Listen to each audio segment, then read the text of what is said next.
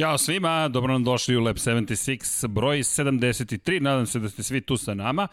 Imali smo malih tehničkih poteškoća, Vanja nam danas nije dobro, to jest ovih dana, pa držite mu palče, nadamo se da će sve biti ok i onda dok se cijela ekipa organizovala u studiju na kraju univerzuma, osjeća se Vanjin prosto od, od, kako šta bih rekao, nije nestanak, znamo gde je, ali odsustvo se osjeća. U svakom slučaju, nadamo se da ćete uživati, kao što ćemo mi planiramo da uživamo. Pred nama je, pa šta je pred nama? Pred nama je najava, pre svega Formule E, nove sezone, ali kao što nalaže neki običaj, nije čak ni običaj. Formula 1 ima primutstvo, prosto krećemo od Formule 1, to je najveći šampionat na četiri točka na planeti Zemlji i samim tim to nam je broj 1. Novi bolidi su stigli, svašta se događa. Umeđu vremenu, pre nego što krenemo, kada spomenjem Formulu 1, spomenut ću i One Blade, Philips One Blade, kao što smo rekli još prošloga puta. Imamo novog sponzora u narednih četiri nedelje, ovo je već druga nedelja. Pričat ćemo o Philips One Blade-u i pričat ćemo o tome, nećemo pričati baš samo o Philips One Blade-u, šalim se, ali činjenica da imamo sponzori da smo srećni da je tako jedna velika kompanija stala uz Lab 76 i Infinity Lighthouse, to je i lepo i pozitivno i zabavno, a i korisno. U svakom slučaju, u tehničkom kutku ćete vidjeti o čemu ćemo sve to pričati kada je reč o inovacijama u Formuli 1, da li ih ima, da li ih nema, šta smo to uočili, a kada je reč o Formuli E, ni manje ni više, a i u Formuli 1, gospodin Filip Đorđević sa nama. Filipe, dobro nam došao. Bolje vas našao. Da, drago mi je što sam ponovo ovde s vama. E, I, I meni je drago, obično sediš sa one strane, međutim, Pavle nam nije tu, međutim, Pavle je uvek tu, Srle i Pajče, majice tu, tako da bez brige. Pričat ćemo, Filip, ja danas o mnogo toga, ti si nam doneo poklone. E, otkud pokloni? Čekaj da se vratimo na sam početak. Zašto pokloni? Kad se dođe negde, donosi se poklon. da li je to bilo? Rekao si da studenti samo donose poklon, nije samo Dobro, studenti. to je bila šala više. Ne, da. ne, ne, naravno, ali ako možemo ovaj kadar izbliza da nekako bacimo pogled, šta sve ovde imamo? Imamo sport klub, imamo Infinity Lighthouse, Fikiz Autosport u svakom slučaju, Motorsport, izvinjam se, Hub je nešto što imamo sada na stolu i hvala ti. Ovo je bolid koji je, vidim da imamo Hondin motor, ne znam kako smo dobili Hondu, ali... Pa najviše se pričalo o Hondi. Ovaj, Najviše tako da... pričali o Hondi. Da, da, da. Ona je bila glavna tema u ovom periodu, pa kao zašto da ne bude Honda ovaj, i u ovom slučaju. Ok, ne, dobro, Honda je svakako tu. Nadam se da ste svi spremni. Pričat ćemo dosta o tome šta se događa zapravo sa Hondom, šta se to zapravo događa i kada je reč o Red Bullu, ponovit ćemo neke informacije koje smo imali i prošle nedelje, ali najzad smo dobili da, priliku da vidimo novi bolid Red Bulla, najzad smo dobili priliku da vidimo novi, novi bolid Alfa Taurija i najzad smo dobili priliku da vidimo novi bolid Alfa Romeo. C40 je nestao, pojavio se C41, doći ćemo, ići ćemo redom, jedan po jedan bolid, analizirat ćemo malo i prezentacije, vozačke postave, šta očekujemo od timova, šta se šuška u Formuli 1, a onda ćemo malo da prođemo naravno i kroz neke vesti. No, pre nego što krenemo sa Formulom 1, ja moram da nas zaustavim sve na, na trenutak, naša poruka uvek na početku je univerzalna. Vodite računa jedni od drugima, mazite se, pazite se, čuvena poruka, ono što je bitno, međutim, napomenuti u, u svemu ovome jeste da zaista je trenutak da, da se vodi računa. Nažalost, izgubili smo još jednu osobu u motosportu, Fausto Gresini, šef ekipi Gresini Racinga sa 60, tek navršenih 60 godina je preminuo usled posledica COVID-19 i to je velika tragedija za ceo automotosport. Čovek koji je pre svega poznat kao nekadašnji šampion u motociklizmu, u svetskom prvenstvu i kao šef timova u što moto dvojkama, što moto trojkama, što moto Grand Prix. Neko koji je, nažalost, bio u timu u kojem su nekako je sve to pomalo, neću da kažem simbolično, sutra ćemo imati Lab 76 broj 74, neko od vas je tražio da ga posvetimo da i Giro Katu, učinit ćemo to, plan je to već bio, međutim sada ćemo ga posvetiti i da Giro Katu i Fausto Gresiniju, zašto da Giro Katu je vozio za Fausto Gresinija kada je izgubio život u Suzuki 2003. godine, Marko Simoncelli je vozio za Fausto Gresinija 2011. kada je izgubio život, neverovatno, ali početkom svake decenije mi ostanemo bez nekoga u Gresini Racingu, ovoga puta bez velikog majstora. Lično, čoveka koji je otvorio vrata mnogima, bio je prgav, agresivan vozač, ali još veću karijeru, iako je bio šampion, ostvario je kao šef tima, ne zamerite, ali moramo da mu prosto odamo počasti, mislim da je zaslužio u, u, i danas i sutra. I eto, slava mu, nemam šta drugo da kažem. I nadam se da negde vozi trke sada sa Dajđirom i sa Markom i U svakom slučaju da će ekipa moći da prevaziđe ovaj udarac takođe, jer taj tim nam je veoma, neop, veoma potreban i neophodan nam je, pogotovo mladim vozačima, ali eto, da krenemo od pre svega Fausta Gresinija. Kada je reč o Formula 1, idemo na neke vedrije, lepše teme, život prosto neće stati i nećemo ni mi stati, krugovi se vrte, idemo polako ih ka tom čuvenom broju 76, pa se nadam da će to biti nekako lep, pozitivan Lab 76, već naredne nedelje bi to trebalo da se desi. Vidjet ćemo, možda krenemo da obaramo rekorde. No, Filipe, da mi krenemo od Formule 1, da bacimo pogled mi, ovo je sad onako reklamni video praktično koji ćemo negde pogledati. Mada i ti si pun reklama, čekaj. Opet si u Virgin Racingu. Da, pa tema je Formula E, tako da. da, vratit ćemo se i tekako na Formulu E. U svakom slučaju, kada govorimo o Red Bullu i kada govorimo o onome što se dešavalo prethodnih dana, to je danas, ovo su praktično ekskluzivni kadrovi, ovo su ekskluzivne fotografije, ovo su i ekskluzivni video, možemo reći snimci, Vidjet ćemo kako je to izgledala prezentacija zapravo. Nadam se da ćemo vidjeti, Vanja nam nije tu, pa sad dok, se, dok pohvatamo ekipu celu, ko šta radi, kako radi i zašto radi, evo, odoše nešto da menjaju, iako ja najavljujem Red Bull, ali nema veze. U svakom slučaju, Vanja, će, Vanja nam i tekako nedostaje, no ne zamerite, ovde smo se malo vratili unazad.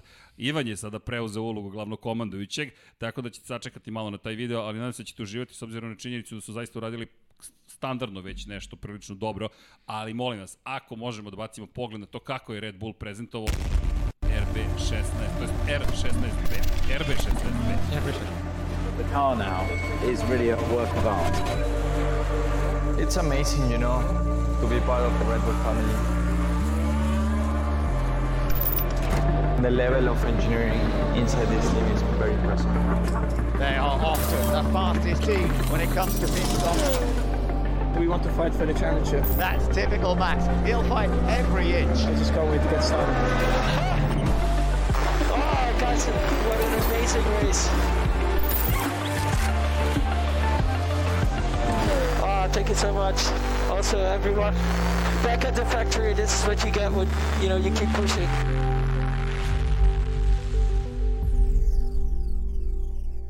Red Bull Racing. Da. Ekipa koja, samo da se malo vratimo u prošlost, uslovno rečeno, da nas podsjetimo na istoriju. Red Bull Racing, zašto se zove RB16B? Ovo je 17. model zapravo koji, koji proizvode od kada su ušli u svetsko prvenstvo svake godine je tradicija bila da se zove RB 1, 2, 3, 4, 5, 6, 7, 8, 9, 10 i tako dalje i tako dalje. Od broja 6 do broja 9 bili su mega uspešni. Četiri titule šampiona sveta sa Sebastianom Vettelom, dotaći ćemo se Sebastiana Vettela i tekako. Imamo i neke fotografije koje se nam ti pripremio kada reč o nekim bojama i nekim zanimljivostima, da, idejama Aston kako Martin, bi Aston da. Martin mogao da izgleda. Ali ono što je činjenica jeste da prvi put u istoriji Red Bull nema sledeći broj. Dakle, nemamo RB17, ovo da. je RB16B i u velikoj meri u tehničkom kutku ćete kasnije videti zapravo kako to izgleda i koje su suštinske razlike pitanje da li ih ima. Našli smo neke, zato sačekajte tehnički kutak, pozabavit ćemo se tim razlikama, pogotovo što se se pravila do određene mere promenila, ali Filipe, RB16B prema najavama samog Red Bulla, to je B stranica. Kao nekada kada su se ploče izdavala, imaš A stranu, B stranu, kažu ajmo da poslušamo sada i B stranu. Kakav je tvoj utisak i kada je reč o prezentaciji bolida i kada je reč o onome što u, u ovoj godini, novoj sezoni očekuje Red Bull? Pa da, mislim, prezentacija bolida generalno do sada je uvek bila uh, u ovom modernom, modernom periodu su kao filmski traileri, onako, dosta, dosta efekata, dosta ovaj, tih uh, zanimljivih kadrova samog, de, samog automobila, naravno i, i, i rečenice vozača i sve ostalo. Ovaj, ali da, generalno, kako je slučaj bio sa COVID-19 i obzirom da je automotosport morao mnogo financija da to kažem, uštedi zbog situacije koja se dešavala. Ovo su sve sad zapravo evolucija, evolucije proteklih, odnosno prošlogodišnjih automobila, tako da je Red Bull ovaj, ovde to pokazao isto tim 16B. Tako da, ovaj, ali da, biće zanimljivo zato što imaju dosta ambicioznu vozačku postavu. A, mislim da je to onako najbolji izraz da se to kaže. Ove... Ovaj, Najveće promjene zapravo je van bolida. Da, da. Sergio Perez je došao, bit će, ja mislim, dosta uh, konkurentan. Mislim da Valtteri Bottas sada nema više samo jednog protivnika. Ovaj, kad je u pitanju ta borba za, ajde kažem, uslovno rečeno drugo mesto, obzirom da će Max, Max Verstappen vratno da se najviše bori sa Hamiltonom tokom, tokom ove sezone, ali mislim da Bottas više nije siguran da će uvek biti na podijumu. Mislim da sada Sergio Perez u idealnoj poziciji a, da se ne izrazim pol poziciji da, da, da preuzme tu treću poziciju. Da, kada je reč o biti, plasmanu. a čekaj da te pitam, kada je reč o bici za titulu šampiona sveta, to vidiš samo Hamiltona ili još nekog Pa uključuješ? eventualno Max Verstappen, ali mislim da je mislim da je Mercedes nažalost i dalje mnogo ispred ostalih. Ok, to nas vraća na Red Bull. Ovo Da. bi trebalo da bude taj čuveni challenger, izazivač koji bi trebalo da Mercedes nekako baci na konopce i da učini više nego što su učinili prethodnih godina. Podsećanja radi, Red Bull odavno nije osvojio titulu. Kada govorimo o Sebastianu Vettelu, 2013. godine je poslednja osvojena. 2021. je godina. Uskoro će 10 godina od kada su poslednji put bili šampioni. Kada govorimo o titulu i šampionatu konstruktora, ista je priča. Mercedes je tu prosto neprikosnoven. Jednostavno, to je tim koji se ne zaustavlja, samo osvaja titule. Ne zaboravimo, od kada je počela hibridna era 2014. godine, sve titule su pripale Mercedesu, prilično upečatljivo. Da li je ovo moment kada Red Bull može da se približi na početku godine i time što ne zapravo je ovo evolucija bolida nešto više učini. Kažeš Max Verstappen, pretpostavljam da govoriš o vozačkim kvalitetima, Da. ali da li ovaj bolid, ta B verzija, B strana, jeste dovoljna za Mercedes? Kažeš nije, ali da li ti išta daje nadu i optimizam da će biti drugačije? Mislim, verujem da je moguće. U automotosportu se nikad ništa ne zna do, dok ne padne karirana zastava, tako da videli smo da je Hamilton za malo ostao bez pobjede u Britaniji kad me pukla guma, ali dovezao se nekako do cilja. Tako da sve je to nepredvidivo, naravno. Ovaj, to je na kraju krajeva tehnički sport, tako da su defekti uvek mogući da se dešavaju. Ovaj, tako da vidjet ćemo, ali generalno Ali mislim... sveo si, izvini, sve na defekte. Dakle, ako Mercedes ima probleme, nešto će se promeniti. Pa ali na čistu da, snagu svodi se, nema svodi šanse. se na to uglavnom i, i greške tima i to je isto redko obzirom da smo videli to samo u slučaju kada Hamilton nije bio sa njim u Bahreinu. Oh, Ovaj, okej. tako da nekako mi, nekako mi se čini da je ekipa je utrenirana, mislim da su ozbiljno pripremljeni i Mercedes je na kraju krajeva ozbiljna kompanija. To se vidi prema njihovom prisustvu u drugim šampionatima, ne samo u Formuli 1. Vidi se da su vrlo ozbiljni, vidi se kakav im je pristup i mislim da je nažalost po da kažem, neko, neka veća uzbuđenja. Mislim, mislim da će ova godina biti takva, ali da Red Bull treba da traži šanse u zabrzavanju razvoja motora a, za sledeću godinu, zato što imaju maga koji je Adrian Newey kad je u pitanju aerodinamika. Tako da tu, tu treba tražiti njihovu šansu. Ovo je verovatno možda neki mm, neki, neki uvod u to, verovatno. Neki ovaj, prvi koraci ka tome. Vidi, ne, neću te lagati, moj posao je takođe da, da gradim neizvesnost, i čak i kada ne postoji, da. Ali to nije samo posao. Ja duboko verujem da je uvek, kao što si rekao, u sportu i životu sve moguće. Inače ima jedno od pitanja, pozdrav svima koji ste sa nama, veliki, veliki zaista pozdrav. Imate pozdrav, Pozdrav od. Pavla pre svega, imate od Filipa. Nisam predstavio Filipa, jer rekao Filipa sam već odomaćio, a ukoliko vas zanima ko je Filip, toplo vam preporučujem Lab 76 broj 32. Tako je, 22. septembra 2020. bio si nam gost, sada si već domaćin, tu nema šta. Čovek koga smo potpisali kao entuzijastu, dizajnera, evo čitam, novinara gpsrbije.rs i obožavaca zvezdanih ratova. Tako je. O tome ćemo tek pričati. Gordon Kičić mi je rekao, ok, posle rada na, na, na Superbolu, 55, rekao je, nema problema, kad budeš hteo podcast o Zvezdanim ratovima, inače ne znam da znaš, veliki, veliki obožavalac Naravno. Ratova. ok, tako da, tako da ćemo se pozabiti time. Tako da, ti si neko ko je inače novinar u svetu automotosporta, bio si na trkama, pogotovo Formule E, bio si u Da. svetskom šampionatu i u izdržljivosti VTCC, ako se ja dobro A, sećam. Bio sam na VTCC-u, bio sam na VTCR-u, to je svetski kup touring automobila, Tako je. i bio sam na DTM-u.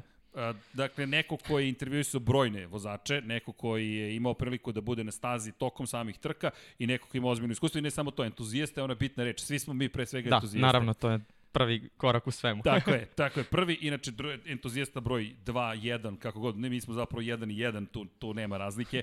Pajče nam je na odmoru, zasluženom, čak i mi komentatori imamo tu taj taj moment odmora ponekad, ali zato si ti tu, tako da eto, nisam te predstavio, izvini na, na moje nepažnje. U svakom slučaju, krenuli smo mi sa Red Bullom, ono što smo videli je bolid koji smo negdje očekivali, do određene promene su se desile, kasnije ćemo se tehničkom kutku time pozabaviti, ali činjenica je da je ovo specifična sezona. Sezona u kojoj, zahvaljujući COVID-19, smo ušli u godinu uz malo promena. Imaju dva takozvana tokena, žetona, koje su na raspolaganju timovima i mogli su da ih upotrebe, sad McLaren je upotrebio za prilagođavanje novom Mercedesu motoru, kod Red Bulla nema tih promena, ostaju sa Hondom, to je najvažnija i najveća vest, zamrznut je razvoj kada reč o, motora, o motorima do kraja 2025. godine, pored toga, postoji džentlmenski sporazum, makar je to rekao jedan od glavnih ljudi Red Bulla, Christian Horner, šef ekipe, da se neće zapravo dozvoliti da neko napravi preveliku razliku performansama i da će raditi nezvanično, neće biti u pravilniku, svi timovi zajedno na tome da se izbalansira odnos snaga u proizvođačima motora. Malo sam skeptičan, čim nije u pravilima. Da, Kakvi tu ima jako utisak? mnogo sivih zona koje mogu da se Da li vidiš Mercedes koji će da kaže, ili bilo koga drugog, kako- koji će da kaže, e, ok, ja imam ogromnu prednost, ali ću se vam sad pomoći da smanjite prednost, Pa, da se smanji. Mm, to je teško, ja mislim da zanimljivo je zato što čim je džentlmenski ugovor i kao neće biti u pravilniku, to otvara prilike za, za, za spekulacije i et, da. Um, Stavit ću pored tebe ovu knjigu.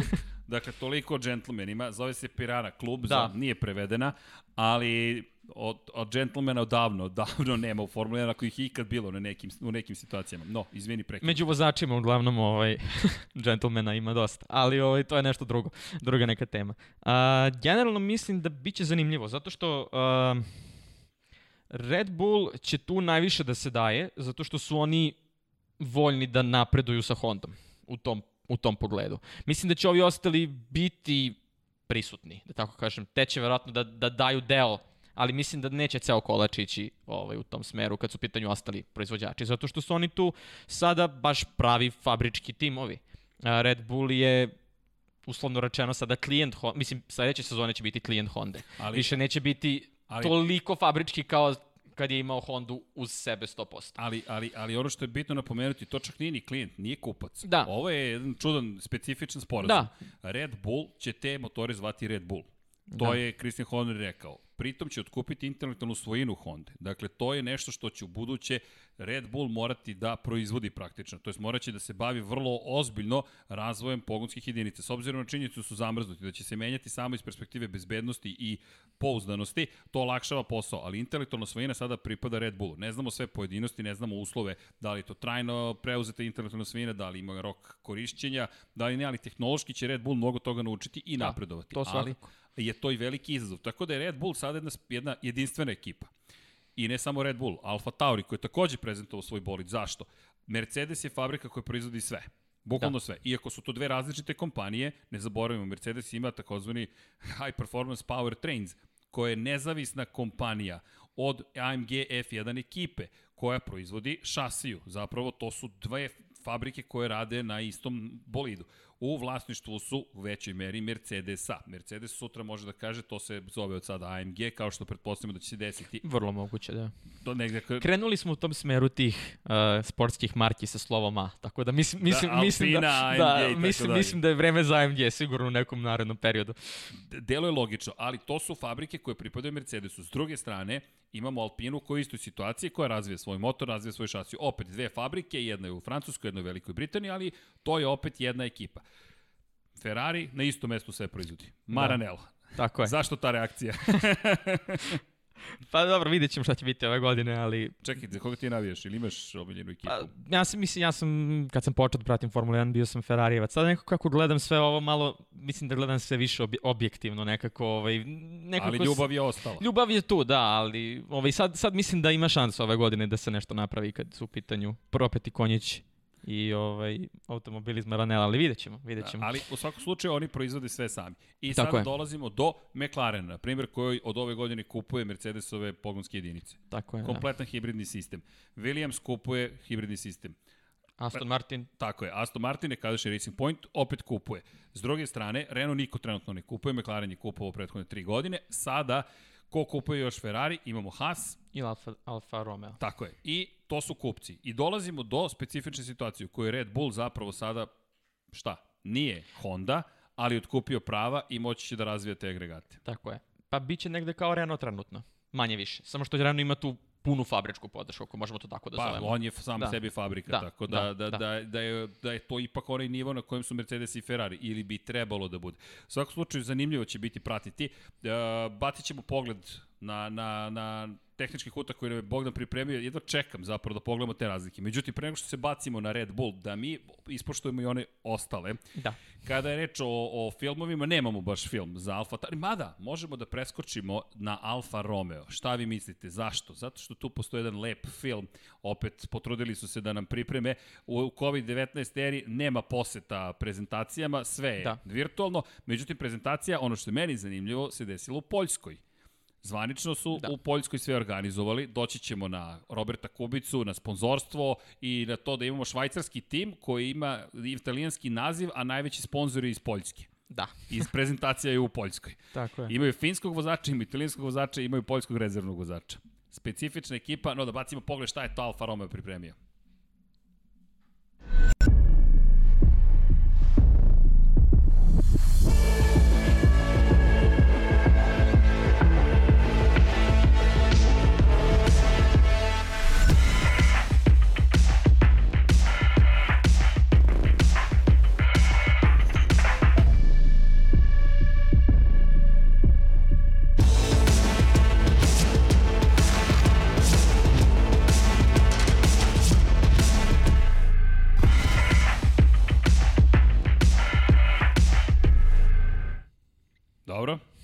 Video, kratak video. Prelep, da. Ima, opet prelepo to sve izgleda. Da. I u najavi smo iskoristili Alfinu fotografiju. Zašto? Pa je dobro izgleda. A, ubedljivo najlepše za sad. Zaista? Da. Ubedljivo najlepše to za kad sada. ti kažeš koji dizajniraš, čisto podsjećanje radi, pogledajte emisiju broj 32, u PowerPointu Filip sve dizajnira. I dalje. I dalje, i dalje. A njegovi modeli su završavali u igricama, pa vi vidite šta sve može da se uradi u PowerPointu, Ovaj- zar ne? Da, da. Okej. Um, generalno, Alfa mi se najviše dopada. Uh, što se tiče boja, ovaj, zaista, su- mislim, neki bi rekli da, samo su invertovali boje, ali nekad je i to odličan potez. da, da, da, Ovaj, to je dobar, to je dobar Da, moment. pa mislim, isto mi se moglo reći i za Alfa Tauri, tako da, ovaj, samo što je kod njih to malo drugačije rešeno. Ali generalno, za sada, uglavnom su livreje bile identične onim od prošlih godina. Nije se nešto mnogo išlo napred. Ja sam iskreno od McLarena očekivao malo neku promenu. Dobro. A, ili, ili možda malo srebrne, ili možda malo svetlije plave boje. Ali Čekaj. se ispostavilo da smo ostali... Da, Ostali smo na naranđasto plavom tako je. kiviju. Tako je, tako je. Mislim što nije u principu ni dalje loše, to je McLarenov brand, to je oni na kraju kraja biraju kako će da se, bo, da, da se oboje, ali očekivao sam malo više možda tog Golf brandinga, pošto je Golf sad njihov partnera, oni su neko ko ima pozamašnu istoriju kada je autosport u pitanju. Naravno, tu se prvo setimo svi Le Mana i ono... I Porschea. I Porschea, da. Pa I Forda je, GT, I naravno. Forda GT, ok, odatle Da. sve kreće. Izvini, meni je. Porsche Da, nekako u glavi. 917 K, ja mislim da se tako zvao taj, taj, taj model, koji je posle Steve McQueen ovaj, u filmu Le Mans ovaj, odvezao u legendu, što se kaže. da, ali generalno nekako sam od McLarena očekivao te, taj golf element, da će možda nekako imati više ovaj, elemenata toga, ali generalno za sada Alfa Romeo ubedljivo najlepši. Okay. Bar kad su u pitanju boje. Bacit ćemo pogled na, na, na, na te boje da vidimo zašto se, zašto se tebi to toliko dopada. E, prosto, moram, ja bih se samo vratio pre nego što, što pogledamo s fotografije Mhm. na, na, na, na par stvari koje si, koje si spomenuo. A to je Don Pablo me čudno pogledao. Mislim da imate na Dropboxu sve fotografije, da, da znate. Bez brige. Vanje, kažem, nije nam tu. Čim Vanje nema šta se događa, nema Paje danas, nema Vanje, ali zato je tu Filip. Nemojte ništa da brinete. Ali, evo sad meni nešto prozivaju, mada ne znam zašto, čime sam to zaslužio, ali bez obzira i dalje se lepo zabavljamo. Eh, inače, hvala ti, ti si iz Novog Sada do zapucao. Iz Renjanina. Iz Renjanina, Da. zašto ja svaki put te smestim u Novi Tamo, Sad? tamo, tamo živim i radim, a... Da. Dobro, ali, ali čekaj, sad je ali online čekaj. nastava, tako da se radi od kuće. A, dobro, dobro, izvinjavam se, izvinjavam se. A, Činjenica je da, pre nego što odemo na fotografije, ima tu jedan moment b, veoma značajan. Alfa Romeo je uložio dva žetona u promjeru prednjeg kraja. I to da. je meni zanimljivo, oni su jedan od redkih timova koji se toliko bavio zapravo prednjim krajem bolida. Pomislili bismo da, da će se više baviti možda zadnjim krajem bolida, međutim, možda je to i logično ako pogledamo da Ferrari sprema jaču verziju pogonske jedinice, moguće da je taj deo priče pokriven zapravo onim što sprema Ferrari i da će se više osloniti s toga na prednji kraj s kojim su imali više problema, činjenica, Da. i dosta su uložili zapravo i u prednje krilo, razvoj prednjeg krila i nosa to je, to je meni zanimljivo bilo za Alfa Romeo. Vidjet ćemo šta će ostali učiniti, ali Alfa je rekla vrlo jasno da je fokus bio pre svega na prednjem kraju.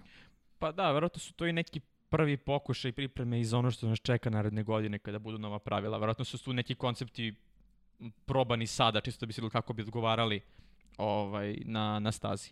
Tako da, to me, to me isto ne bi čudilo, da je to i neki dugoročna investicija u pitanju čak, da nije samo za ovu sezonu. E, pa to se priča, da je zapravo to negde smer koji bi trebalo da definiše šta Alfa planira za 2022. Meni to je dalje vrlo zanimljivo, pošto će bolidi toliko biti drugačiji, da vidim da li zaista moguće ono što se uradi u 2021. prebaciti u 2022.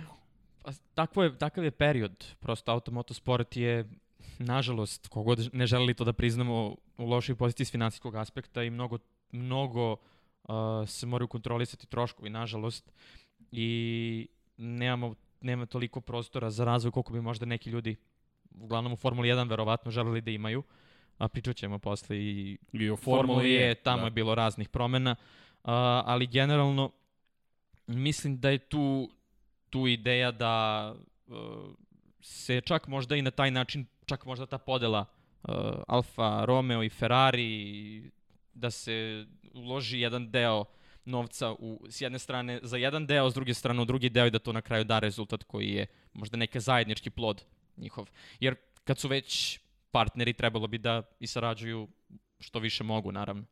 Ovaj, na kom god planu, pa eto, neka bude i taj tehnički razvoj, neki, neki gde, gde zajedno sarađuju. Dobro, Alfa Romeo u svakom slučaju prezentovala novi bolid, rekao se inverzija boja da je najveći. I to smo da. u tehničkom kuhtu, Bogdan i ja smo gledali, gledali, Ivica nam se pridruži, gledamo, gledamo, gledamo bolide i s izuzetkom praktično pokrova motora koji je nešto niži ove godine, to jest grba kao da je nestala, ali to je pitanje, vidjet ćemo da. šta će se desiti. Samo na zadnji kraj, tamo gde obično ide te krilo praktično je nestalo, sve ostalo je delovalo identično. Čak i, i granične ploče na zadnjem kraju su ostale manje više nepromenjene, što nam je bilo zbunjujuće. Da. Smo to očekivali ipak neku promenu. Ne. I onda svede se sve na inverziju boja. I to je okej, okay, naravno. Ali dobro, Alfa u svakom slučaju, zad, daj, da ne zaboravimo, zadržala je posadu. Da, dakle, to je Kimi jako... Raikkonen, to smo najavili, Antonio Đovinaci. Prošle godine Kimi je imao jednu čudnu godinu, u nekoliko momenta briljantni pojedinačni nastupi, da. S druge strane... Dobro, ja mislim da je Kimi tu prvenstveno zato što je on Kimi Raikkonen. To je... On je sam po sebi dodatni brend koji se tu uvodi. S druge strane, Kimi je neko ko uh, dosta... Jako ljudi u to verovatno ne veruju toliko, ali dosta se pita oko razvoja automobila, a i na kraju krajeva Ovaj, pa, kako da nemate nekoga koji je Kimi Raikkonen u timu, a mislim da je i za njega to dobro okruženje, zato što mislim da je njega taj pritisak u Ferrariju, pogotovo u ovom drugom boravku u Ferrariju, da mu, da mu to baš nije prijalo. I mislim da mu ova atmosfera koju ima u Alfa Romeo, tipa možda se trkaš, poeni su, Samo poeni su pobeda, mislim da je to to ono što i on sam želi. On želi da se trka bez cilja. On želi da se trka sa ljudima da bi se trkao, jer njemu je to ono što mu je fascinacija svim ovim. Mislim da on nema neki Iako bi možda neko rekao vratno da ima, ali ja bih rekao da je njemu samo trkanje već dovoljan razlog da je tu i da se takmiči i sve ostalo. Po, izvini, porodicu osnovao, da. titulu da. je osvojio. Da. Ima sina, novac. Sina već priprema i u motokrosu i u kartingu. Da, to je za pitanje. Dva točke ili četiri točke. Da. Zašto se trkaš? Pa zato što voliš. Zato što voli, da. I mislim, mislim da je to atmosfera koja njemu zapravo prije u tom timu i da je zato tu, zato što, da je mu je drago zato što je tu, baš zato što je ta atmosfera ta koja njemu odgovara. Antonio Đovinaci mislim da je napredovao dosta protekle godine u odnosu na onu njegovu prvu sezonu u, u Alfa Romeo, tako da vidjet ćemo. Uh, mislim da njih dvojica mogu da naprave nešto, naravno da i razvoj automobila proprati to da, da imaju zapravo priliku da se bore za, za češće za poene. Ajmo da se vratimo samo u prošlu godinu. Čisto podsjećanje radi, to nismo uradili za Red Bull, ali nekako kao da se podrazumeva 319 poena za Red Bull, pozicija broj 2 u šampionatu sveta, daleko od Mercedesa sa 573 poena. Alfa Romeo, osmo mesto u šampionatu sveta i 8 poena ukupno. E sad, da, to da stavimo, nije mnogo. Da, da stavimo, eto, da stavimo stvari u perspektivu. Sedmoplasirani tim Alfa Taurija imao 107 bodova Da. 99 poena više. Da. To je tragedija Alfa Romea i kao brenda i kao Zaubera, ne zaboravimo je to zapravo tim Zaubera. Da, to je Zauber Engineering i dalje. Može samo se što je na brand, bolidu, Samo što je. brand koji ga prati Alfa Romeo. Tako da, to je. Što nije mali brend. Naravno, Vratimo naravno, pa to je, istoriju. to je tim koji je osvojio prvu titulu ono, vozača u Formuli 1, tako da, ovaj, sa, sa Ninom Farinom. 50. 8 poena prošle godine. Da, pa ne izgleda sjajno, ali možda postoji neko svetlo na kraju tunela ovaj, koje, koje ovaj, ih čeka. Uh, je li to ovo svetlo? C41. Izvini, šta se desilo sa C40? E pa sad, to je pitanje. C39 je postao C41, C40 je ne... Šalu na stranu, ali e, Dobro, imenovanje bolide je uvek bilo zanimljivo ovaj, u Formuli 1, tako da... jeste, evo ga i bolid o kojem pričamo, pogled prosto na, ovo je umetnička naravno fotografija, Da. ali kada govorimo o, o, kada govorimo o onome što očekujemo, ne samo što su okrenuli boje, nego bi trebalo, navodno, taj prednji kraj da im pomogne uz Ferrarijev novi agregat. Lepo izgleda, činjenica da, Da, da, jako zaista lepo. izgleda. ovaj, mislim, ta, mislim da čak ta boja crvena koju su imali prošle godine i koja je bila kontra nego sada. To ćemo vidjeti u tehničkom Da, kutku. da. Sve što je belo ovde je zapravo crveno. Crveno, da. I obrnuto. Sve što Duše, je crveno do je duše, belo. ovaj prednji kraj je beo svakako, tako da to, Da, ovaj, ali zadnji ova, kraj ova više. zadnji, zadnje, odnosno ta zadnja polovina Alfinaž automobila, daje. da, da, a, jako su, jako su ga lepo bojili, stvarno. Jeste, le, lepo izgleda. Orlen, inače, za one koji eventualno ne znaju, glavni sponsor, inače petrohemijska kompanija je u pitanju. Poljski. Iz Poljske i jedan od razloga zašto Robert Kubica budimo vrlo iskreni, jeste i dalje probni vozač ekipe. Uz, Dobro, da. još jedan bitan moment, ima ogromno iskustvo, činjenica je, Naravno. ali opet ne radi se o nekom vozaču koji će se nužno vratiti ponovo u Formulu 1, on je svoju misiju obavio i svaka mu čast na tome, ono što je on postigao da. Da. se vrati u Formulu 1 posle one stravične nesreće. Da, i onda je imao čak jedan dobar stint u DTM-u. Mislim čak da je imao u sad sam sad se ne sećam tačno, ali mislim da je čak uspeo da se domogne nekog baš do, ima baš nekih dobrih rezultata tamo. Ovaj oni mislim da je bila ona kišna trka na Asenu da je on tu nešto dobro napravio ako se dobro sećam. Nisam siguran sada.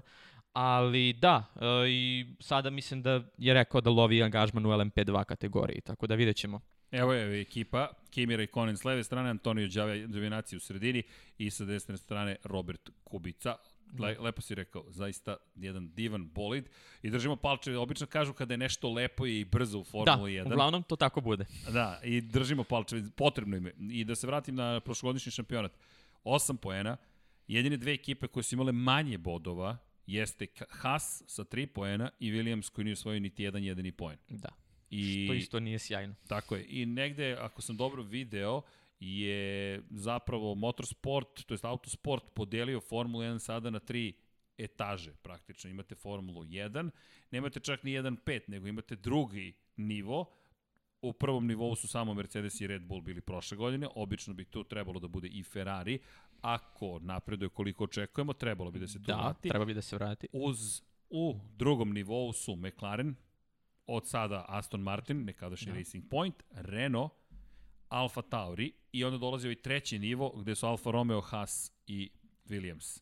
Što je negde i prikaz toga koliko je Ferrari uslovno rečeno nazadovao prošle godine, odnosno da taj njihov razvoj nije išao u pravom smeru, a to se onda odrazilo na njihove klijente, odnosno na Haas i na Alfa Romeo, tako da tu se verovatno i nalazi razlog zašto. Jer smo- videli smo i Ferrari koliko je nažalost pao u poredku prošle sezone, jer to je Pa nešto da, što... sve povlači jedno sa, sa drugim. Ako je Ferrari ispao iz toga da je u samom vrhu i pao u sredinu tabele, Ferrari prošle godine bio šesti tim u šampionatu od 10 timova. Ferrari je završio sezonu iza Renaulta, iza Racing Pointa, iza McLarena. Od 10 timova, Ferrarijevi timovi su svi u drugih pet. što se Ferrari kaže. timovi su šesti, osmi i deveti Deveti, bili. da.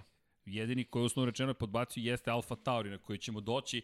Inače, šefovi Alfa Taurija smatraju da su prošle godine morali da osvajaju poene praktično u svakoj trci. To je neka ideja. Dobro, I- to da, ima smisla, ali opet, rekli smo i sami, automotosport je nepredvidiv, tako da...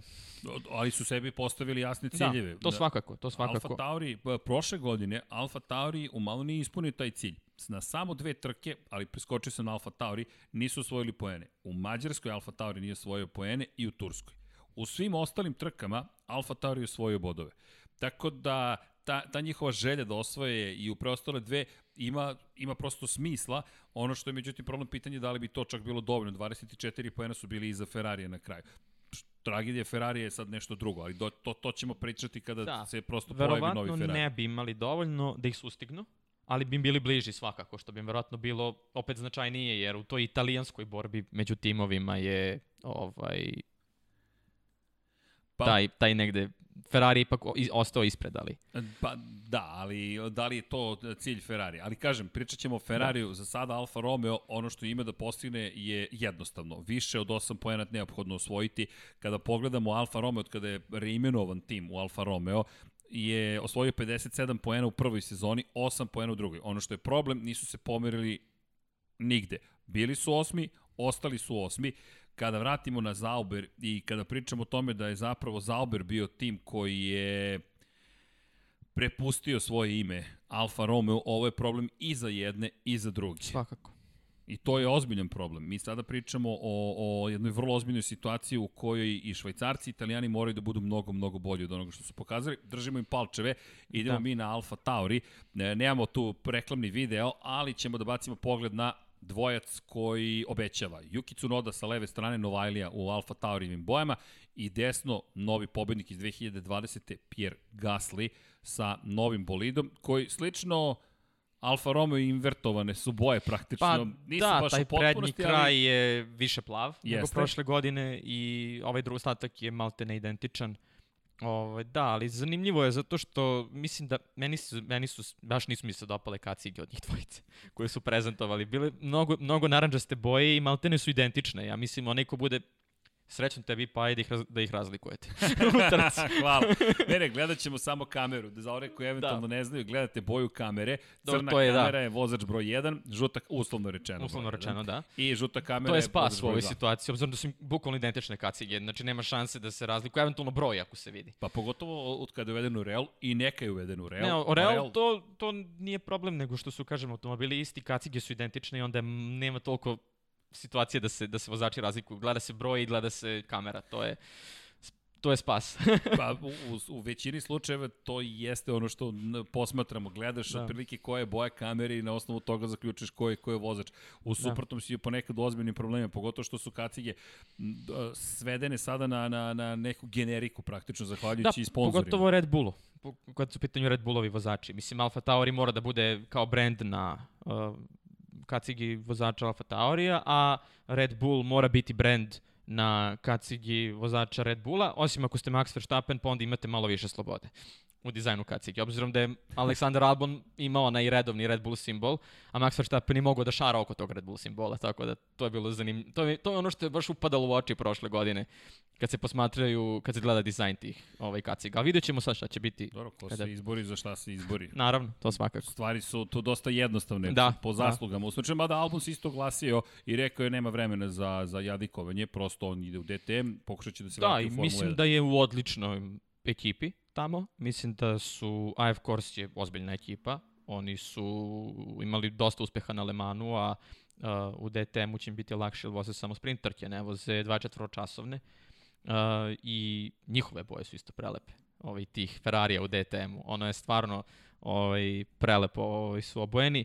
I da, on će imati tamo ozbiljnu ekipu. Sa njim će biti Nick Cassidy, neko ko je ozbiljan vozač, ima onu trostruku japansku krunu Super GT, Super Formula i japanska Formula 3, a osvojiti Super GT i Super Formulu baš nije lako.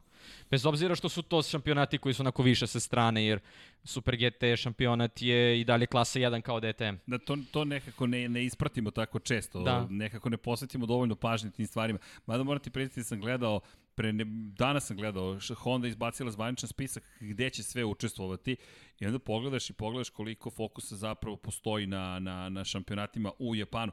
Čisto, da. evo, da, da ispoštujemo Honda, koja je, šta je najavila za 2021. Pored Moto Grand Prix koji je broj 1. Da, dakle, naravno. Bukvalno je broj 1 kada reč o, o ajde, o motociklizmu, naravno.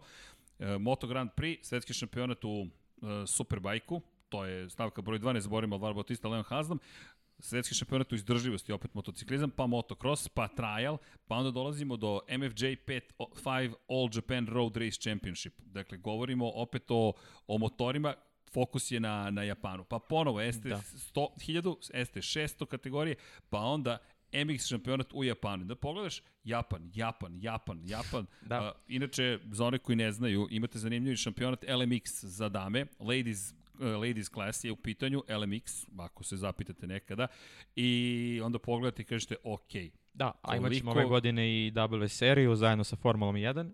Ovaj, u tome, tu ćemo isto gledati dame kako se trkaju. I to će biti zanimljivo zato što ima nekoliko jako uspešnih uh, pilotesa, ako mogu tako da kažem, u tom šampionatu, tako da vidjet ćemo. Da, i a, kada već spominjemo to, da spomenemo i četvrtočkaše Formula 1, kada spominjemo dakle Honda, ne samo dame, podržavamo, naravno se će biti još dama koje se trkaju, ne, potrebne su ono čisto da bude šarenoliko društvo i da, Da, bude još naravno. Pierre Gasly, Yuki Tsunoda, Sergio Perez, Max Verstappen, ove godine će dalje predstavljati Hondu, čisto da ne Da. zaboravimo i taj moment. I onda kreće sada cela priča o Touring šampionatu, VTCR, kao što si rekao, Attila Da. Tassi, Tiago Monteiro, Nestor Đerlami, Esteban Guerrieri, da. Guerrieri, tako je, i dođeš do toga da sledeće takmičenje koje je važno za Hondu, japanska superformula Da. Koja je vrlo ozbiljna i krajičkom oka je pratimo zašto čekamo nove japanske vozače, ne samo Yukija Tsunodu. Da, da, pa mislim i Red Bull je protekli godina dosta svojih vozača u manjku boljih opcija za, za trkačko sedište slao u Superformulu. Zato što je to takmičenje koju su i oni smatrali da je dovoljno konkurentno da se njihovi vozači pripremaju, tako da to isto mnogo govori kad je jedan Red Bull slao svoje vozače u Superformulu da se treniraju. Prilično jasno. Između ostalog, mislim da su i Dena Tiktoma slali onog, ali on je miš, miš, malo i pokasni. Dobro, Den Tiktom je svašta radio. Da. Ali okej, okay, i dalje je tu, i dalje je nekako u igri, Da, da, orbitira da, oko da. Formule 1. A, za sve one koji vole trkanje, ispratite super formulu, ispratite šampionat koji mi negde smatramo vrlo važnim. Kada pogledate imena koje su tu osvajala titule, govorimo o vrlo ozbiljnim imenima, Da. imenima i prezimenima i koristimo priliku prosto što- činjenicu da je Honda i dalje u igri, da se nadovežemo na tu priču, između ostalog Ralf Schumacher je bio jedan Da. od šampiona Takođe, da. nekada on. davno, 1996. godine. Ralf Schumacher rođeni brat Mihajla Schumachera i neko ko će, eto, sada kao stric moći da prati Mika Schumachera u Formuli 1. Da. Idemo mi na, dalje. Inače, A i svog sina u Formuli 3, ali tako? Tako je, Da. u Formuli 3 i da, da podsjetimo za Nika Cassidy je pre dve godine bio šampion Tako Super je, Formula, kao što je, si da. rekao. Tako da, bit će tu za vrlo zanimljivih momenta. No, da se vratimo na Alfa Tauri, kada je reč o, o Alfa Tauriju, kada je reč o onome što su pripremili, navodno prema pisanjima motorsporta, Alfa Tauri je odbio delove koje je ponudio Red Bull, rekli su da ne žele te delove i postoji ta priča koliko Franz Tost i generalno Toro Rosso žele da da budu neka druga ekipa. Koliko Da. da. god to meni nevjerojatno zvučalo, oni se zaista trude oko toga i kada pogledaš promene koje su prošli, to nije Red Bull, bez obzira na sve što, Dobro, veze. što se kaže, s polja izgleda kao Red Bull, ali zapravo je to ekipa sama za sebi. Oni su distancirani od Red Bulla geografski kada gledamo poziciju fabrike, odnosno mesto gde se bolide razvijaju. e, Red Bull je u Britaniji, a Alfa Tauri u Franci. I to nije mala stvar. Koliko da. god to izgledalo kao da je u pitanju samo u modernom svetu, pa dobro, postoji laka konekcija, ne, nije laka konekcija. Ni malo laka. Konačno, mogli ste da čujete i Martin Nađe bio nam je u poseti za onom stolicom, pogledajte Da. taj specijal, dakle, neko ko je radio u Toru Rosu u to vreme, to je sada ekipa Alfa Tauri, za one koji eventualno ne znaju, za one koji se pitaju šta je Alfa Tauri, ljudi, to je konfekcija. Da, to je modni brand Red Bulla. Ako ćemo tako da izovemo. Bukvalno, bukvalno to je to. Alfa Tauri i iskorišćene Formula 1 prosto da se promoviše Da li bismo ti ja znali za Alfa Tauri? Pa možda bismo, ne znam. Pa možda bi Možda. se negde čulo, videlo, mislim, ja se sećam kad sam bio na DTM-u na Red Bull ringu, ono je stvarno impresivno kako Red Bull uh, je realizovao tu, tu, tu pistu i sve sadrže oko nje. Uh, prodavnice, brendiranje, sve je na visokom nivou. Tako da me ne čudi da su u jednom momentu krenuli i putem modne industrije, tako da nije... Ekspanzija, diversifikacija tako je, poslovanja. tako je, tako je. Da, inače, e, ne znam da li imamo fotografije kako su, kako su pravi manekeni zapravo vozači Formule 1 e, i, i, i Gasly i Tsunoda su obučeni u, u konfekciju zapravo. Da, da, ima i ta slika. Da, ima i ta fotografija, to postoji. Ne, ne znam da li smo uspeli da je pribavimo, ali činjenica je da je tokom prezentacije zapravo Alfa Tauri pre, bukvalno manekene imao. Evo imao ih. Je. Evo ih, pa naravno da ima, Don Pablo sve ima. Ok, jel, jel imamo potvrdu, evo triumvirat sedi iza tri čoveka menjaju jednog Vanju. Vanja, vrati se što je pre moguće, ali ok, to je isto deo posla u Formuli 1, jednostavno da, da. iskoristite priliku da se promovišete. Pa nekad su prezentacije bolida bile, kad se setimo McLarena 2007. u Španiji sa ovaj, onim demo vožnjama po centru grada i koncertima i svim živim, što ne bi sad neko prezentovao u krajem slučaju i modu. Tako da to je skroz, to je skroz u redu. I nema razloga da se, I- da se ne prezentuje. Da, čak donekli vraća taj da tako kažem, osjećaj tih starih prezentacija bolida, zato što nije više samo da je fokus na tome, nego ima i neki propratni uslovno rečeno program koji tu postoji, tako da i to je lepo videti. Makar, makar i to bila moda. I ja moram ti priznati da jedno čekam da mi odemo svi zajedno, da se spakujemo i da odemo na prezentaciju negde. To bi bilo odlično. Ne mora da bude ništa super specijalno, samo da nije online, koliko god volimo digitalni svet, pa konačno s vama smo povezani preko Naravno. YouTube, u ovoj situaciji ili Da. podcast platformi, nekako fizički to da izvedemo. No, idemo dalje, iskoristio bih priliku da, da se dotaknemo tehničkog kutka da nešto što smo uveli prethodne nedelje, ispošt, ne da ispoštujem, ovo je nešto čemu mi uživamo, smo jedva čekali praktično i, i čekali i čekali i čekali, zašto? Pa dok smo formirali ceo tim, inače ima puno ljudi koji nam pomažu, pozdrav za momčilo Vuki, ja se izvinjam, ne znam kome pre da se zahvalim, iskreno, ti dolaziš, a mi dobijamo sledeću, do, dobijem sledeći e-mail. E, Pre, Momčilo Vukić, opšta statistika, vozači sa slikama, kao poklon za Lab 76. Čovjek je poslao kompletne foldere sa slikama, sa ekipama, sve informacije, dakle ne moram ni da se spremam, sad ima tim ljudi, entuzijasta, volontera, kao što smo rekli entuzijasta uglavnom, koji nam pomažu, momčilo, hvala. Ja bukvalno ne znam šta bih drugo rekao nego hvala. Ne znam kojim rečima da se zahvalim svima koji učestvuju u svemu što radimo. Čime smo zaslužili, nemam predstavu, ali vam hvala. U svakom Odličnim slučaju. programom. A, hvala. Evo još jedno hvala. Tako da, da, da pozdravim momčila koji nam se javio i rekao da, da jednostavno pripremio sve što je nama dvojici neophodno za nastavak emisije. No, pre toga idemo na tehnički kutak. Tehnički kutak koji ćemo posvetiti bolidima koje smo večeras već je veče, uveliko, prezentovali na jedan način. Hoćemo od Red Bulla da krenemo. Ajmo od Red Bulla da krenemo, da vidite, inače sponsor ovog segmenta je Philips One Blade, kao što smo već negde napomenuli, ukoliko niste čuli. E, inače da, da ne bih sve opisivao, imate link u descriptionu, to jest u opisu videa, i evo jedan klasičan poziv, kliknite na taj link, pogledajte Philips One Blade, podržite ekipu Lab 76 i oni koji slušaju na podcastima, pa eto, potražite informacije zašto ovo nije Brijač, već je One Blade i zašto smo ih dobili podršku i zašto nam je bilo zabavno kada smo se spremali iz perspektive pa i klasičnog sponzorstva da ne bude klasično, jer nekako cela ta priča, zamenjive oštrice, vodootporna drška, pa smo čak se negde pričali o tome, hej, ovo je hibridna tehnologija. Da. Imaš uh, brijač, I- koji je da. električni istovremeno, dakle govorimo o oštricama, a i dalje tu ljudska ruka, jel te? I, i to nam je bilo zabavno. I, I činjenica da evo, ja sam počeo da malo puštam bradu u cilju da vam pokažem kako može da se trimuje i kako može one crte da se izvuku. Sad još samo da nacrtam Lab 76 na obrazu i bit će fenomenalno. U svakom slučaju bacite pogled na One Blade, trimuje, podrezuje, brije, ti nisi mi baš obrijan, taman. Ni, nisi za ove promotivne momente. U svakom slučaju, One Blade jeste sponsor, Philips sponsor tehničkog kutka, da bacimo pogled na Red Bull, da nađite, pronađite razlike. Filipe, da li ti, e, ovo ni ti nisi još video, šta vidite na, ovoj, na ovom kadru, šta je drugačije u odnosu na prethodnu Branding, sezonu? odnosno pozicija sponzora. Tako je, tako je. Odnosno ovog logova. 12 poena za Filipa Đorđevića. Telcel se pojavljuje na unutrašnjoj strani granične ploče. Bukvalno I- nema razlike. Kada, Apsolutno Kada se ne. pogleda. Jedino što nedostaje Aston Martin branding, što je Čekaj, logično. Jer... polako, polako. Fi- Evo vidite ko je stručnjak. Dakle, nije ni, ni video ono što sledi, ali eto, možemo da bacimo pogled na fotografiju broj 2.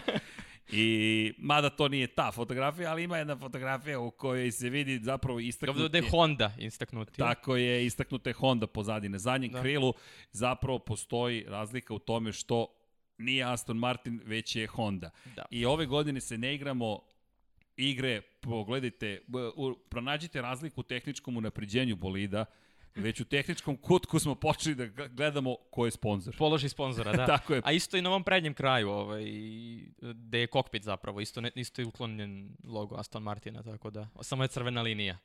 Tako da ovaj sve s- vidi, vidi se vidi se da se Aston Martin prebacio negde drugde, tako da. Da, ali da li možeš da ajde da, da se vratimo na, na, na Telcel na trenutak. Da, Šta je Telcel? Zašto to je Telcel? telekomunikacijna kompanija Meksička, čini mi se. Da, iz Mexico City-a Tako je. sedište, a ko vozi ove godine pa za Sergio Perez naravno. Red Bull? Sergio Perez. Tako da veze, veze već čine svoje. Da, pa isto kao što je Strelja Galicia otišla od uh, McLarena, došla kod Ferrarija, Da. zajedno sa Carlosom Sainzom. Da, i Estrella Galicia je 0-0, bez Da, alkoholno 0:0, da. pivo se promoviše.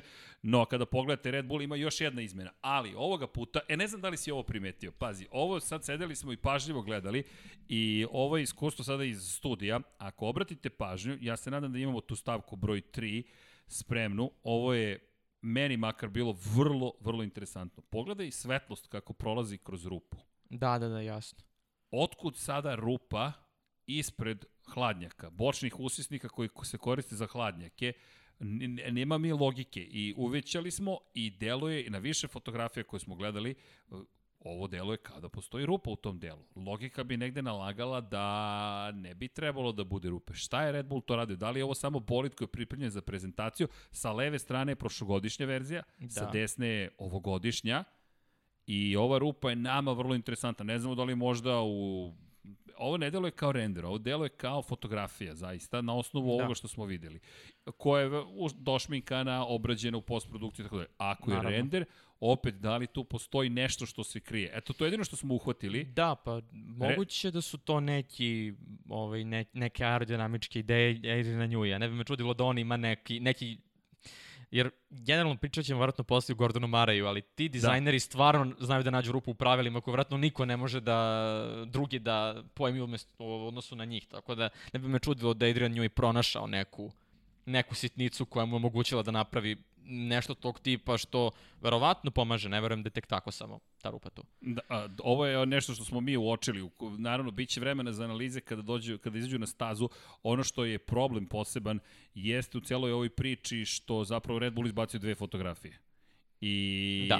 jedan video i to je bilo sve što smo dobili o Pa zvaničnom dobro, saopštenju. čuvaju, čuvaju svoje čuvaju svoje adute za, za testiranje, pa, pitanje je čak možda da li za testiranje, je možda pitanje. i za... A šta čuvaju? Pa, saznaćemo, saznaćemo, nadam A se. šta čuvaju? To je ono čuveno Nadam se pitanje. da ćemo saznati. Ali jedva čekamo da vidimo. E, Kada je reč o, o Red Bullu, zaista ne vidimo razliku, pa čak i sama ta činjenica. To smo negde već, kada smo pravili spisak svih predstavljanja bolida, kada smo videli B, rekli smo, ok, ovo je prvi put da nema novog bolida, nema 17-ice, da ga idemo Da. na 16B.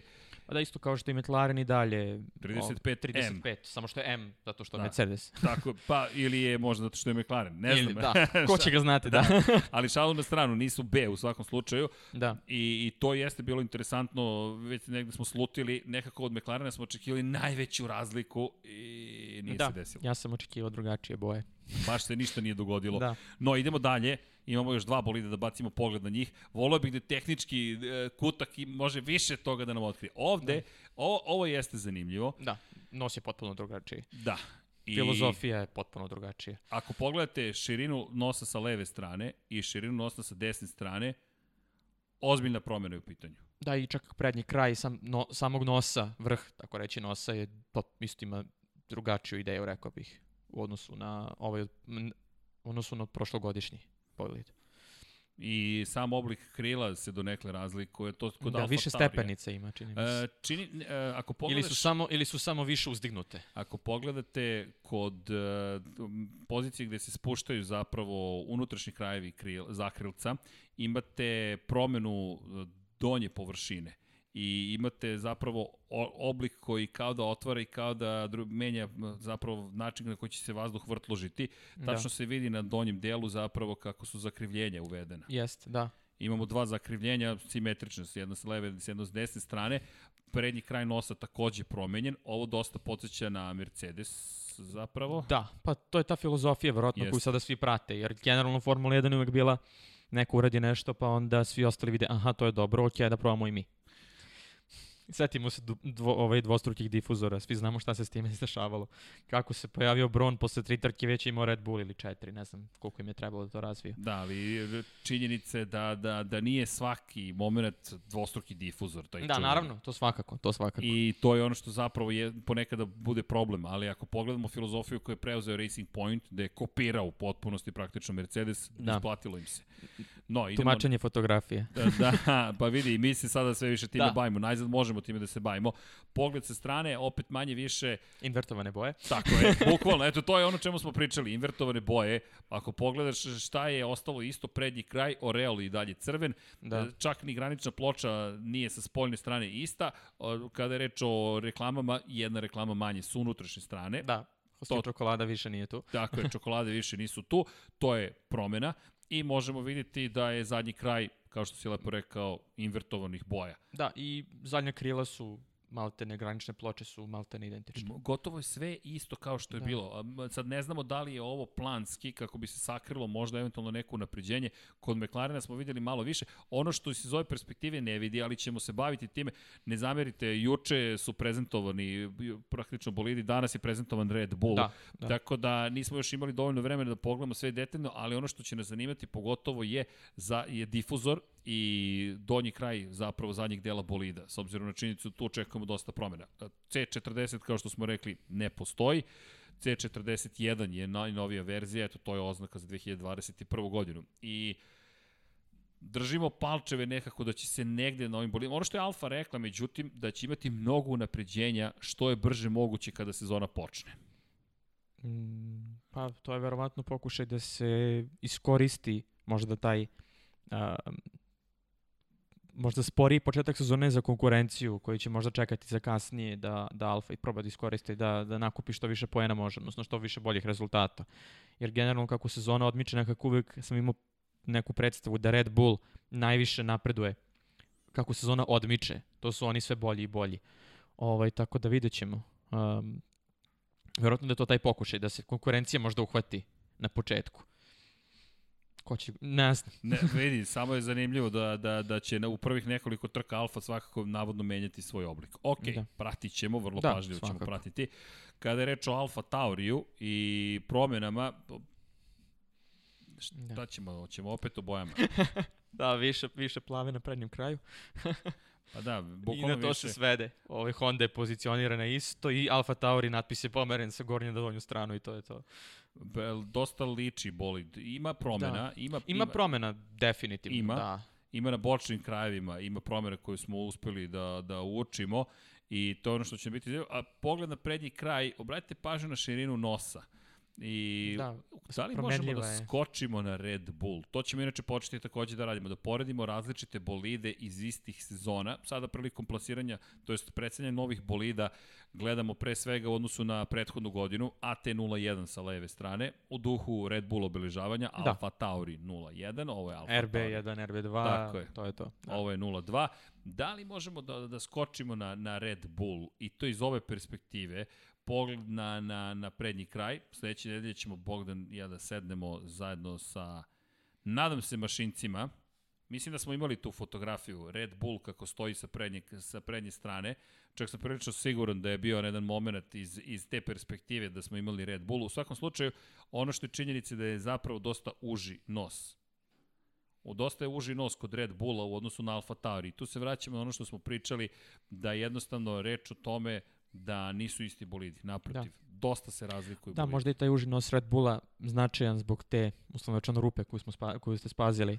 Moguće je da on možda usmerava vazduh na određeni način tamo, ko zna. Ne znam, ali da, mu pitanje da li ta rupa nešto... Pa, e, evo ga, Da. hvala. Mnogo je uži nos nego... Drugačiji oblik nosa. Da. Drugačiji oblik nosa Red Bulla i to se jasno vidi iz ove perspektive, ali Alfa Tauri daleko toga da nije imao uspeh prošle godine. Naprotiv, Alfa Tauri se hrabro borio do, do, do kraja sezone. hrabro. Da. Rekli smo, u samo dve trke nisu osvojili poen, tako da je to bilo krajnje interesantno. No, da, da se što je vratimo... negde i pokazatelj tog tehničkog partnerstva Red Bulla i Alfa Taurija. Znači da se, jeste, vratno su odvojeni po tom, u tom smislu, ali sigurno da ima nekog upliva informacije s jedne i s druge strane. Pa to, to je neminovno. Konačno, da. Alfa Tauri, to je Toro Rosso, je bio prvi koristio Hondine pogonske jedinice. Od njih je krenulo informisanje da, zapravo tak. šta ta Honda može. Pa da, oni su tu iskorišteni, da usl, tako kažemo, kao žrtveno jagnje. Da pa se dobro, testira ta Honda. Da, da se testira ih... ta Honda, jer oni su ono, začem se zadnjeg, uh, mislim da je to bila sezona kad su Hartlija imali ovaj, sa Gaslijem, da su oni svaku drugu trku pred kraj godine startovali poslednji sa 50 poz pozicija kazni zbog novih promena na Hondi, jer tu je se gurao razvoj verovatno u prvi plan što je više moglo u ali, tom periodu. Ali ako pogledaš nisu tako loše prošli ne? sve. Naravno, pa na kraju krajeva Gasly je bio četvrti u Bahreinu. I pobedio prošle godine. Tako je. I pobedio tako prošle je. godine. Alfa Tauri AT01 ima jednu pobedu u svojoj istoriji. Ovo je pogled, hvala, na ono što smo videli i prošli put kada je reč o promeni poda. Dakle, ako pogledate sa desne strane kako se sužava zadnji kraj. Ono što je zanimljivo, međutim, kod AT 02, to ćemo gledati da, da sledeći put uveličamo i da bacimo pogled još bolje, deluje da je McLaren zapravo veoma jednostavan pod predstavio, za razliku od Alfa Tauri, koji ima kompleksniji izgled poda. Pod nije samo jedna linija. Ako pogledate iz ove perspektive, sa bokov, sa centralnog dela, srednjišnjeg dela, kako se sužava ka zadnjem, imamo različite zapravo kao stepene da. promena, a kod McLarena je to jedna crta. Bukvalno jedna crta koja spaja prednji i zadnji kraj. Tako da Alfa Tauri već ovde deluje, moram priznati, zanimljivije. Makar meni to deluje zanimljivije. Ok, pratit ćemo naravno tu situaciju. Ovo je pogled sa boka. Opet, Da. Nema mnogo razlika. Nije, nije 26, sad je 22. da, sad je 22, da, dobro. Što je to... zanimljivo, vraća se broj Jensona Batona u Formulu 1. E da, to sam propustio da primetim. Hvala, da. hvala. Ima ovde neko ko navija za Jensona Batona. Ili makar je ljubitelj Jensona Batona. Imamo i knjigu Jensona Batona, eno ga gore, Jenson Baton i njegova biografija. Mislim da se ne vidi ni iz jednog kadra praktično. Ali dobro. Evo, evo, evo nazire se. Evo ga, Jenson uh, Button. Da, koji će kao i Lewis Hamilton i Nico Rosberg imati svoj tim u ekstremnom šampionatu. Tako da, i, ali će i voziti, što je zanimljivo. Njih dvojica neće voziti, a Baton će da vozi. Signaliziraju mi ovde i Le Mans, se to spomenu, ne, nisam razumeo šta, šta ali okej. Okay ne poslaće mi poruku putem nekog messengera, ne, ne, ne, ne razumem, danas sam možda malo sporiji. Kako god pogledate, da se vratimo mi na tehnički kutak, da bacimo pogled na taj Alfa Tauri još jednom iz priče perspektive i idemo dalje. Uh mhm. -huh. Imamo još vesti i naravno da se pozabimo Formulom E. Nismo još ni počeli ni glavni da. deo, deo priče, a to je uh, zapravo Formula, čuj glavni, ne možemo se odvojiti od Formule 1, tek kad krenemo sa Formulom E, nema nam paje, pazi, planski smo Formulu E organizovali, da. nema paje da nam priča uh, o tome da to nije budućnost, šalno strano pričat ćemo o tome da li je budućnost ili nije, ali Alfa Tauri, kao što možete vidjeti, nam je predstavio bolid, Alfa Romeo je predstavila bolid, Red Bull je predstavio bolid, šta smo mi predstavili, pa evo, tehnički kutak, powered by Philips One, šta smo rekli?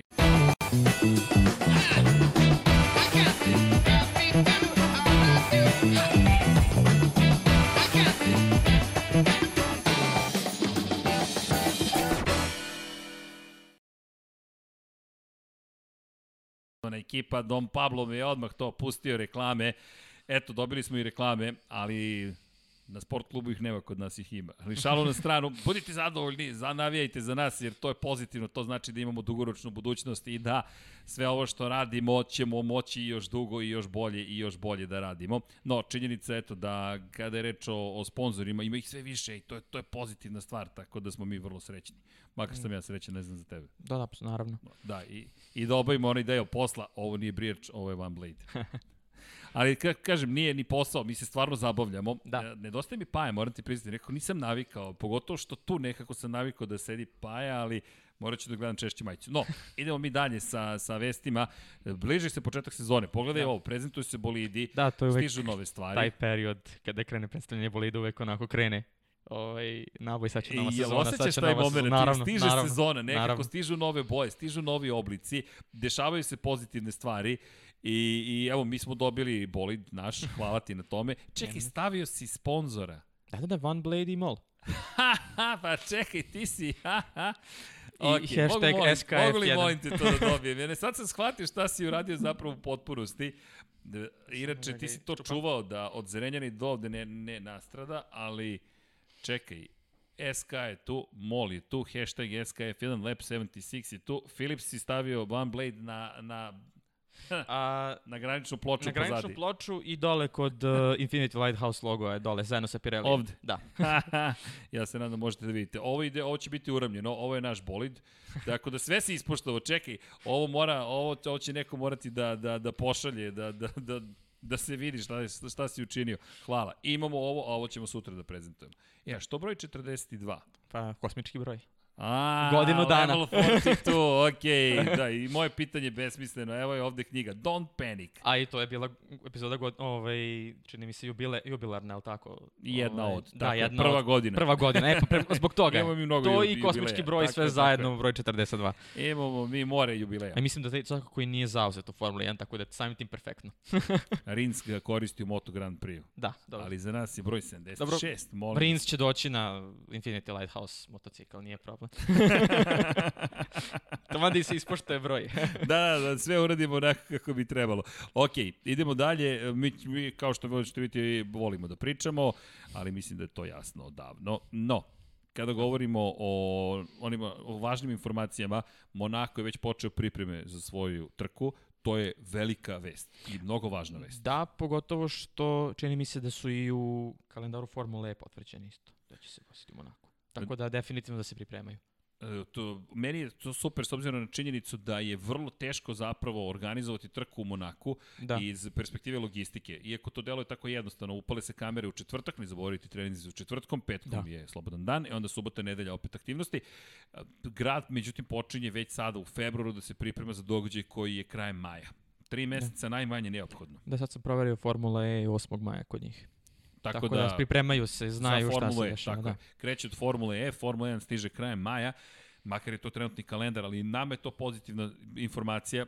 Bili smo zabrinuti iz perspektive kalendara šta će se događati, da li će zapravo biti Monaka. Za sada stvari kako stoje, garaže su već u pripremi, pit lane čuveni je tu, u Marini, tamo kod bazena. Inače, bukvalno da znate zašto se zove bazen, tamo je bazen. Da. Tamo građani Monaka odu i vode svoju decu na bazen. Kao što mi u našem slučaju odemo na Tašmajdan, oni siđu dole u Marinu i gde prolazi Formula 1, idu na bazen. Tako je. I gde na kraju trke pobednik skoči u bazen. Ili bi bar Kad je Formula 1. trebalo da, da to Da. uradi. Neki skoči i goli, ili makar uvotani u, zaves, u, u zastavu, prostite, Supermana. Supermana. Tako je, Christian Horner čuveni. E da, Da. i BVT bi trebalo da ostane u Formuli 1. Da. To, To je, to je važna jako, vest, da. takođe. A, pa meni se čini da će to biti Haas. Mislim da neće biti uh, Williams. Mislim da je Williams je već tako reći i objavio svoje uh, odevne pre, odnosno ove oficijalne timske majice i sve i tu nigde nema ovaj, barem sad nema naznaka BVT-a. Mislim, oni su isto ozbiljna kompanija, pozorisali su mnoge trkačke ekipe, opet vraćam se na DTM i Mercedes, gde su oni imali super saradnju. Ovaj, naravno, kraju krajeva, ovaj, Racing Point, odnosno Force India. Tako da ovaj, tu je, BVT je tu, neće se, ali mislim da je realnija ta priča sa Haasom, zato što je Haasu uh, jako potreban glavni sponsor trenutno. Haas nema sponzora već predugo, zapravo. Da. Haas je... Pa Rich je, Energy je Da bila smejurija, ako mogu tako da Čekaj kažem. sad kad otvaraš tu priču, o, ćemo da pričamo o Rich Energy koji najavljuje da će biti sponsor Williamsa i jedva čeka da se vrati u Formulu 1. Mm, Pa da, od toga ništa. kako O, stvari stoje. Pa okej, okay, samo da budemo načisto gde Da, smo. da, naravno, naravno. Ali mislim generalno u poređenju sa njima BVT je ozbiljna kompanija i naravno mislim da Hasu treba takav sponsor, zato što treba da se uloži u razvoj tvog automobila, sigurno. BVT, inače za one koji se jednostavno pitaju šta znači, je Best Water Technology. Technology, da. Dakle, to je skraćenica. Best Water Technology je BVT. Za one koji se pitaju šta beše BVT, e, to je Pink Panther, to je ona roze boja koja Da, neke iritira, To je onaj plavi oduševljava. logo koji prati roz, koji prate Tako roze je. boje u trkama, da, da. Da, I to je, to je nešto što je nama važno. Zašto? Ja iskreno volao bih da vidim i dalje roze bolide. Da. Ne znam da će Haas pristati. A, pa mislim da, mislim, moj predlog je bio da se pojavi roza boja, ali da je ne bude toliko. Ali, ali, ali da je puti. Okej. Znači, prosto taj BVT moment uh, postojanja roze boje mora postojati na bolidu. Mislim da je to Čekaj. obavezno. Daješ mi šlagvort. Daješ mi šlagvort da bacimo mi pogled na nešto što je tvoja takođe strast. I danas se zabavljamo, dakle, uživamo u činjenici Formula 1 nekako tu da, Da. Formula E će krenuti ovoga vikenda. Zapravo u petak već. U, tako je, dobro, ja to nekako, meni vikend počinje u Da, petak, da, Petrolhead ima, mada Da. ovde nema motor, to jest nema, jel te, goriva, makar ne klasičnog, Da. ali ti si nam poslao livreje, poslao si nam... Nekoliko predloga. Ovo je Williams. Ovo je Williams Da. sa sponzorom od prošle godine. Da, ovo su sponzori od prošle godine, zato što nisi još znalo šta će biti u Williamsu. Ovaj, kad sam ja ovo radio uh, i nekako tad je bilo aktuelno motorsport.com je na svojoj Instagram stranici pravio takozvane izbore uh, kad biste vi birali Williamsove boje, šta bi to bilo? I pošto se meni nisu svideli njihovi izbori, odnosno šta je Jasno. narod izglasao, ja sam po svom nekom ovaj, napravio ovo. Za Georgea Russella. Da, u principu zadržao sam tu grafiku identično od prošle godine. Uh, i, I ovo ostalo su malte ne samo boje. Ovaj, mislim da bi im bolje ležala tamno siva, odnosno neka crna boja, nego bela. Sa ovim bojama koje imaju. Da, ali čekaj, ovde si malo trik izveo, stavio si bele gume. Kako bi to izgledalo sa... A, e pa, problem je, mislim, taj moj template koji ja koristim ima bele gume, tako da to je... ali okej, šalu na stranu. Inače, bilo mi je zanimljivo kada su gurali Alfa Romeo u skladište, je zadnje gume žute, prednje gume crvene. Nisu ih uparili, ali okej, to je samo moj OCD, verovatno. No, idemo mi dalje. Složio bih se, tako da to je okej. Ovo je jedan od, ovo je jedan od predloga za, Al, za Alpinu, a, odnosno Alpin. A, on generalno, ovo je bilo inspirisano njihovim starim relijevskim bojama. Okej. Jer su oni u, vrem, u vrem, ranim nekim vremenima, kad su se takmičili u reliju, uh, glavni njihov motiv je bio ovaj, uslovno rečeno, kao Renault simbol koji se malo nadzire na kraju.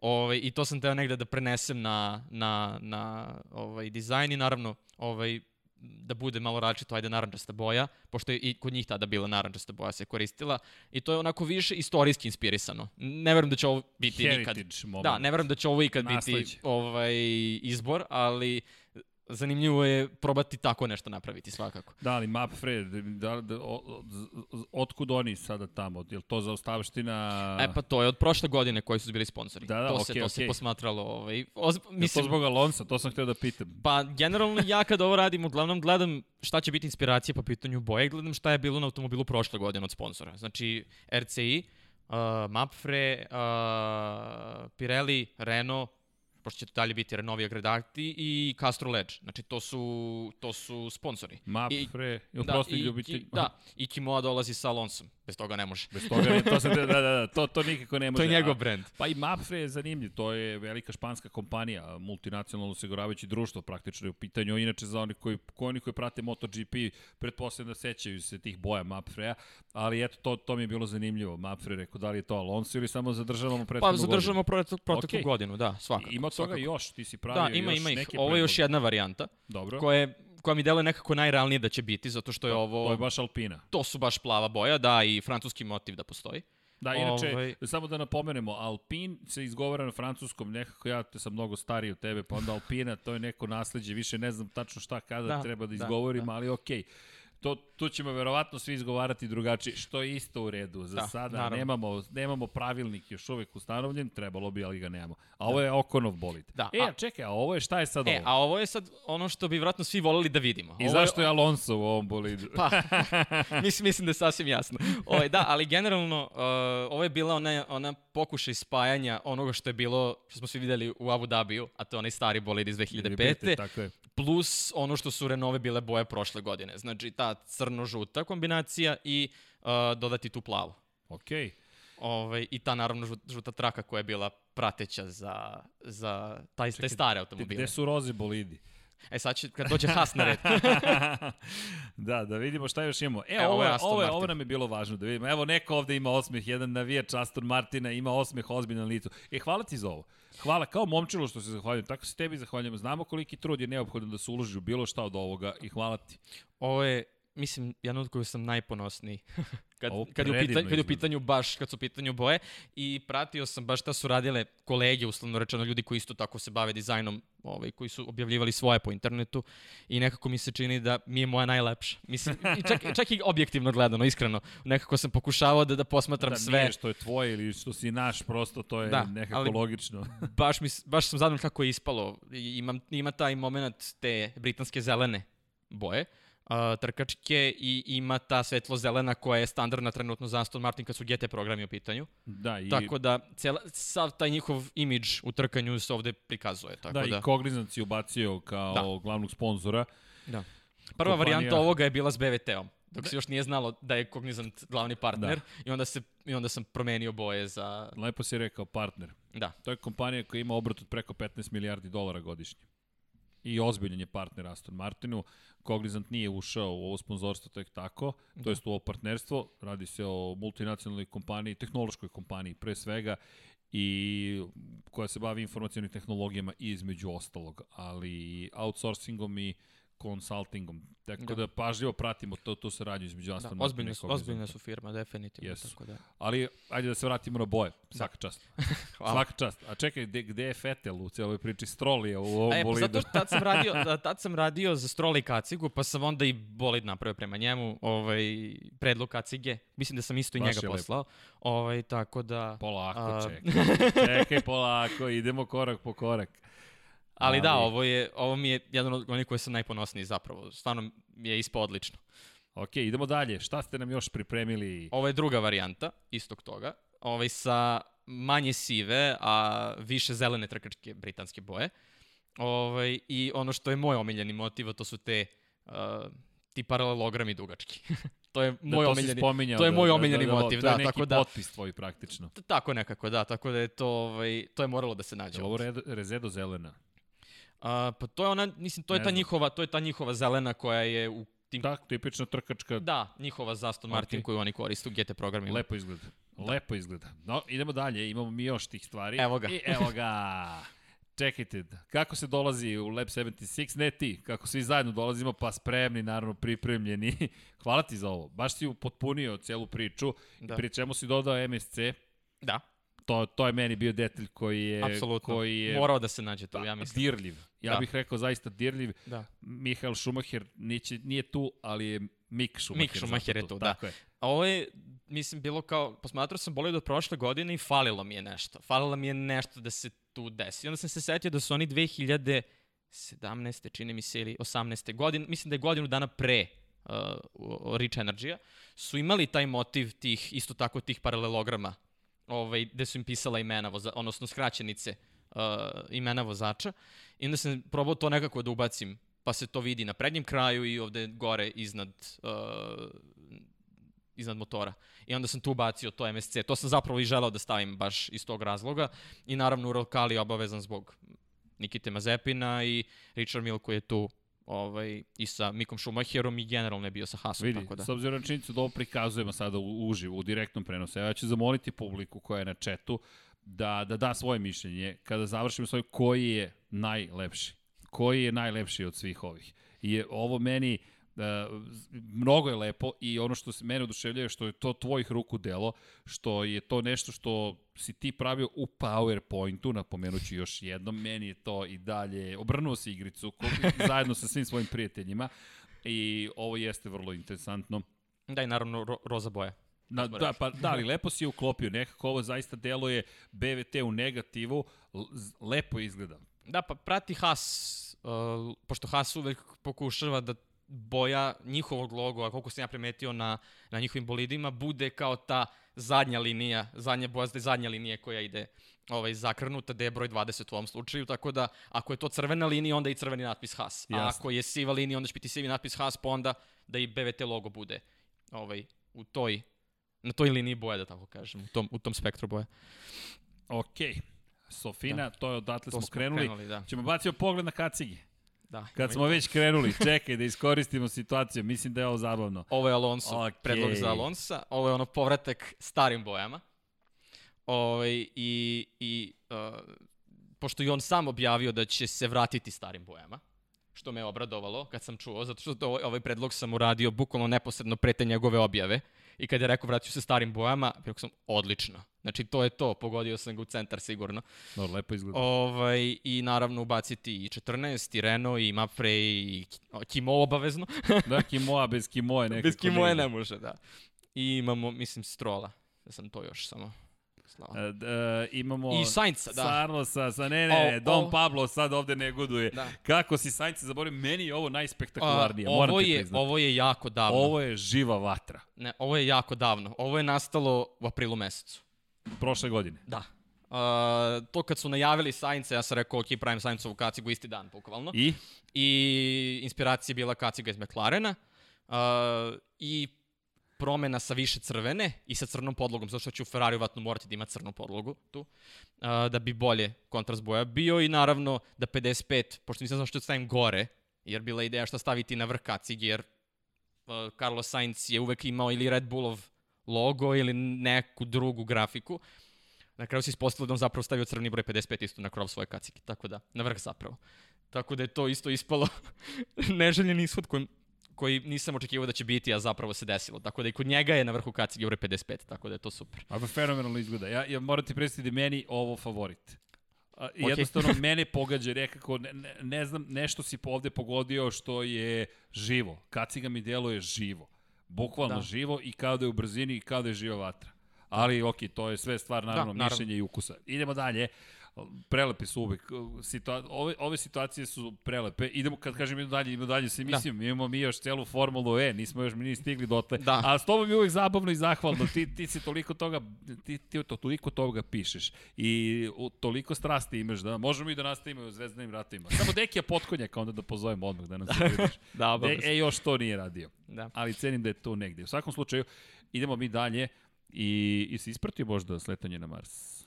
Nisam stigao, ali nadoknadić obavezno. Au, au, vidi kako odmahuju. Radile, radile su se boje Au. za Hasi i za, i za ovaj... onda je u redu. minus, a tamo pišu ti minus, samo da znaš. Ispravit ćemo Ali- do sledećeg ne, šalim puta. se, naravno, šta ti. Sve to okej. Okay. Okej, Formula 1. Ima još par stvari koje moramo da spomenemo. Ti si napomenuo da moramo, da, da ne Da. bi da, da, da večeras ne pričamo i o jednom posebnom vozilu. Hoćemo tako da ga nazovemo. Može, može tako Može da se tako. kaže, svakako, da. I baš si rekao, ej, srđane, ajmo da ne propustimo priliku da spomenemo Niki Laudu. Da. Zašto i otkud Niki Lauda i, i, i zašto ga sada spominjemo? Da, pa uh, Gordon Murray, čuveni inženjer Brebema iz vremena 70. godina, je kada je ekipu kupio Bernie Ecclestone i kada je tu došao da voze Niki Lauda 70. godina, mislim da su to bile 78. Je, uh, kraj, da. Da, i uh, tada je Gordon Murray izveo to revolucionarno rešenje, to je te čuveni Jeste. auto sa ventilatorom na zadnjem kraju, ovaj, koji je Fan. Da, koji je uh, jedini auto u istoriji Formule 1 sa 100% učinkom, zato što je trkao se na toj jednoj trci i ovo posle toga je po, i ovaj proglašen za nelegalan, kao nelegalan i posle toga se više je nije bio, pojavio na stazi. Pobedio je. Pa da. To, tako to, da jedini, to, to. jedini, jedini, Najuspešniji jedini, jedini, ikada, tako je, tako je, tako je. I taj uh, koncept je odmah proglašen za nevažeći i odnosno uh, da ne može više da se koristi. I posle, Gordon Murray je pričao, čini mi su Beyond the Grid kada je gostovao, da je nigde u pravilima nije pisalo da ne može ništa da se zakači za zadnji kraj. On je čovjek prosto rekao, ok, ja ću da stavim ventilator. Mislim, to je potpuno realno ovaj, da se tako desilo. Uh, on je posle to su bile te godine, mislim da je BT 46B bolid bio Brebema. Uh, i, I tada je, to je bila velika nagrada Švedske, 78. kada je Lauda pobedio sa tim automobilom. Ovaj, I onda su posle, uh, Gordon Murray posle odlazio McLaren, revitalizuje taj svoj koncept koji je postao, postao, postao MP44 automobil, jedan od najprepoznatljivijih danas. A danas on radi na svom novom hiperautomobilu koji se zove T50, ali juče kada su ga predstavljali zvanično, pošto je juče bio rođen na Niki Laudi, oni su ga zapravo nazvali T50 Niki Lauda. I zanimljivo je i taj auto ima ventilator nazad. Pa ima smisla. Manje ventilator, ali da. Ali opet, ima smisla. Da. Sve zajedno da, ima sve smisla. kao jedna lepa celo, ce- jedna priča koja ovaj koja prati i saradnju Gordona Marija i Nike Laude. Da, za one koji ne znaju, zaista treba da pogledaju, da potraže prosto na internetu fotografije tog bolida.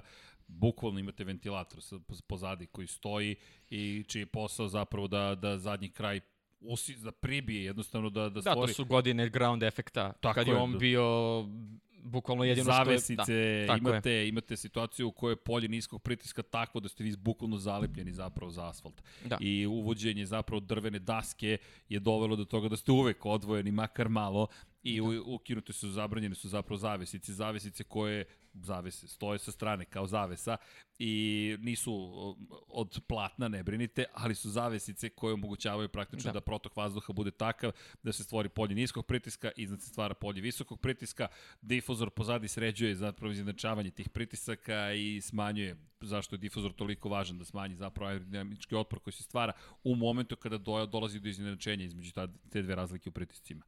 Da, i jedna zanimljiva ideja. Ko, ko kaže da one rupe nisu neki ground effect? Uh, Na Red Bullu. Pa eto, mo, možda. da, Eto ali sad da, kad pričamo ja, o tome. Ja se iskreno nadam da smo uhvatili nešto. Da. E, prošli put smo uhvatili, e, moram ti da se pohvalim, to ćemo sutra.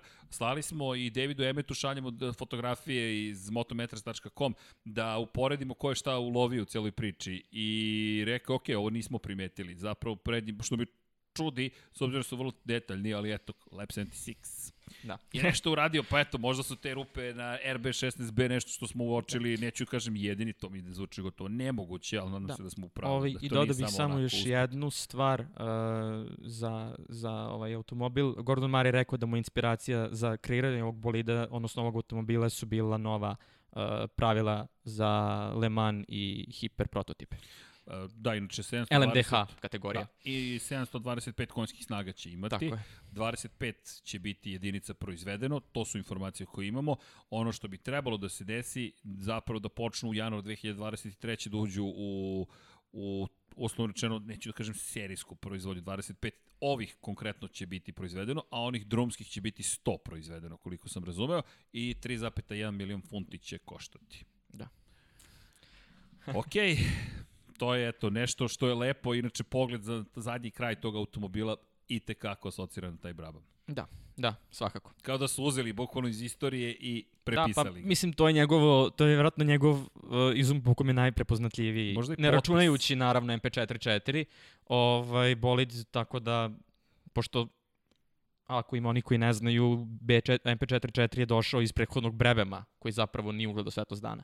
Gordon Murray došao sa tim dizajnom u McLaren i rekao, ajde ovo da napravimo i tako je nastao taj legendarni automobil. Da, i ne zaboravimo njegov F1 GTR i, te, i tekako Naravno, bio da, uspešan. tako apsolutno. da govorimo o nekome... ko- Gordon Murray je neko ko je redefinisao stvari u Formuli 1 i Da. zajedno sa Johnom Barnardom uveo Formulu 1 zapravo u njeno pa doba koje i dan danas poznajemo. Tako I je. oblici aerodinamičke ideje o aerodinamici korišćenju zapravo što efekta tla, što zapravo i, i, i, i monokoka i oblika koje smo videli na šampionskom Brabamu, nemojmo zaboraviti. Da. To, to je nešto što Gordon Murray takođe je i ostavio kao neko nasleđe Naravno. za celu, sa sva pokoljenja Formula 1. Hvala ti na tome i Nema bilo bi šteta zaista da propustimo priliku da spomenemo Niki Laudu, jednostavno Niki Lauda to zaslužuje. Da. To je čovek koji je ne samo osvojio tri titule šampiona sveta, već I to jedini sa Ferrarijem i McLarenom. Da, jedini koji je bio šampion jednih i drugih. Tako je. Jedna titula s McLarenom, čuveni dueli sa Alanom Prostom, klubskim kolegom i Za 0,1 poen. Dakle, 0,5 poena, za- zapravo za pola poena je pobedio jeste. na kraju Ali je generalnog pobedio. plasmana. Da, Na kraju je svakako, pobedio. Svakako, svakako. I to su te čuvene trke i to je već tada je Filip Morris bio glavni sponsor McLarena. Jeste. To je taj period kada Ron Dennis počinje polako ali sigurno da hara. Pa da, to je taj, to spajanje zapravo uh, tima Rona Denisa Project 4 i McLarena Jeste. kao, dva, kao jednog velikog entiteta koji će I posle onda- ostaviti svoj trag u istoriji tekako. I onda imate MP4 Da. da. kao... McLaren Project 4, to je ta, Tako je, to je ta, To je ta oznaka. Tako je, tako je. Za, ako se, ukoliko su se pitali zašto MP4 pa sad kroz 1, 2, 3, Da. 4 i tako dalje. To je sad ta u kojoj smo pričali malo pre ta... Za Red Bull. Tako je, tako je. Tako e sad više nema MP4, sad je samo M35M Tako je. i to već neko vreme tako traje. Ali okej, Ron Dennis takođe ostavio dubog trag u Formuli 1. Tako je. E, samo da napomenem još par stvari. Staza u Melbourneu će se promeniti do vremena kada bude došlo, došao trenutak da se trkamo Da. na njoj. To je takođe važna informacija. Promenit će se prosto konfiguracija staze. Tako da Da, će, ubrzat će krivine da, 8 i 9 ili 9 i 10, nisam siguran tačno, Ali ali, tu negdje oko broja 9 se vrti. tako, ali se menja, menjaju se i rekordi. To će biti praktično nova staza. da, Da. da. Konfiguracija je nešto što što, što je navika sada već od 1996. godine, to prva trka sezone i nekako sve hoću, da, ali svi greše u svim podcastima, svemo što pratimo, slušamo, sada kad stignemo u Melbourne, ne, sada kada stignemo u Bahrein na prvu trku Da, sezone, upravo to, 28. upravo marta, to, upravo to. ne stižemo u Bahrein, Prvo stižemo- testiranja, pa onda... To jest ne stižemo u Melbourne, idemo u Bahrein. Da. I to, da, prvo testovi, pa onda trke 28. marta. Što nas dovodi do čega?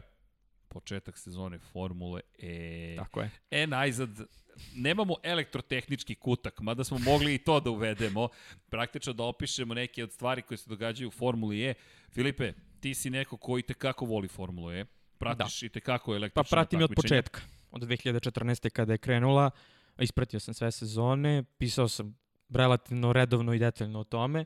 Ovaj, i, i Posjećivo imao sam, izvini, trke. imao sam priliku da odem 2019. godine u Berlin, kada je tamo bila, uh, čini mi se, pred pretposlednja trka Da, sezone. Berlin E-Pri. Tako je. kako se to zvanično zovu, to su električne nagrade, nisu velike nagrade, već Da. su električne nagrade. Mi ih zovemo električne velike nagrade, ne, da, da, Da. Im dajemo, da im damo na važnosti, ali zvanično to su e-prijevi, to je E-prijevi, da. električne nagrade. Tako je, tako je.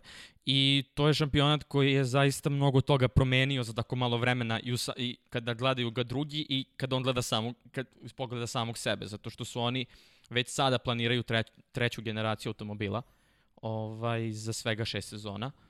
Prve četiri sezone su se trkali sa onim prvim, prvom verzijom koja je najviše li, li, sličila Formuli 1, koju danas imamo. Onda su prešli na taj koncept takozvane generacije 2, koji je mnogo toga novog doneo. To su automobili koji uglavnom kada se, ta, kada se takmiče u kvalifikacijama i da na trci mogu maksimalno da uh, idu maksimalnu snagu 250 kW i to je uh, to se negde prevodi u 280 km na sat u našim brzinama kada gledamo njihovu maksimalnu brzinu. O, da, i to je šampionat koji je počeo sa uglavnom da se trka na uličnim pistama, da se trka u centru velikih gradova i da na taj način promoviše što se kažemo zelene lobije, ali generalno bolje sutra, manje a, zagađenja i sve ostalo što ide uz to ekologiju naravno. A, tako da sa time su mnoge stvari promenjene i uglavnom na početku je taj šampionat posmatran kao dosta smešan, jer su vozači morali na polovini trke da, da menjaju automobil, jer baterija nije mogla da izdrži pun uh, Uh, Punu pu- trku. Punu trku, da.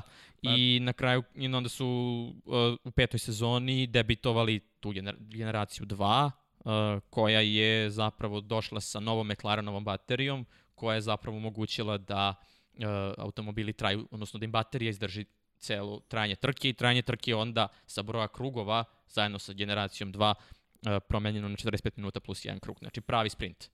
Da, Čak i, više nije ni broj krugova utanačen, nego je samo sprint, zna se koliko trka traje. Da, i kada govorimo, hajmo da se vrat, da se dotknemo nekoliko stvari, prosto da. Da. kao, kao neku vrstu uvoda, da tehnologija je električna. Dakle, da. Da. mi govorimo o električnom pogonu, mi govorimo o tome da nema hibrida, ovo je full electric, dakle samo električni pogon je u pitanju, čisto Tako da budemo načisto. Zašto je važna? Pa s obzirom na činjenicu da ono što si rekao, da se planeta menja. E sad, to, to, to ima, već smo imali diskusiju na, na, na kontu toga, električni automobili, električna formula, pre svega volim sve forme trkanja, tako da, da. Formula E već dobila ne podršku, nego mnogo ljubavi. Zašto? Pa čim neko želi da se trka i ide što je brže moguće, meni je već to fenomenalno samo po sebi. Da, Međutim, naravno. kada je reč o budućnosti, to je kompleksna tema. Hibride imamo u Formuli 1. Tako je. Motore sa unutrašnjim sagorevanjem možemo da zaboravimo kao samostalne pogonske jedinice, ja bih rekao u smislu Da, apsolutno. nečega što će se, čemu će se vraćati, ne vidim da će se to događati. Ukoliko se atmosferski sigurno, možda turbo, u smislu toga da će želiti da izbegnu Pa da, eventualno možda u GT šampionatima koji prosto ostaju na tome i dalje. Tu, ako se uvedu hibridi, to će isto biti verovatno samo elektronika dodata na postojeće, što već ima verovatno. Da, ali suštinski to su Da. motori koje već negde poznajemo, s tim što atmosferski sve ređe viđamo uopšte. Generalno Da. u saobraćaju gotovo da ne možete da ih nađete. Jedan od retkih šampionata koji još uvek drži atmosferski, da koristi atmosferski motore je NASCAR, koji čak da. i u ovoj novoj generaciji A čini mi se da LMP2 odustane. automobili i dalje Da, su LMP atmosferski. dvojke, tako je. Tako je, da. Uh, I generalno, to je pričao uh, čovek koji je glavni za sve GT trke, Štefan Ratel čuveni, čija kompanija SRO organizuje gomilu GT šampionata. On je, mislim, za vreme pandemije Uh, gostovao je na motorsport.com, on je njihov Thinking Forward seriji i dao je intervju kom je rekao nešto što je meni zapravo uvek nekako ostalo zapisano i pogotovo sada se vidi da se zapravo stvaruje. Budućnost su električni šampionati i klijentski programi, klijentsko trkanje. Što znači fabrika će da dostavi sve što je potrebno trkačkoj ekipi i ona će sa time da se trka šta ima da se trka i naravno električni pogon. To on vidi kao budućnost. I generalno sad kad se pogleda negde kratkoročno uh, šta je budućnost automotosporta, uh, vidimo DTM koji je prešao na klijentsko trkanje, vidimo Formulu 1 koja jeste ima proizvođače, ali većina timova kupuje opet neki način su klijenti i imamo električno trkanje. Tako da svodi se na to da Uh, ali eto, vraća se sada i svetski šampionat izdržljivosti sa hiperautomobilima, odnosno tom LMDH kategorijom. I tu će biti zanimljivo, pogotovo što se Audi nakon svih svojih avantura koje su go govorile u jednom smeru, na kraju se vratio tu. Ali vidjet ćemo u svakom slučaju. Budućnost je tako je meni, kažem, baš privukla pažnju ta rečenica jer trenutno se zapravo to dešava. Imamo klijentske programe, imamo električno trkanje. Da, kada je reč o elektrici, ja moram priznati da sam tu mnogo skeptičniji od tebe. Uh, pa da, ja, pričali smo o tome, koliko god je delovalo idealistički, ono što vidim kao problem jeste, i ne bih otvarao sad tu celu temu jer odao smo Naravno, od trkanja, od... ali samo kratko jeste činjenica da infrastrukturu samo izgraditi će biti krajnje problematično i o tome smo već pričali, ne, ne, ne znam za električnu mrežu koja može da izdrži takav udarac takav udarac u momentu da kažemo sada svi automobili da se zamene sada električnim automobilima i svi da se uključimo na punjenje i kažemo ok, treba mi trofazna struja za moj supercharger da. ili e, šta god da koristim, u problemu smo. Ozbiljno smo u da. problemu, infrastrukturnom, a i iz perspektive snabdevanja. Postoji još jedan problem, to jest koja je prednost, koli, ono što je sad tu, mana je zagađenje, očigledno. Motori su unutrašnje zagađenje, kako, sagorevanjem zagađuju pa zagađuju. Povećava da. se temperatura, otpadni gasovi i tako dalje. Tu ne, nema mnogo diskusije. Postoji nešto što je problem. Šta je prednost, međutim? I, nažalost, ne želim da zlopotrebljam situaciju, ali ako pogledamo Teksas u ovom momentu, koji je u teškoj situaciji, ne moramo ni Teksas, možemo da pogledamo u Srbiji, na jugu Srbije, šta se jasno, dešalo kada su ljudi ostali bez struje. Teksas je prosto u najbogatijoj zemlji na svetu, jedna od najbogatijih, ako ne i najbogatija država, koja ne može da se suoči sa prirodnom nepogodom kakva je zima. Dakle, zima. I ljudi, nažalost, umiru od hladnoće da li na jugu Srbije, da li u Teksasu, ljudi su ljudi. Šta je poenta? Poenta je da skladištenje energije je krajnje problematično iz te perspektive. Ti da imaš samo električni automobil u vanrednoj situaciji, šta ću ja da uradim u tom momentu kada meni ne radi električna mreža? Mi tu zavisimo od centralizovanog da. sistema. To su problemi. Ja ne kažem da je to, i, i nisam za crno-beli svet, aha, to je pobeda, štiklirali smo, ne. Ne, ne, ne. Samo moramo da budemo veoma svesni šta su mane i jednog i drugog sistema I moram ti priznati da sam baš razmišljao o tome šta sada imamo električni automobil, struje više nema, električna energija je nedostupna, šta sada? A benzin je skladištenje goriva zapravo. Mi govorimo ja. o da. energiji, to je skladištenje energije, to je gorivo, skladište energiju i mi zapravo kada pogledamo zapreminu u kojoj čuvamo benzin i energiju koju oslobađa, to je nešto što je pozitivno, ali kažem te, kompleksna tema, da. no samo samo samo mi je bitno da uvek pričamo o svemu. Da, to jest, naravno. O svemu što nam padne na pamet, ne padne nam baš uvek sve na pamet, ali tu je publika, pa javljite se, pišite u komentare ako slušate ovo kasnije. No, da idemo mi na trkanje. Kako da. god, koji god pogon koristili, da. trke su trke, makar za da. mene. Ja da, kad da, vidim trkanje, kad čuješ kripu guma, pa i u ovoj situaciji kad nema motora sam raspoložen. Ok, ajmo da vidimo ko je tu najveštiji. Što kao ekipa, što kao vozač. Ja bih da. volio da krenemo od vozača. Ajmo da najavimo sezonu zašto od vozača uvek od ljudi. Da, naravno, slažem Ajmo se. prvo od ljudi. Pa, Ko su šampioni do sada bili? Šta da očekujemo u sezoni? Šampioni, prvi je bio Nelson Piquet junior, on je posvojio titulu 2014. Posle je, njega je bio Sebastian Buemi, a, posle njega Lucas Di Grassi, posle njega Jean-Eric Vergne. Sve poznate imena. Sve poznate imena. Uh, I sada, nakon Jean-Eric Vergne dva puta, u sezoni 5 i 6, uh, i sad, odnosno, izvinjam se, 4 i 5, i sada u, na kraju šeste sezone a, šampion je Antonio Felix da Costa. Tako da, to su sve, kažem, poznate imena i a, vidimo da su to vozači koji su pokazali a, najpre, prikazali su se nama najpre u Formuli 1, a onda a, su briljali posle Formuli E.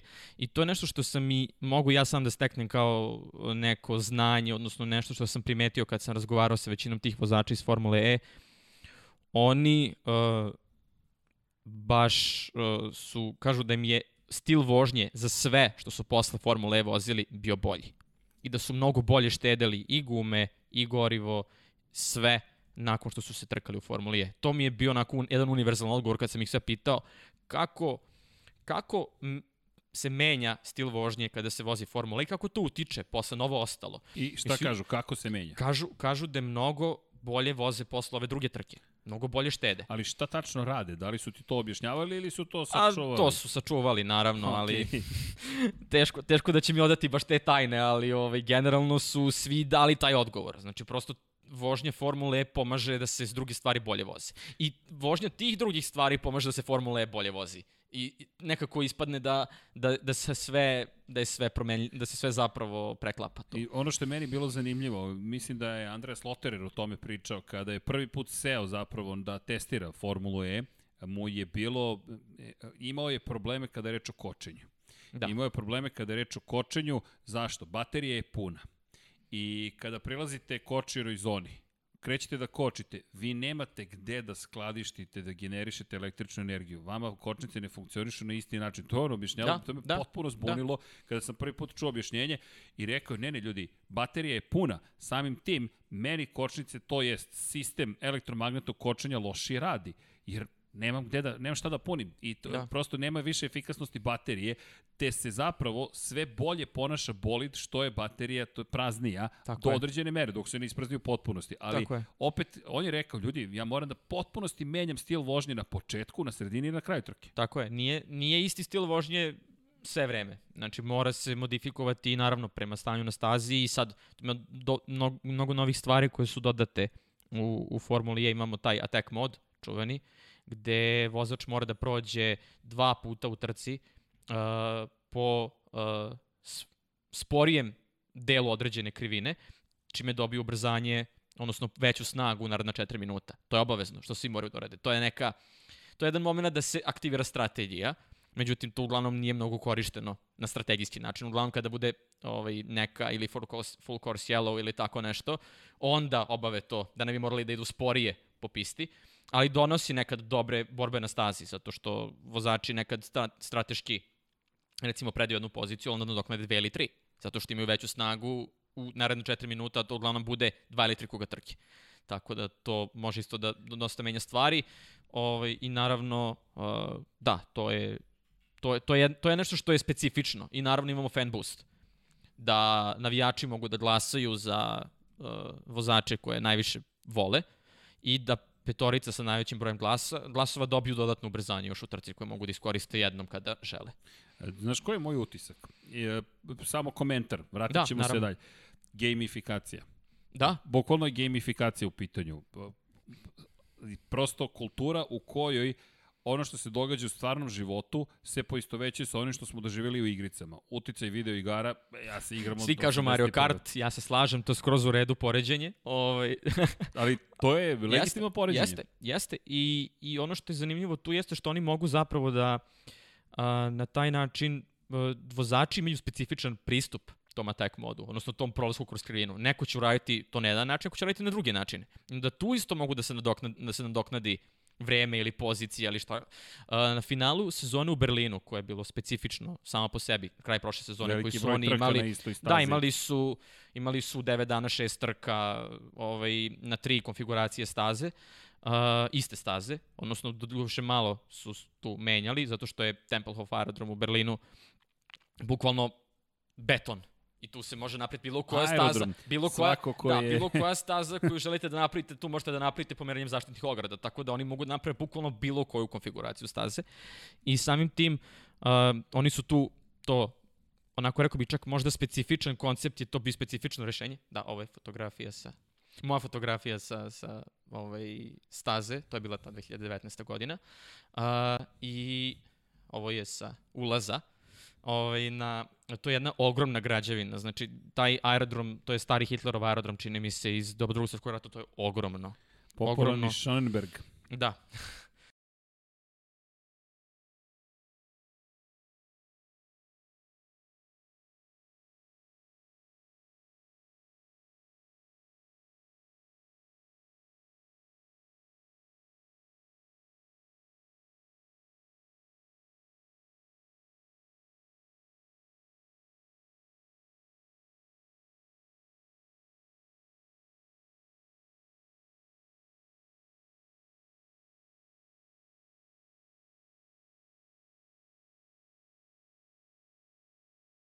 Mercedes-Benz CQ tim koji se danas trka u Formuli E i koji su mnogo, mnogo jači Do, nego taj ćemo. Hajda, Ali pazi šta nam se desilo. Rekli Da. smo, ajde da krenemo Digresije. od vozača. Ne, digresije ste, ne, neminovnost. Pazi, neminovnost u ovom studiju svakako. Ali šta mi je fascinantno? Rekli, dogovorili smo samo da krenemo od vozača. Međutim, I otišli smo negde sasvim 15. otišli smo na tehnologiju. Da. Pazi, mi smo odmah skočili na tehnologiju. Iz moje, i, i stičem utisak da je najveća fascinacija Formulom E zapravo tehnologija. Pa da, da, jer oni dosta novih stvari uvode u, i generalna organizacija njihovog šampionata i trka i svega ostalog je specifična sama po sebi. Uh, ono što se ja radujem ove godine će biti prvi put da ih vidimo se trkaju na pravoj trkačkoj pisti, a to će biti kad budu išli u Valenciju na Ricardo Tormo. Pošto do sada Formula E nikad nije bila na pravoj, pravoj trkačkoj stazi. Da, bila je, izvini, u gradovima ili bila, na aerodromu. Bila je u gradovima aerodromu ili u Monaku, ako ćemo Monako da srstamo kao nešto posebno. Dobro, to je, da, okej, da, izuzetak i je u to, pravu. I to je drugačija konfiguracija od one standardne staze koja se koristi za Formulu 1, nego je malo, malo, je, skra, malo je skraćena. Uh, ne idu um, ne idu uzbrdo, nego idu nizbrdo odmah u prvoj krivini. Uh, I odmah dolaze do onog dela, uh, one čuvene šikane posle tunela. Da, preskaču, Preskaču ceo, ceo prvi sektor, tako reći, i tunel. jest.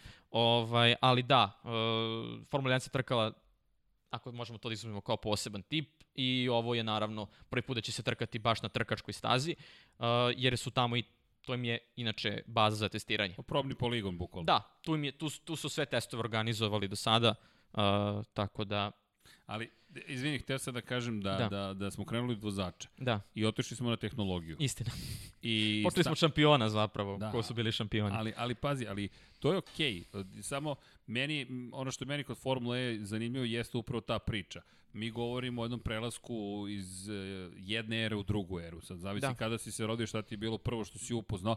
Da. Mene zanima kako će se priča ispričati iz perspektive nekih novih klinki i klinaca koji će da gledaju Formulu E i da vidim šta će ih više zainteresovati. Formula E, Formula 1, MotoGP, Moto E, možda nešto četvrto, peto, kako god. Um, pa eto, Extreme E je zanimljiv kao koncept, zato što je to nešto slično. Ja bih to, ja to upoređujem, ja to zovem električni Dakar automobili. Okej. Jer to, ja ih tako vidim generalno.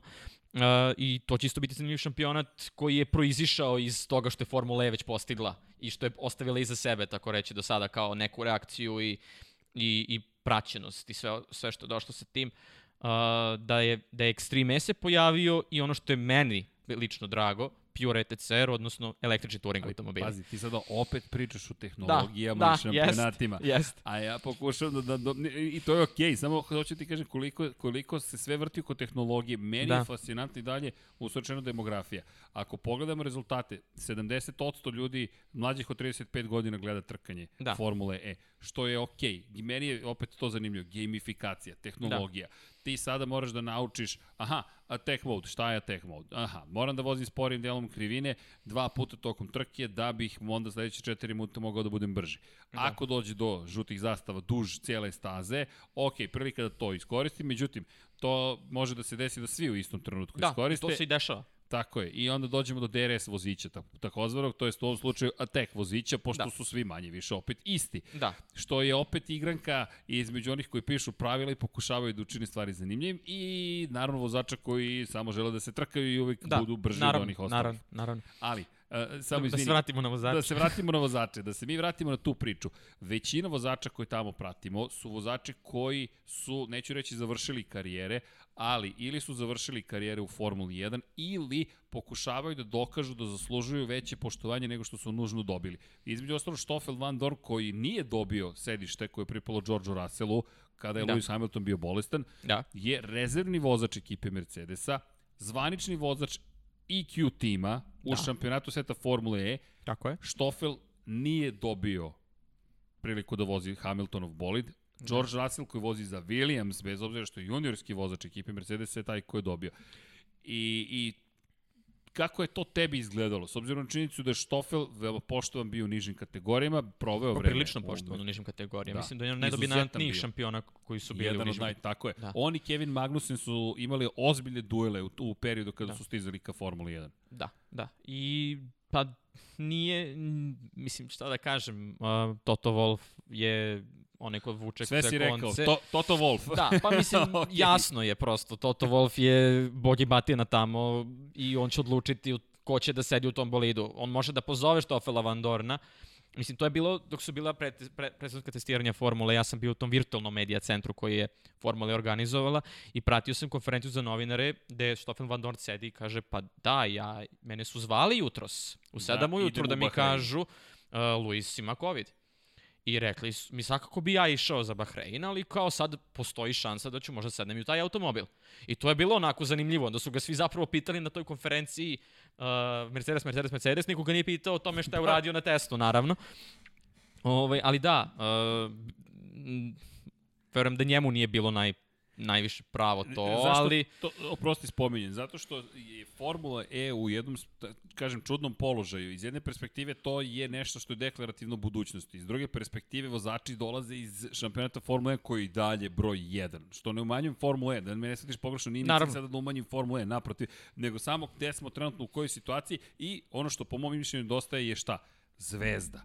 I to mi je pojenta cele ove priče. Nemamo zvezdu koja će da kaže, ej ljudi, ja privlačim pažnju. Nije, nije Fernando Alonso došao. Ako Da, pogledaš, jasno. da li Lewis Hamilton došao? Nije. Da dođe Lewis Hamilton, ne kažem da će doći, ja sam mislio da će doći, ali posle povlačenja prevelikog broja proizvođača, da li? Ali to je isto trend. Mislim da će se vratiti proizvođači, da to Da, ide gore mislim, dole.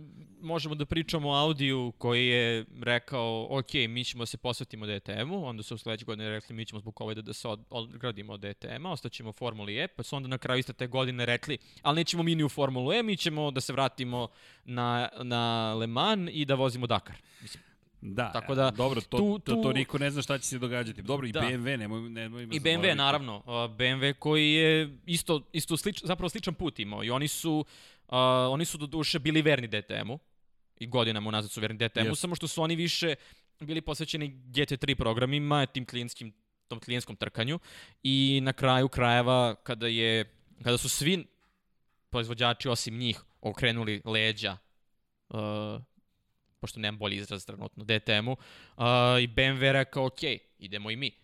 Ove, jeste, GT3 pravila stižu u DTM, naš M4 još nije hom homologiran, ali bit će pa će doći, sačekat ćemo, ali generalno BMW su u tom momentu okrenuo čemu? Okrenuo se Formuli E, okrenuo se klijentskim programom u Americi, jer nigde drugde se taj M6 GT3 ne trka konkurentno. Jer su oni iz Alemana izašli sa tim automobilom koji isto nije ništa uradio na tim trkama.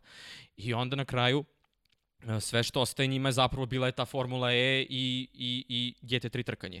I u jednom momentu sad opet BMW kaže mi, ni- mi više ne želimo da se trkamo zato što smo ako se dobro sećam njihove izjave, istrošili smo sve što smo mogli da bismo napredili naše električne automobile. To jest, toliko smo ih unapredili da mi više ne vidimo interes u tome da se dalje bavimo ovim, ovim Tako je, trkanjem. tako je, tako je. Okej, Što onako Čudno. o, bilo ozbiljan udarac. Jeste. Baš ozbiljan udarac za, za Formulu E, baš iz tog razloga što je neki od proizvođača rekao da nema šta više da napredi. Dok recimo Mahindra, uh, DS, odnosno Citroenovo sportsko odeljenje i uh, čini mi se Nissan su posvećeni. I narednih tri godine. Odnosno narednih, da, narednih tri ili šest sezona, sad nisam siguran, ali u svakom slučaju čekaju tu treću generaciju da se trkaju u njoj. pošto ne možemo nikako da stignemo do vozača, ni ti ni Da. ja, uporni smo u tome da se zadržimo Ajde da se- ajde da Ajmo- pređemo na vozače. Ne, ne, ne, ne, ajmo sada kad smo ovde, ajmo da iskoristimo priliku. Dobro.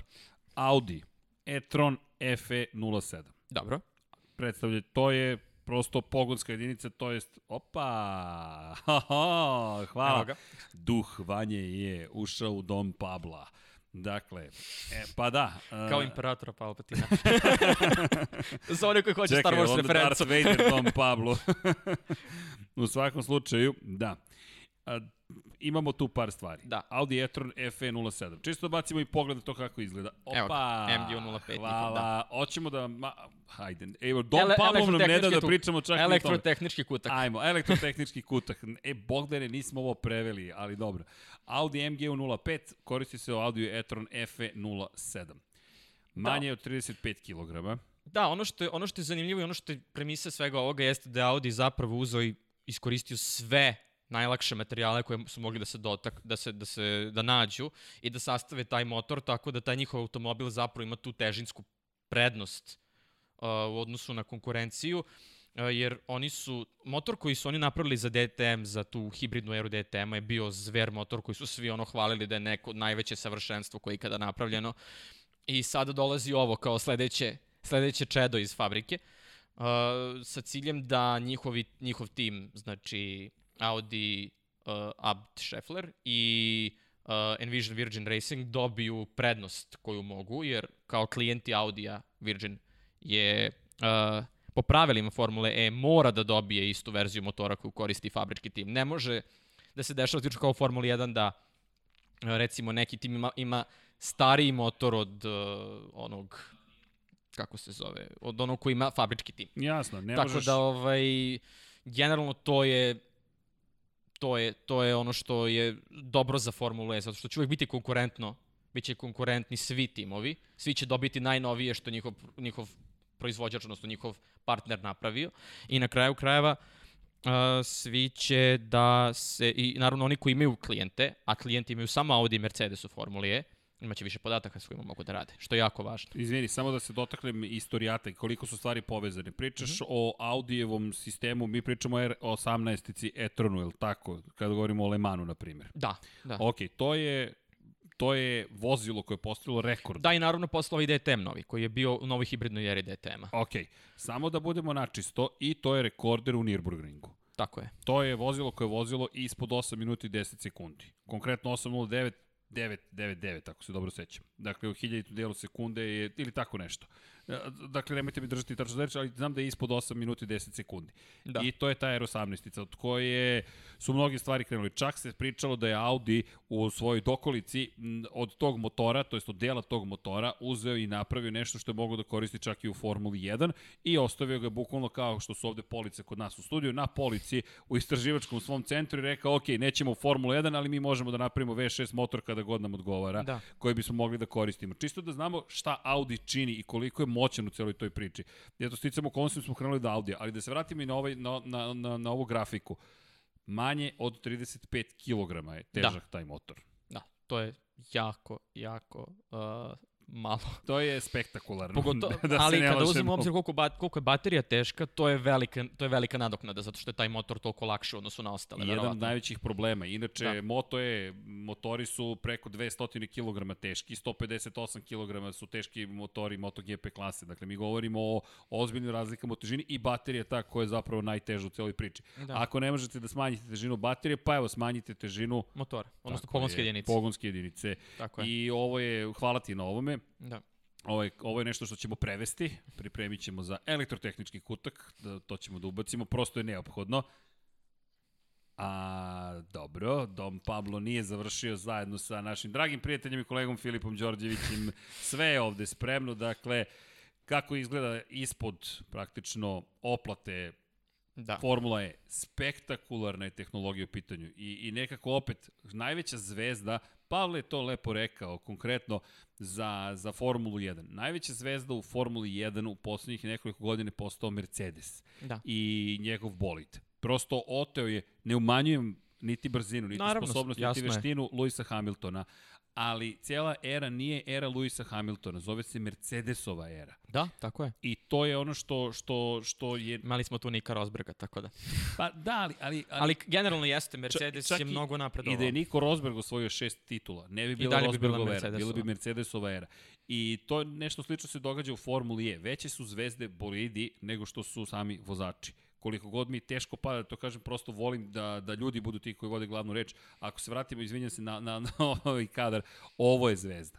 Prosto ovo pa, je zvezda. Da, da, zato što je, mislim da je ideja njihova da budu pioniri novih tehnologija, tako da je to, je, će, bit će verovatno glavna zvezda u nekom narodnom periodu. I šta su takođe uradili e, sa drugim specifi, specifika, specifikacijom, prostite, broj 2, su se odvojili dizajnerski od Formule 1. Da. Planski, hteli su da ne budu samo električna Formula 1, već da budu autentično vozilo koje priča svoju priču, koju da. prepoznajete čim ga ugledate. Da, i izgled uh, generacije 2 je zaista impresivan. Mislim, kada gledamo izgled automobila. Jeste da je to, mislim, generalno u Formuli E svi timovi imaju identičan oblik automobila, nema promene aerodinamike, jedino što se, jedino što se menja je software, pogonska jedinica, menjač. E da, ajmo da se dotaknemo toga. Krenuli smo od tehnologije i evo, Da. tu smo. Da ostanemo u Ne- ne mrdamo tehnologiji. te- Da ostanemo u tako je. tehnologiji. Audi smo spomenuli. Da. Imamo Mercedes-Benz EQ. Da. Govorimo o električnom prosto et- ekipi, električnoj ekipi. Inače, srebrne strele su, hvala, opet u pitanju.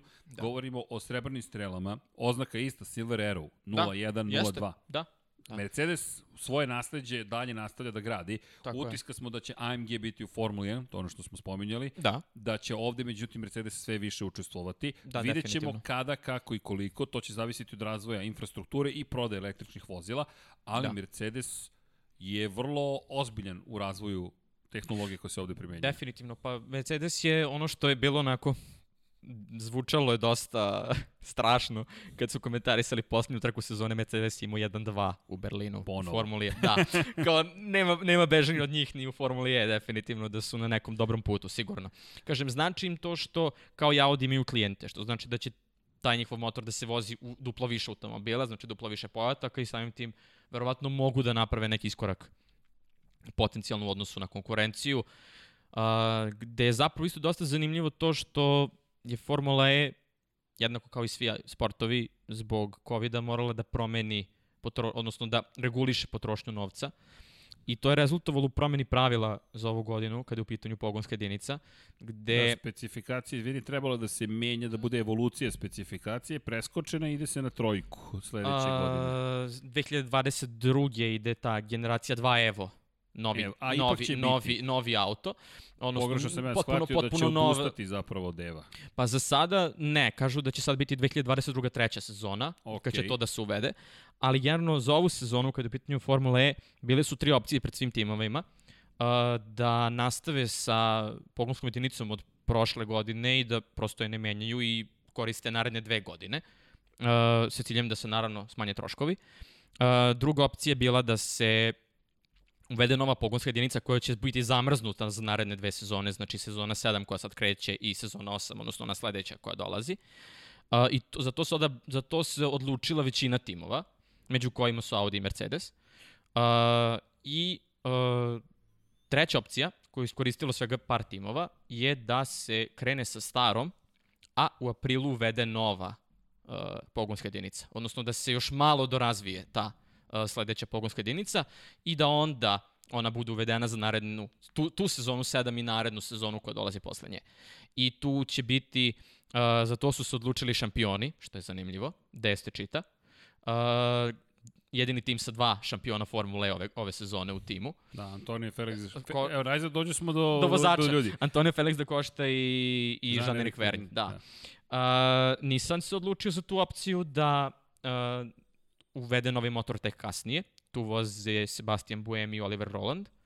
I Dragon Penske, kasi koje je čuveno ime ovaj, kada je u pitanju automotosport, uh, koji u svojoj garaži ima Serđa, uh, Serža Sete Kamaru i Nika Millera, dvostrukog uh, dvostrukog vice šampiona DTM-a, tako da Možeš i sam da proceniš ko je veliki ljubitelj Formule E. ko je veliki ljubitelj Formule E, Dom Pablo obožava Formulu E. Tako da kako izgovoriš neko ime, bolice prepoznaje automatski. jasno. Automatski, inače ovo je Dragon, čisto da... Da, ovo je Dragon. Penske, ovaj, zanimljive, zanimljive boje za ovu sezonu, to je ono što mi je bilo zanimljivo kad sam video. Da, ovaj, to su nove boje. Da, Ali on, jedno, izvini, jedno pitanje samo, da, da, da, da ne pobegnemo od toga. Mhm. Rekli smo Audi, rekli smo Mercedes, rekli smo Penske, i Porsche. imamo... Jako bitno, da se pos, da, mislim da moramo i njega da se do...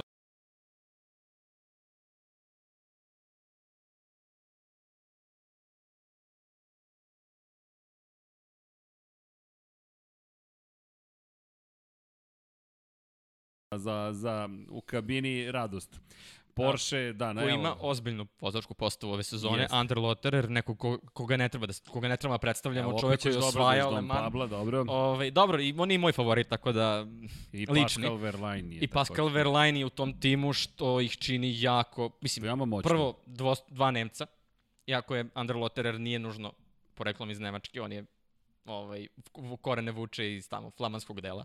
Ovaj, ali da, eh, generalno um, dva vozača koji voze pod nemačkom zastavom, Porsche, Tag Heuer, mislim da ne treba ništa više da se kaže. Pa, to je tim to je- koji, od koga se mnogo očekuje. Porsche definitivno. tag Hoer, McLaren tag po- Hoer Porsche i Da. sve ostale kombinacije kada se vratimo na Niki Laudu i da, Da, se vratimo upravo to, upravo to, da se upravo to. vratimo na McLarene sa Da, početka 80-ih. da. Ali, ali, Da. ako mi Don Pablo i ti dozvolite, samo Naravno, bih da, da, da ispoštujem sve timove. Naravno, idemo. Penske, ajmo ovako.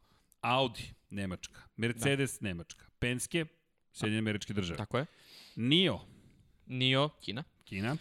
Jaguar, Britanija. Velika Britanija. DS, To je Citroen, odnosno Francuska. Francuska. Nissan, Uh, Japan. Japan. Porsche, Nemačka. BMW, Nemačka. Mahindra, Indija. Tako je.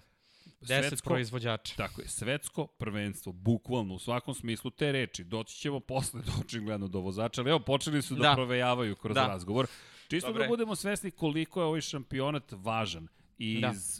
Geopolitičke perspektive i strateške perspektive. Svakako. Ovde govorimo o nečemu što možda neće za 10 godina vladati ulicama, ali ukoliko sada počnete da razvijete tehnologiju, gledano politički, gledano geostrateški, ko zna šta će vam to omogućiti kasnije. Dakle, Svakako. imamo Sjedinjene američke države, imamo Japan, imamo Kinu, imamo Nemačku, imamo Indiju, nedostaje u celoj ovoj Britaniju. priči, imamo Britaniju, tako je, imamo Francusku, Da. E, ko nedostaje Iako je DS te čita pola Kina, pola Francuska, ali to je okej, svakako Francuska je prisutna kroz DS, tako da. Jeste, zvanično imamo i pa i Nissan e Dams ekipa je zvanično No, francuska, Francuska, da, ekipa. ali, ali je brand je, brand je Tako japanski. je. Tako je. Da, ima tu dosta razmene informacija. Međutim, činjenica je da je, da je zanimljivo da imamo i dve kineske ekipe, Da. da imamo timove koji dolaze iz najmnogo ljudi iz zemlje, da imamo Indiju predstavljenu ovde, Tako je. Mahindra je odustala od svog Moto3 š- pr- programa da bi, hvala, da bi učestvovalo u ovom šampionatu. Tako je. I prelepi su bolidi. Pogledajte koliko su ovo lepi A, bolidi. Mahindra jako ima lepe bolide uvek. Svake sezone. Fenomenalno izgleda. Svake sezone. O, I oni imaju super postavu. Aleksandar Sims je došao iz BMW-a. Nije briljirao u BMW-u, ali možda je ovo prilika. Dobar je vozač. I dalje. Aleksandar Lin koji, ne, koji isto imao nekoliko poseta, odnosno nekoliko puta je se oprobao u Formuli E i imao je odlične vožnje na finalu sezonu u Berlinu. Ovaj, na kraju, uh, kada je tri puta bio u najboljih pet u kvalifikacijama, u trci je malo niže pao u poredku, ali generalno je bio odličan, tako da generalno svi timovi imaju jako interesantne postave. Uh, te, redko je naći neki tim da, može, da se može reći da je ili jasan favorit ili, naravno, pored dvo, tima sa dva šampiona, naravno, to je druga tema. Ajmo da iskoristimo i ono što nam je Momčilo poslao. Prosto mm -hmm. nismo ubacili u naše grafike potpise, ali Momčilo iskoristit ćemo tvoje znanje. Pobede u prošloj sezoni timovi. Četiri mm -hmm. pobede za DS, ti čita. Mm. -hmm. BMW, Andretti, ne zaboravimo, BMW sarađuje sa Andretti, Andretti Racingom. to je isto Amerika. Isto Sjedinjene američke države, tri Da. pobede. Nissan E-Dams, jedna pobeda. Mercedes-Benz EQ, jedna pobeda. Envision Virgin Racing, kolega je u, u tim bojama, molim vas, Dom Pablo, pa čekajte. Ovo, jel treba da, da promovišemo Envision? Pa, Apsolutno. Čuj, čuj, nismo još došli do stadijuma kada, kada ćemo naplaćivati timovima Formule E reklamu. Ti, ti, ti si prosto deo njihove ekipe i ti si deo mnogih ekipa i tu je Pirelli Zero, ako se ne varam, na, narukvica, guma je tu, sve je tu, okej. Okay. Dakle, imali ste jednu pobedu. I Panasonic Jaguar Racing jedna pobeda. Kada pričamo o vozačima prošle godine, da košta tri pobede. Dve Tako je. pobede Ginter. Tako je. Sims jedna, Vern jedna, Bird jedna, Van Dorn jedna, Roland jedna i Mitch Evans jedna. Tako je. Mnogo pobednika. I prvih osam, Tako je. prvih uh, osam trka, čini mi se, to je bilo u onoj pred, prošloj sezoni, je bilo osam različitih pobednika, što je bilo odličan start za tako jedan jedan šampionat. Jeste. Mada, istini za volju da Košta je bio dominantan kada se pogleda konačni rezultat. Naravno, uh, da Košta je prvu, odnosno prvi veliki korak je napravio kada je pobedio u Marakešu i onda naravno kasnije uh, Dve pobede za redom. i naravno u Berlinu je Jeste. bio prosto nezaustavljiv. Pa šest Ovo- trka smo mi imali u Berlinu, čisto da. Da. Da, da, da, to ne zaboravimo. Međutim, za razliku od ostalih, Van Dorn je dosta varirao u formi. Van Dorn je da. Da. lepo započeo sezonu. Dva pobednička postolja i onda problemi u jednom momentu. Vern, s druge strane, opet odustajanja, nekoliko incidenti, čudne situacije, jedna pobeda, ali te tri pobede da košte su bile ključne, kao što se rekao. Marakeš da. i onda dva puta u Berlinu. Tako je, tako je. Vidiš, Uh, I ono što je zanimljivo, Maximilian Ginter, uh, E da, dve pobede, jedno drugo mesto, sve ostalo odustajanje uglavnom. da, i I to je ono diskvalifikacija. što, da, i to je ono što njegovu sezonu dovodi do toga da je iz nekog ko je bio jasan konkurent za osvajanje titule, a, samo je potonuo. Ali on ostaje sa Jakeom Dennisom On ostaje, BMW da, i Jack Dennis je zanimljiv izbor, zato što kažu da su ga probali u simulatoru i u pravom automobilu i da je ovaj, pokazao zavidne rezultate. Uh, Jack Dennis neko ko dolazi iz uh, DTM-a, gde je vozio za Aston Martin i generalno u GT trkama isto vozi za, za Aston Martin, tako da uh, te trke izdržljivosti su tako reći ulaznica u Formulu E ko se tamo trkao, uglavnom može dobro da se snađe i, i u uh, i u Formuli E. Da, konkretno u tvojoj ekipi Envision Virgin Racingu, šalu na stranu, vi koristite Audi e-tron, Tako je. je li tako? Da. Robin Frins, Robin Frainz da ozbiljan, ozbiljan vozač, isto i, i ono što je meni jako interesantno, Nick Cassidy. E da, to, sam, to, to, je, to je sledeća rečenica, Da. Nick Cassidy. Nick Cassidy neko ko je uh, na prošlo, prošle sezone na testu mladih vozača uh, briljirao uh, u svakom smislu. Uh, zadivio je sve koji su bili prisutni na testu svojim tempom. Čini mi se čak da je borio rekord stazu Marakešu za Formuli E uh, za Envision Winter Racing i uh, ekipa je odlučila da, nakon što ih je napustio Sam Bird i otišao u Jaguar, da pozovu Nika Cassidy-a i eto čoveka ovaj, na, u šampionatu Formule E za koji kaže da sve što sam znao do sada bacam u vodu, krećem iz početka da učim. I to je to. Ove, ali nije on džabe, ima japansku triplu krunu, to, zna se da je to, To ono visoko što si kvalitetan spominjao vozač. na početku. Jednostavno, to je čovek koji osvaja titule Da, da. i kao što si rekao, ta, ta, ta, ta zaista tripla kruna je velika stvar. Da. On je čovjek osvorio i u Formuli 3, on je bio najbolji i u Super Formuli, U Super GT-u. i u Super GT-u. To ne postiže Tek tako tek bilo tako ko. bilo ko. Pri čemu, izvini, on je inače novozelanđanin u Tako pitanju. I ono gde je stasavao su zaista impresivne neke, impresivne rezultate. Šampion je bio praktično gde god da je seo. Tako je. Da li je u Super Touringu bio, da li u V8 bio, da li je šta god da je seo praktično kada pogledaš njegov istorijet, on je bio izuzetno uspešan. Tako da, samo da ga istaknemo, vodite računa. Da, Nick Cassidy će biti ozbiljan favorit i naravno Robin Frainz je neko ko je dosta iskusan u Formuli E. Uh, on se trka, tako reći, mislim samo u prvoj sezoni nije učestvovao, tako da je on tu dugo i razume... 2015. Da, razume uh, kako funkcioniše taj automobil i sigurno da će njih dvojica moći dobro da sarađuju. Pogotovo što su, uh, mislim, Nick Cassidy je trkao su Super GT-u, Super GT je, tako reći, sestrinski šampiona DTM-a. To su malte ista pravila klase 1. Tako da se njih dvojica znaju i sa tih okupljanja uh, kada je Super GT gostovo DTM-u na Hockenheimu, čini mi se pre dve sezone. Na kraju sezone, tako Okej. da to je... idemo redom, idemo redom. Pazi, sad smo se uhvatili vozača. Prince Cassidy i po timovima, pokrećemo sve. Važi. Mercedes-Benz, fabrički tim. Stoffel Van Dorn, I Nick Nick, de de Vries. Vries. Da. Uh, Nick de Vries, najbolji ruki prošle godine. Najbolji Novajlija. Uh, po broju poena i Stoffel Van Dorn, mislim, opet ne, ne trebamo predstavljati posebno čoveka, to je neko ko uh, je ostvario zbiljne rezultate u nižim kategorijama i naravno na kraju krajeva u Formuli je ostvario svoju prvu pobedu na, na kraju sezone. Tako da, Ne, fascinantna je karijera zapravo Stoffela Van Dorna do ulaska u, u, u Formulu 1. Ti kada pogledaš njega, je opet super formula, četvrta da. pozicija. Šampion je bio sa Grand Prix u Grand Prix 2 seriji. Vice šampion je bio prve sezone u, u Art. U, prosto je fascinantno šta je sve postigao dok je stigao do formule. Pri čemu mi govorimo o eri Jolion Palmera, Kevina Magnusena, to su ti, koliko god Jolion Palmer bio kasnije pocenjen, to je i dalje da. jedan veoma kvalitetan vozač. svakako. Što se tiče Formule Renault, tu je bio drugoplasirani. Čisto se podsjetimo i Van Dornovih rezultata i onda pričamo o tome da je sada Mercedesov fabrički vozač za ovu sezonu. Što se tiče De Vriesa, tri godine mlađi, 95. godište je u pitanju, da.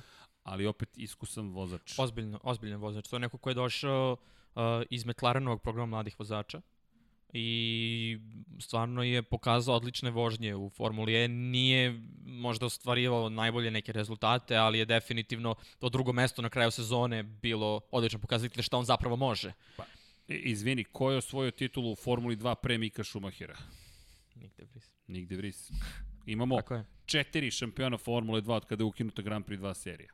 Charles Leclerc, George Russell, Nick De Vries i Mick Schumacher. Tako je. Čisto da stavimo stvari u perspektivu, Tako je, tako je. da se zna ko je taj momak. I ono što smo spomenuli, je, Formula E još uvijek ne privlači dovoljno pažnje, ali tu smo mi da vam skrenemo pažnju Tako na je, Formula E. tako je, tako je. Imate razloga da pratite i Nick De Vries, Sama činjenica da u Mercedesu trebalo bi već dovoljno toga da govori. Jako je teško reći išta loše za te vozače. Mislim, loše u smislu da nemaju neko veliko iskustvo ovaj, trkačko, da nisu bili uz šampioni, nisu bili uspešni. I onda kad tako se posmatra svaka postava, ispadne da su svi odlični vozači. Pa I to je ono što će jesu. zapravo, i to je ono što zapravo biti baš zanimljivo videti na ove sezone, ko će Pa, da ispliva čekaj. kao najbolji. Pogledaj koga smo mi istakli. Ajmo dalje. Dragon. Da. Niko Miller, Dvostruki š- već sa šampion DTM-a, tu nemaš da se priča, to je čovek švajcarac, koji da ne je... zaboravimo, Da. čovek koji je vrlo ozbiljan vozač. Tako je, tako Koji- je. Vrlo, vrlo ozbiljan vozač. koji će biti tu zajedno sa Setom Kamarom, to je Ser, Seržom, Seržom. Seržom Da. Setom Kamarom. Da, da, da. Opet, brazilski vozač, vrlo cenjen, Da, brz vozač, dobra posada. Brojevi 6 i 7. Čisto da napomenemo ko će šta da, da koristi. Inače, kada pričamo o godinama, jedan od mlađih vozača, 23 godine, puni ove godine. da. Nije tinejdžer, ali... Ali da, on je došao kao zamena isto u Berlinu. Uh, I isto je briljirao na kraju prošle sezone. Odlične vožnje je prikazao neko ko je prvi put seo taj je automobil. on se tako je pojavio u, na, u, na tih šest trka u Berlinu se pojavio uopšte u Formuli E. Da. Nije osvojio poene, ali je bio veoma brz. Međutim, Da. pre toga, nemojmo zaboraviti, ko je pratio Formulu 2, četvrti Tako je je. bio, šesti je bio i imao onu debitantsku sezonu kada nije možda bio briljantan, ali je imao jednu pobedu. U spa, ni manje ni više u sprint trci. Tako u je. debitantskoj sezoni u Formuli 2. Opet, veoma kvalitetan vozač. Hajmo dalje. Nio 333 FE Team. Da, Kineska ekipa, Oliver Tako Trvi, je. Tom Blomqvist. tako je. Uh, Nio je ekipa koja uh, je imala baš onako uh, težak period u, i težak ma, malo dobrih rezultata su ostvarivali u proteklim sezonama. Uh, ali ove godine se čini da je ta njihova pogonska jedinica dosta napredovala. Oliver Turvey je neko isto koga ne treba posebno predstavljati, on je bio test vozač McLarena, mislim čak i da se i dalje vodi kao test vozač McLarena. Uh, I on je na testiranjima uh, jedan od onih koji su odvezli najviše krugova uh, i je- jedan od redkih koji su uh, postavili vremena uh, odnosno imali ta vremena uh, u 1.11 u 1.11. I to je ono što je što može da bude dobar dobra naznaka da će NIO 333 uh, koja je sada posebno sportsko deljenje NIO kompanije Uh, opet pričamo o tim sportskim brendovima i Ajmo da se izdvajanjima. dotaknemo i toga. E, Da. U Kini je zapravo sedište, u Šangaju Tako je, konkretno. tako je. I to je ona priča opet šta ko tu traži i zašto to traži. Mi govorimo o kompaniji koja je još uvek u usponu, ali od koje možete da očekujete mnogo. Samo zamislite sledeću situaciju. Ako NIO bude važniji proizvođač električnih automobila u Kini, Da, koju moć će posjedovati iz financijske perspektive? ogromno, ogromno. I ne treba zaboraviti, Dom, Tom Blomqvist je neko koji je isto ranije nastupao u Formuli, on je vozio i za BMW i za Jaguar. Uh, i zna kako treba da pristupi ovom. Opet naravno takmičar iz GT šampionata ima dosta iskustva. Jeste mlad ali ima dosta iskustva. Uh, isto odličan par pogotovo zato što opet Oliver Trvi je tu jako dugo. On je isto tu od početka. I on zna jako puno o, o ovim automobilima. Tom Blomqvist je neko ko sporadično dolazi uči, napreduje i mislim da njih dvojica opet mogu biti odličan par, pogotovo što se čini da je Nio napredovao mnogo uh, u odnosu na prošlu sezonu. Da nemoj zaboraviti, NIO je jedna od originalnih ekipa Formule E. Tako je, oni su bili Next TV na početku, Next TV E, ekipa, odnosno Team China. Team- Team China Racing. Koji je posle postao Next TV i koji su zapravo bili prvi šampioni, odnosno za njih je vozio Nelson Piquet junior. I čisto podsjećanje radi gdje je održana prva trka ikada Da, u Formule Hong E. Kongu. Održana je zapravo Je li Hong Kong? U Pekingu, Pekingu, Pekingu, Pekingu. Sad si me zbunio. Hong Da, Hong Kong je Peking, bio Peking, pre par Peking. godina prva trka, da, Peking, Peking. Peking je bio Da. istorijska prva trka, sada već pre, pre praktično šest i po, sedam godina. Da. I, i bio, to jeste bio, bila ta jedna čudna specifična sezona, ali sezona koja je obišla pola sveta, ceo Tako svet je. praktično. I zašto sam spomenuo tu sezonu, baš zahvaljujući činjenici da je zapravo Team China Racing bio jedan od tih prvih timova koji su se pojavili. Da, da, tako je. Što, tako je, što, tako je. što treba napomenuti, od prvoga, prvoga momenta, Renault inače mnogo investirao u, u, u, Jeste. u početku, e, Dams, pa i sada, da, samo što sad, ko, Sad. ko investira? Da, to je opet pitanje. Pod kojim, uh, pod kojim robnom markom? Da, opet, vratili smo se na robne marke, odnosno sportske brendove. Da, ok, idemo nazad na Alpinu. Šalim se, ali Nio, u svakom slučaju, Nio isto ima šta da traži u šampionatu sveta. Idemo dalje, kompleksan šampionat, ima puno Da, posla. apsolutno. Baš je kompleksan. Jaguar Racing, Sam Bird, Mitch Evans. Tako je. da, tu sad ima isto zanimljivih priča. Mitch Evans je neko ko je prošle sezone bio u ozbiljnoj konkurenciji za titulu. I za njega se računalo zapravo da će biti jedan od ovi, oni koji se bore za titulu, samo što je on opet na tom finalu Berlinu dosta podbacio. On je imao odličan, uh, bio u odličnom ritmu tokom tog prvog dela sezone, ali posle zbog covid i svega ostalog uh, morao je da da čeka. Pa i on i Sam Bird, ako pogledaš, početak godine je bio dobar iz jednog i za drugog. Da, da, istina. Sam Bird je neko ko je u Formuli E uh, pobedio svaki sezon u jednoj trci. I to je ono što je jedan poseban rekord koji dalje samo za njega važi. On je jedini koji je pobedio svaki sezon u jednoj trci. Tako da, uh, i ono što je rekao, sad je na meni da to ne ispustim, nego da pokušam sa Jagorom da to nastavim, odnosno da ostvarim bar jednu pobedu, ako već, uh, da bi u krajnjem slučaju taj rekord nastavio. Tako da, Uh, vidjet ćemo, tu će biti zanimljivo ovaj, iz perspektive Jaguara, zato što um, imaju opet dosta iskusnu postavu, Sam Bird je neko ko je vozio od početka, Mitch Evans je došao nešto kasnije, ali je Mitch Evans neko ko se jako brzo adaptirao na, na Formule, opet neko ko je briljirao u Grand Prix 2 seriji, uh, bio je uspešan u Grand Prix 2 seriji, tako da to su sve ljudi koji su nam malte nepoznati. Sam Bird neko ko je bio ranije Tesla od Mercedesa, u onim ranim, u onom ranom periodu, a posle je Dobro, Sam Bird je u Ovaj. nižim kategorijama, Da. imao, dobre, imao je dobre rezultate. Da, i neko ko se takmiči, čini mi se za Ferrari isto na Le Manu. Mislim da se čak i dalje vodi pod AF Course posadom na Le Manu, Sam Bird. Tako da, ša, šarenoliki su Ali programi je- gde ti ljudi voze. Da, ali veoma iskusan vozač. I Da, on je čovjek svakako. koji je davno m, prošao tu fazu kada bi mogao možda da uradi nešto više u, u Formuli 1. U Grand Prix 2 serije u jednom momentu se činilo da ima šansu, međutim nije osvojio titulu i sada već sa, sa, sa, sa, sa 34 godine ne spada baš u grupu vozača koje očekujete da će nešto više postići u nekom drugom šampionatu. Da, da, da. Uh, zanimljivo za, opet ćemo ići na Star Wars reference, uh, Sam Bird je na finalu u Berlinu nosio jednu kacigu koja je bila inspirisana Kylo Renovom, tako da. Opa. To je bilo onako Zato baš zanimljivo. Vrlo moguće, vrlo moguće, vrlo moguće. Ali, ali, šalu na stranu, evo nam ga Darth Vader, vidi. Da je Da, da, da. znao da je dedinu izabrao. da, da, da, možda, možda bi bilo drugačije, da. Da je izabrao dedinu možda. Da, inače on je promenio dosta ekipa i Pa zapravo- to treba napomenuti sada prvi put vozi za Jagor ove sezone. jel Da, tako? pre toga je sve vreme vozio za Envision, Virgin. Okej. Samo što taj tim menjao imena, pa se to smatra kao A, viša ekipa okej. tehnički. Zato da, si ali, ti tu, ja ne znam dovoljno da, o oni su, Formuli. E. oni su bili, oni su bili partneri prvo DS-a, odnosno Citroena, posle su bili partneri, sad su partneri Audija, tako da... Ali ovaj, sad je prvi put promenio ekipu. Tako je, tako je. Prvi put Okej. ide van te ekipe. Dobro, idemo dalje. Da. Ko nam je sledeći na redu? Kada govorimo o timovima, hoćemo da pređemo na, na, na koga ćemo da pređemo? Pa, Posle Jaguara... pa Audi, Audi, može. Audi, E, da. Sport, Lukas Audi Di s- Grassi i Da. René A, Rast. Tako je. René Rast neko ko je meni uh, izrečito drag vozač, uh, zato što je čovjek pokazao da u bilo kojoj mašini može da bude konkurentan.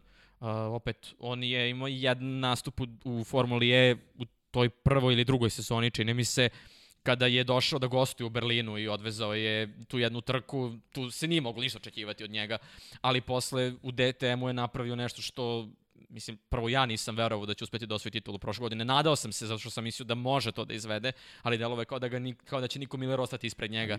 Izvini, meni je Ovaj. fenomenalno što si izabrao René Rasta. Da. A, On je, on je stvarno impresivan vozač. To je neko ko... u- Za njega god- godine ne važe. Da, Hajmo ovako. bukvalno, On je bukvalno. 86. godine rođen, 1986. očito. Da. Pavle i ja smo obožavaoci. Pravi obožavaoci. I samo par rezultata bih istakao. Naravno. Čisto da, da, i, da svi znamo Da. o čemu pričamo. Porsche Super Cup, tri titule za redom. I posle toga rekord između 2010. i 12. dosta je bilo. Ja oduh dalje. 2013. čovek ode u finu GT seriju i zabeleži dve pobede, ni manje ni više. To jest ne, jednu pobedu je zabeležio, izvinjam se, ali, ili dve, dve. Ali, već u toj prvoj sezoni pokazuje koliko je brz.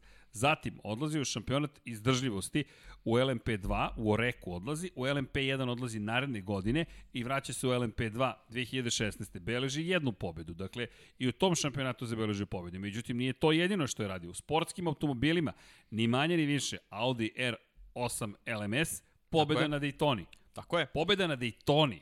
Čovjek Da. je pobedio na Daytoni. Mi, kažemo, obožavanje je potpuno. Zatim, Da, Blancpain. GT serija, to može da vam Tako bude je. interesantno, ukoliko ste pratili Miloša Pavlovića i šta je čovjek radio. Tako je. Vrlo interesantno. U Zandvortu čovjek beleži pobedu. Dakle, sada govorimo o nečem sasvim novom. Tako je. Iako zvanično u drugoj sezoni u karijeri imao jedan nastup u, u, u tamo 2015. 16. za, za Guri u Formuli E, ali da. dalje to da zanemarimo, treća i četvrta pozicija na poslednje dve trke prošle godine. Tako je. I pored svega toga, u DTM-u čista dominacija. Tako je. 2017.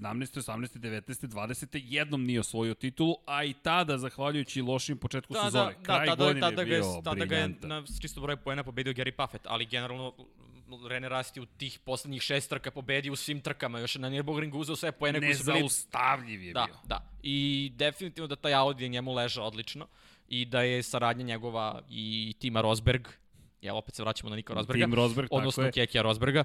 A, to je ozbiljna, to je ozbiljna priča kad je u pitanju Rene Rast. Mislim ja za Mene njega uvek moram da ti on je priznam. meni, on je meni, znači, kad bi ja, kad ja kažem, su, moji favoriti za generalno Formule su Andre Lotterer, Ren Rast.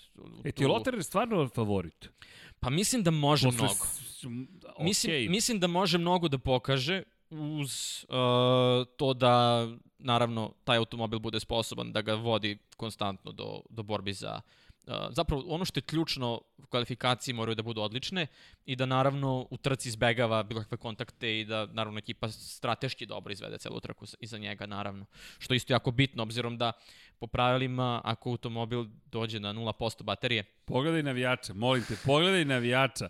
Don Pablo, potpuni navijač uh, Andreja Saloterera i Porschea, ali dobro. Izvini. Ne, ja, mislim, ja mislim da može, stvarno. Mislim da može Okej. da napravi veliki rezultat, pogotovo što je tu i, i Pascal Wehrlein i što je Porsche zapravo odlučio da tu investira mnogo, jer ne bi oni tek Porsche od tako došli u tu. svemu tome. Da, i naravno, eto, René Rast mi uvek bio omiljen, tako da njih dvojice su mi nekako ono glavni favoriti. Okej, dobro, pazi, pok- pokrili smo i Porsche, i to Da. da. tak Hoer Porsche. Tako je. Andre Loterer, to jest Andre Loterer i Pascal Verlaine. Tako je. Međutim, Lukas Di Grassi, Lukas Di Grassi, neko ko je, šampion. da, neko ko je osvojio titulu, neko ko je prošle godine završio sve trke u prošloj sezoni, ali ono što je bila boljka Audija jesu jako loše kvalifikacije. Oni su imali jako mnogo problema u kvalifikacijama prošle godine i iz toga su izlazili jako loši rezultati. Ako bi se kvalifikacije poboljšale, mislim da bi Audi bio mnogo bolji, uh, jer generalno u proseku Lukas Di Grassi nadoknađuje šest pozicije po trci. To Okej. je to, to je to je njegov to je njegov vozačko umeće, ali generalno uh, Formula je, mislim, generalno u Formuli je mora, moraju Audi da bude bolji u, kvalifikacijama. To je ono što mi je bila boljka prošle godine. dobro, vidjet ćemo da li će to ispraviti, ali Da. pratimo vrlo pažljivo. To je zvanični tim Audija, to je... Tako je, tako je. Koji će iako- samo još ove godine da se trka po tim, Da. odnosno kao Audi.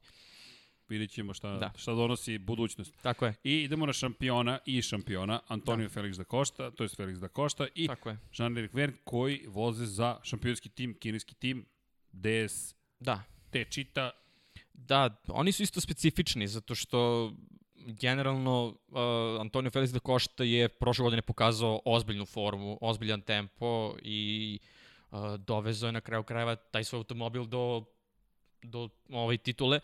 Uh, Jean-Eric Verne je podbacio prošle godine, nije bio na nivou na kom je bio pre toga. Mislim da ga je malo iznenadio da košta svojim tempom. Da Košta koji je otvoreno rekao, ja sam nakon one godine u BMW u Formuli E razmis, raz, razmislio da li ja opšte mogu da se borim sa njima za titulu i onda sam odlučio da vidim gde bi mogao. Video sam da Verne pobeđuje, ok, idem ja da pitam te čitu, da budem ja kod njih. I oni su ga prihvatili i on im je to vratio titulom. I vozačkom i timskom uh, zajedno sa Vernim. Tako da to definitivno ovaj, to definitivno obećava. Mislim, uh, i naravno ta priča koja kaže, on, on je rekao na testiranjima, mi čekamo da, vid, da maksimalno iskoristimo sav razvoj koji nam je dostupan do aprila, kako bismo taj novi motor, pošto oni su odlučili da koriste stari motor do aprila, uh, da potpuno ga razvijemo i spremimo za, za novu sezonu. Tako da mislim da od njih možda ne treba očekivati previše mm, prve dve trke, u Saudijskoj Arabiji. Naravno, na, vozač, na vozačku meći će sigurno uspeti i taj auto je delovo dosta brzo, bez obzira što koristi staru pogonsku jedinicu. Na testiranjima oni su bili, uh, mislim da košta je svaki dan bio u top 3, skoro. Uh, I ukupno mislim da je bio, da, ukupno je bio četvrtoplasirani, ukupnim vremenima kad se svi dani poređaju. Tako da, uh, pokazali su definitivno taj auto ima tempo. Tako da treba očekivati ih, ali mislim da će to od aprila, kada budu doveli novu polunsku, treba očekivati još jaču desetičitu nego što je bila pre toga. Božanska ekipa. DS. Da, u svakom, svakom slučaju. Pa da, to je Da. naziv robne marke koja je nastala, kao što si rekao. Da, da. Kada, pre 10-12 godina, tako nešto, Da. i DS zapravo. DS, Da, boginja. tako je. Tako Pa je, vidjet tako je. ćemo šta će im boginja Tako doneti ove Da. godine. Nisam nam je sledeći, Oliver Roland i Sebastian Buemi. A, Još jedno poznato ime da. i još jedno poznato ime. Da, uh, Oliver Roland je isto tako imao malo slabiji početak sezone, posle je savladao uh, Formulu E, mislim da je odličan postao vozač za kvalifikacije. Oliver Roland je neko koga želite da imate u timu za kvalifikacije. Uh, zaista odlično vozi kada se gleda vreme jednog kruga i Sebastian Buemi koga ne treba predstavljati posebno šampion ovaj, Formule E, neko ko je uh, i dalje se vodi kao test vozač Red Bulla, do, vozi za njih testove. Uh, mislim, čovjek koji je osvajao Le Mans sa Toyotom. Tako da tu, tu mislim, ne treba... ne Opet, treba, veoma ozbiljna ekipa. o, sve Nema neozbiljne ekipe. Svi, svi su ozbiljni, je stvarno jako nivo. je, te, jako je teško reći da je neka ekipa neozbiljna. Ok, šta Ovaj. ćemo sa sledećom? BMW, Jake Dennis i Maximilian Ginter. Da, njih smo se dotakli malo već, mislim, Jack Dennis, rekli smo, ono, ovaj, GT vozač uh, koji ovaj, je dobio priliku nakon različitih testova. Uh, Čisto da iskoristimo, ne, da. ne, nema, nema nepokrivenog kadra. Da, oz, U- da. Za Formulu E Dom Pablo više nego raspoložen. Zapravo to je sve zahvaljujući vama dvo, dvo, dvojici i cijeloj ekipi koja ovde funkcioniše i Da, da. Uh, I imamo Gintera, neko ko je briljirao isto na početku sezone, posle je imao niz tih uh, nezavršenih trka i diskvalifikaciju i uh, nije se to baš osladilo BMW kako su želeli da imaju tu sezonu, su imali Simsa i Gintera, bili su odličan tim.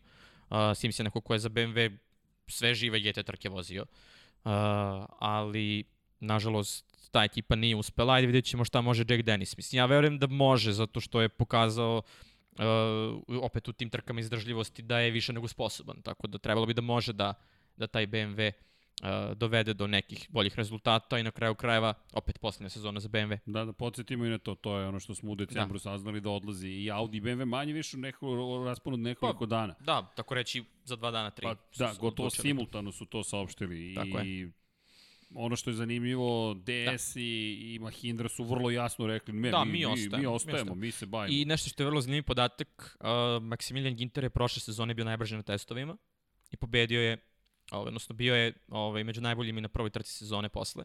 Uh, Ginter i ove godine bio najbrži na testovima. Da li to znači da ta forma može da se nastavi i u prvu trku sezone? Vidjet ćemo, vidjet ćemo, za vikend ćemo saznati. Tako je. Aleksandar Sims, Alex Lin, Da, to smo, Mahindra, već smo već prošli. rekli. Da. Možemo ponovo, ali ne, mislim da ima Da, potrebe. mislim da nema potrebe. I ostaje nam još jedna ekipa, Rocket Venturi Racing, Da, to je Eduardo zanimljiva. Mortara i Norman Nato. Da, to je jako zanimljiva postava. Uh, za Venturi je vozio prošle sezone Felipe Massa. Lepo izgleda. Jako lepo izgleda. Uh, vozio je Felipe Massa zajedno sa Eduardo Motarom. Felipe Massa koga sam upoznao u Berlinu. Bilo je jako zanimljivo taj razgovor. Ovaj, i, I generalno uh, Venturi je uh, dosta napredovao. Oni su uh, potpisivali mnoge sponzore. Oni su bili relativno mlada ekipa u smislu, ja su oni tu od početka, ali se taj tim dosta restrukturirao. Dosta novih ljudi se tu pojavilo. I na kraju krajeva imaju uh, šeficu Suzy Wolf, i sada imaju uh, zamenika šefa, Jeroma Dembrozija, koji je do pre, do prošle godine vozio za Mahindru, a sada je zamenik šefa u Venturiju. Tako da mislim da uh, to će biti još jedan bitan faktor kada je u pitanju Venturi, baš iz tog razloga što će uh, sa svojim ekspertizom trkanja u Formuli E uh, Jerome D'Ambrosio moći da sigurno pomogne i Suzy Wolf i cijeloj ekipi Venturija da napreduju. Ovaj, generalno tu imamo Normana Nata koji je isto neko koje ne trebam posebno predstavljati. On je zadnje dve, tri godine bio njihov razvojni simulatorski vozač. Nije izlazio iz simulatora, tako reći, za Venturi. Uh, I konačno dobio šansu. I, izvini, samo da, Da. napomenemo Suzy Wolf, koja je Suzy Stodar bila, Suzy Wolf, zahvaljujući Da. činjenici da je supruga Toto, Tota Wolfa. Da. Mercedes koriste u Da, Mercedes im je klijent, ne, pitamo se zašto. Da, da, da. Ali čisto da napomenemo, i ako možemo da dobijemo još jednom kadar planski, izvini, o, za Venturi Racing, planski, hoću da iskoristim priliku da se zahvalim ljudima koji, koji, koji, Rokitu pre svega. Zašto? Želim planski da se zahvalim. Otvorili su nam vrata muzeja Williamsa, otvorili su nam vrata štaba Williamsa, do lokalna ekipa regionalna iz Rokita, dva gospodina koja zapravo uvoze Rokit telefone, planski ovo govorim, javili su se i krajem 2019. rekli, ej čujte, imamo velike planove, hajde da krenemo da radimo neke ozbiljne stvari, bukvalno nam omogućili da uđemo u fabriku Williamsa, da vidimo stvari koje je pitanje da li ću ikada više moći da vidim, s obzirom na činjenicu da su, da su oni u tom momentu glavni sponzori Williamsa i da je sve otvoreno. Senin bolid iz 1994. onaj drugi bolid koji je netaknuti koji stoji tako na spratu, na među spratu, bukvalno stoji između ostalih bolida, bukvalno između dve pregrade stoji taj bolid. Samo ako slučajno imate otvorena vrata, imate mogućnost da praktično dođete do toga i vrata i to koja, zadnja vrata praktično i imate mogućnost da se prošetate nekim koridorima kojima ne biste inače mogli, tim je umeđu vremenu prodat, ekipa je odustala od glavnog sponzorstva sa Rokitom i nekako nikad nismo realizovali tu saradnju, planovi su bili ozbiljni, da zajedno idemo na predsezonska testiranja. Već tad je COVID nažalost učinio svoje i onda još I jedan razvojili su se Williams Tako i je. Rocket. I Rocket, to je bio potez zapravo ka prodaji ekipe, da ne ulazim sad u neke zakulisne priče, to su intimne stvari koje su, koje su i nama predočene, ali činjenica da. da to se to nije desilo, da ceo plan koji je Rocket želeo da ostvari je pao u vodu, ali ja nekako osjećam da sam ostao dužan ljudima da kažem hvala još jednom. Zašto? Pa prosto imali su ozbiljan plan i ideja je bila da idemo na trke najzad Formula 1 i da imamo podršku glavnog sponzora ekipe Williamsa u celoj priči. Što je odlično. što je potpuno neverovatno, zahvaljujući ekipi, neću da ih imenujem dok mi ne daju zeleno svetlo, koja uvozi roki telefone na, na području Balkana. I, i njih dvojice se ljudi javljaju kao šefovi praktično lokalnog, regionalnog jedne kompanije i Da. kažu, ej, mi hoćemo, mi verujemo u, u ovu ideju i Ja mogu da projekat. se pohvalim, ja sam ponosni vlasnik jednog Rocket E, telefona. ti koristiš Da. Rocket. Kakav je ovo bio show. Odmah pored tvog One Blade stoji. ali, ali da, činjenica je da to, to, mi imamo, ja makar imam, da kažem mi ako Pavle nije tu, a i tebe ću da, da ne, svi smo mi ovde Lab 76, imamo vrlo blizak odnos u tim, u toj situaciji sa sponzorima. Zašto? Nije ovo samo sponzorstvo. Da, jeste sponzorstvo, ali ljudi, neko je nama dao podršku u našim snovima i ne samo u snovima, nego je rekao, ej, čekaj, to što vi radite nama se dopada, način na koji komunicirate nam se dopada, dopada nam se kako publika komunicira sa vama i šta se sve tu dešava. I mi, ovde ne postoji publika. Neko me pitao pre neki dan da je ne imenujem opet šta je Lab 76. To su svi, svi vi ste Lab 76. Tako je. To nema više veze sa nama. Dakle, to je oteto iz naših ruku. Momčilo, ti, e, kogod da se javi, ima, ima, dugujem odgovore na brojne mailove, ne stižemo ljudi. To je jedina mana u celoj ovoj situaciji. Kad odjednom počne da stiže toliko informacija, ti kažeš, ok, odakle sada da krenemo? Ivan, Aleksa, Matija, ma ne znam kome da se sve zahvalim, Aleksandru, inače ćemo sutra da, da analiziramo onu Apriliju HB Racing koju nam je poslao, Tako da, hvala i za strpljenje. Danilo, kogod, ljudi, ja ne znam više ko se sve nije javio, ali to je Lab 76 i zato i kada je reč o sponzorima, ne, nisu to sponzori. To su, to su da. Prije, prijatelji iz studija na kraju univerzuma. Tako, je. Tako da, eto, iskoristio sam priliku namjerno da se zahvalim ljudima iz Rokita, zato što, ako ništa drugo, meni su stvari dečački san da spavam u pubu preko puta fabrike Williamsa i, i vidim, vidim, vidim kako su svetla tamo upaljena u fabrici da. i ja spavam u nekom pubu preko puta seoskog druma, to seoski uzmite s dozom rezerve, to je britanski countryside zapravo, izgleda kao golf teren, I ovako gledate preko puta i tamo neki ljudi dizajniraju to vreme bolid za 2020. I ti spavaš preko puta, a preskočio bi ogradu, pa taman te Da, pojurili bukvalno. psi i kogod obezbeđenje. I ujutru ti kažu, ok, idemo sada, otvore ti se vrata i, i kažu, možda ćete sresti i Claire Williams, ali sedite tu u kancelariju gde se inače organizuju sastanci ekipe Williams. Tamo gde su Frank Williams i Patrick Head planirali titule šampionske. Da, Z- Zanemiš, bukvalno. bukvalno da. I, I hvala. Eto. Morao sam da iskoristim priliku kad je Rokit tu. Idemo da, mi dalje. I Rocket koji je klijent Mercedesa, odnosno uh, najboljeg nemačkog proizvođača prošle sezone. Mm, zanimljivo. A kad Da. se Mercedes izvini uključio u celu priču? Pa, prošle godine. A, čisto, da, čisto me zanima, Mislim, prosto. oni su bili tehnički prisutni kroz HVA, pošto je to njihovo isto Jasno. tim, ali je pravi, pravi Mercedes došao tek prošle godine. Da, Prošle godine. čisto da, da, čisto da, da znam. A Porsche je došao kada? Isto. Da, Ok, čisto da znam gde, ko, kako, Audi, kad je ko stigao, BMW, ali oni kad se pojave, znaš, možda su zato otišli Audi i BMW. Pa moguće. možda su rekli, čekaj, op, DTM2 nam se dešava. zapravo ima teorija, ima teorija da, je, da zapravo Audi uh, Volkswagen grupa uh, ne želi da finansira dva tima u Formuli E, već samo jedan, a pošto je Porsche deo tog tima, te, te grupacije, onda možda priče su neke da bi možda to moglo biti zapravo ideja da samo Porsche ostane ispred te grupe u Formuli E. A ko će u LMP? To je ko će na Le Mans? Pa Audi. Mislim da je dosta jednostavna situacija. I da. bilo je jedno od pitanja, a ko će u Formulu 1 iz Volkswagen grupacije? A, niko. Nažalost, da. Ovi, da, Koliko ima neki bismo priča voleli. sad opet ko će te, ta mesta da popuni, koje ostaju prazna. Znamo da je McLaren dobio, potpis, odnosno pl- platio da ima mesto, To. a, što je jako bitno, pogotovo što su oni glavni proizvođač baterije.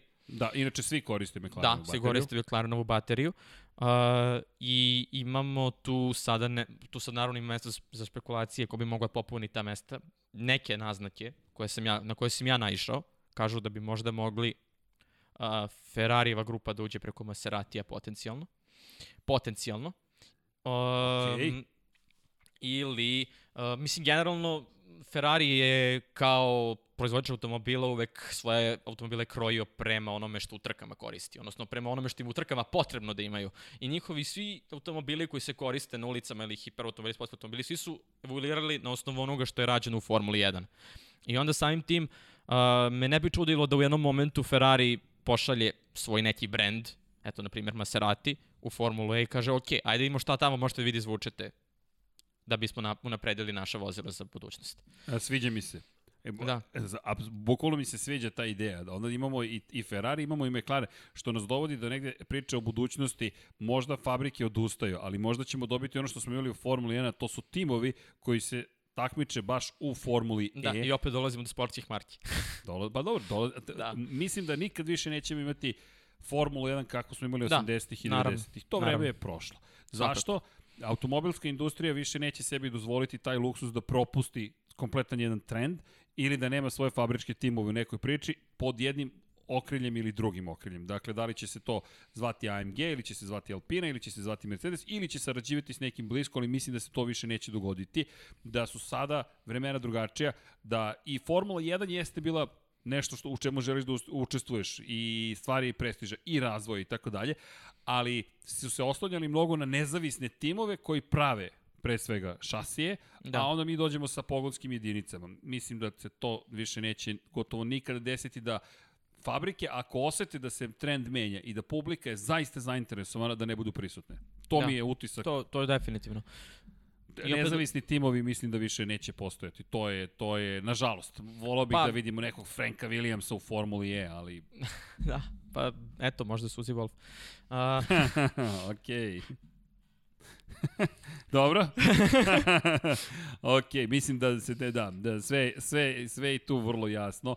da. Ali eto, prosto nekako Formula E, mislim da će tu naći budućnost da, da u saradnji sa, sa nekim drugim timovima zapravo iz Formule 1 možda uspe da, da, da ne da stekne novu budućnost. Budućnost nije ugrožena suštinski Formuli E, svakako je manje niti, lepa. Niti ugrožavaju jedna drugu, Formula 1 i Formula E. Svaka ima, svoju, svaka ima svoj cilj i eto, to je bio jedan od intervjua koji sam radio u periodu ovaj, uh, karantina uh, za, sa baš Suzy Wolf, koja mi je rekla uh, da Formula E nikad neće imati u planu da, na, da prestigne Formula 1. Oni nisu isti sveti, nemaju iste, nemaju iste ciljeve. Pa mislim da publika nije ista. Mislim Da, da, da, to, da, da je potpuno drugačija publika i vraća se na ono što smo pričali, koja generacija gleda koji sport i sama činjenica da ti imaš gamifikaciju je više usmerena ka da kažeš native digitalnoj generaciji koja nije da. Poznaje svet bez mobilnog telefona, bez e, igrica,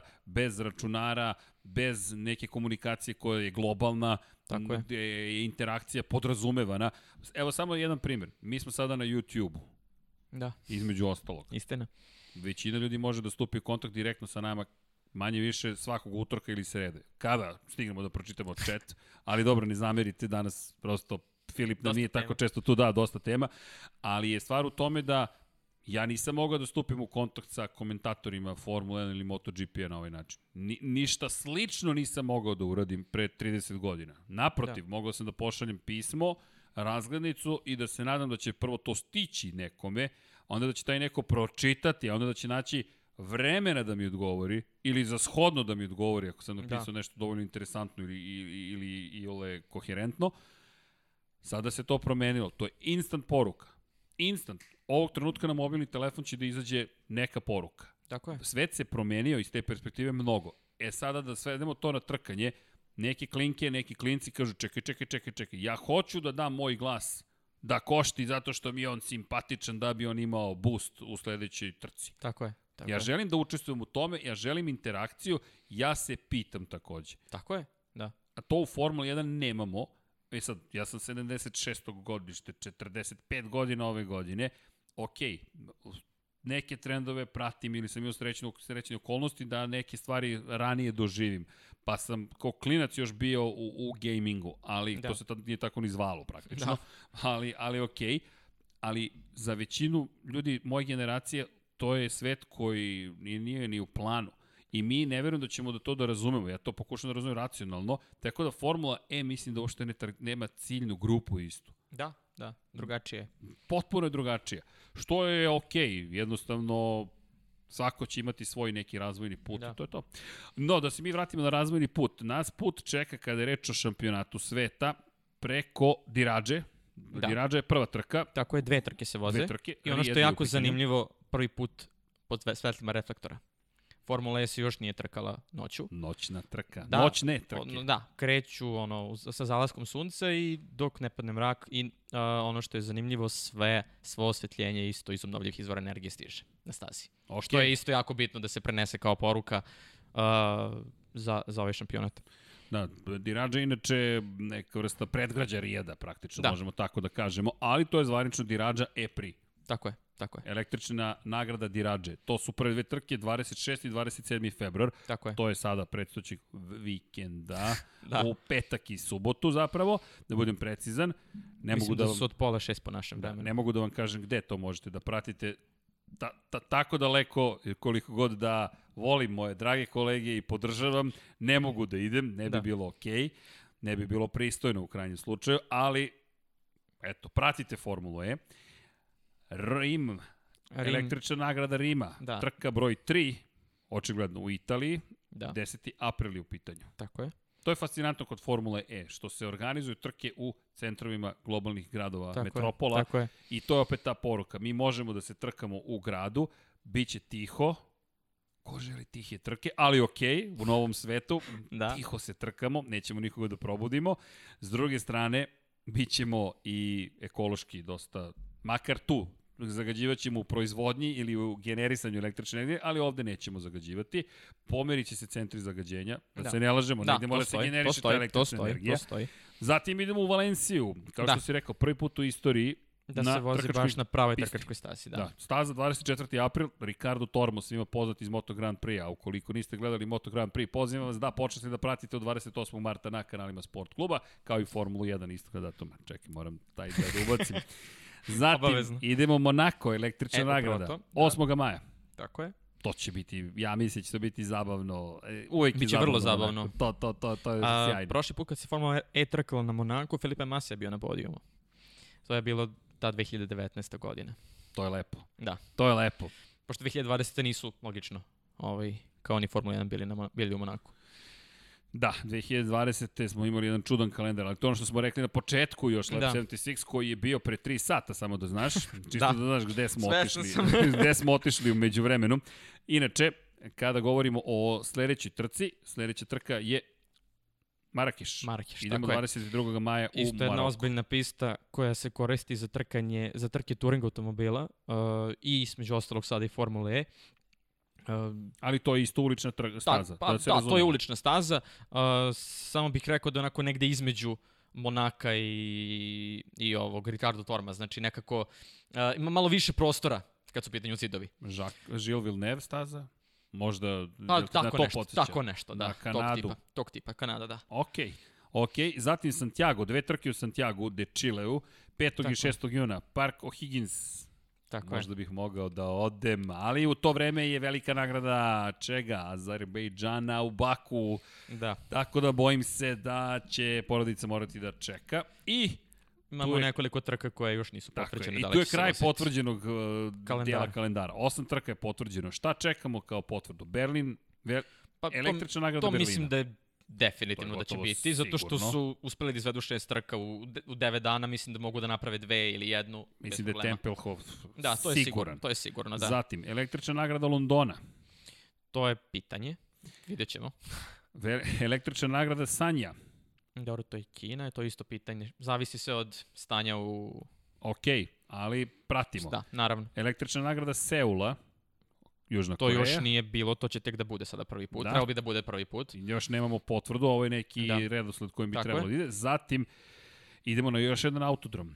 Braća Rodriguez, idemo Tako u je. Mehiko, idemo na 2200 metara nadmorske visine. Rekao bih u nekoj drugoj situaciji utjecat će na snagu motora, ovoga puta to neću reći, slučaj, pošto nemate sagorevanja, to Da. je kiseonik ne igra važniju ulogu, bar ne u samom bolidu, ali to će biti interesantno, to je brza staza I vrlo brza staza. i to je staza.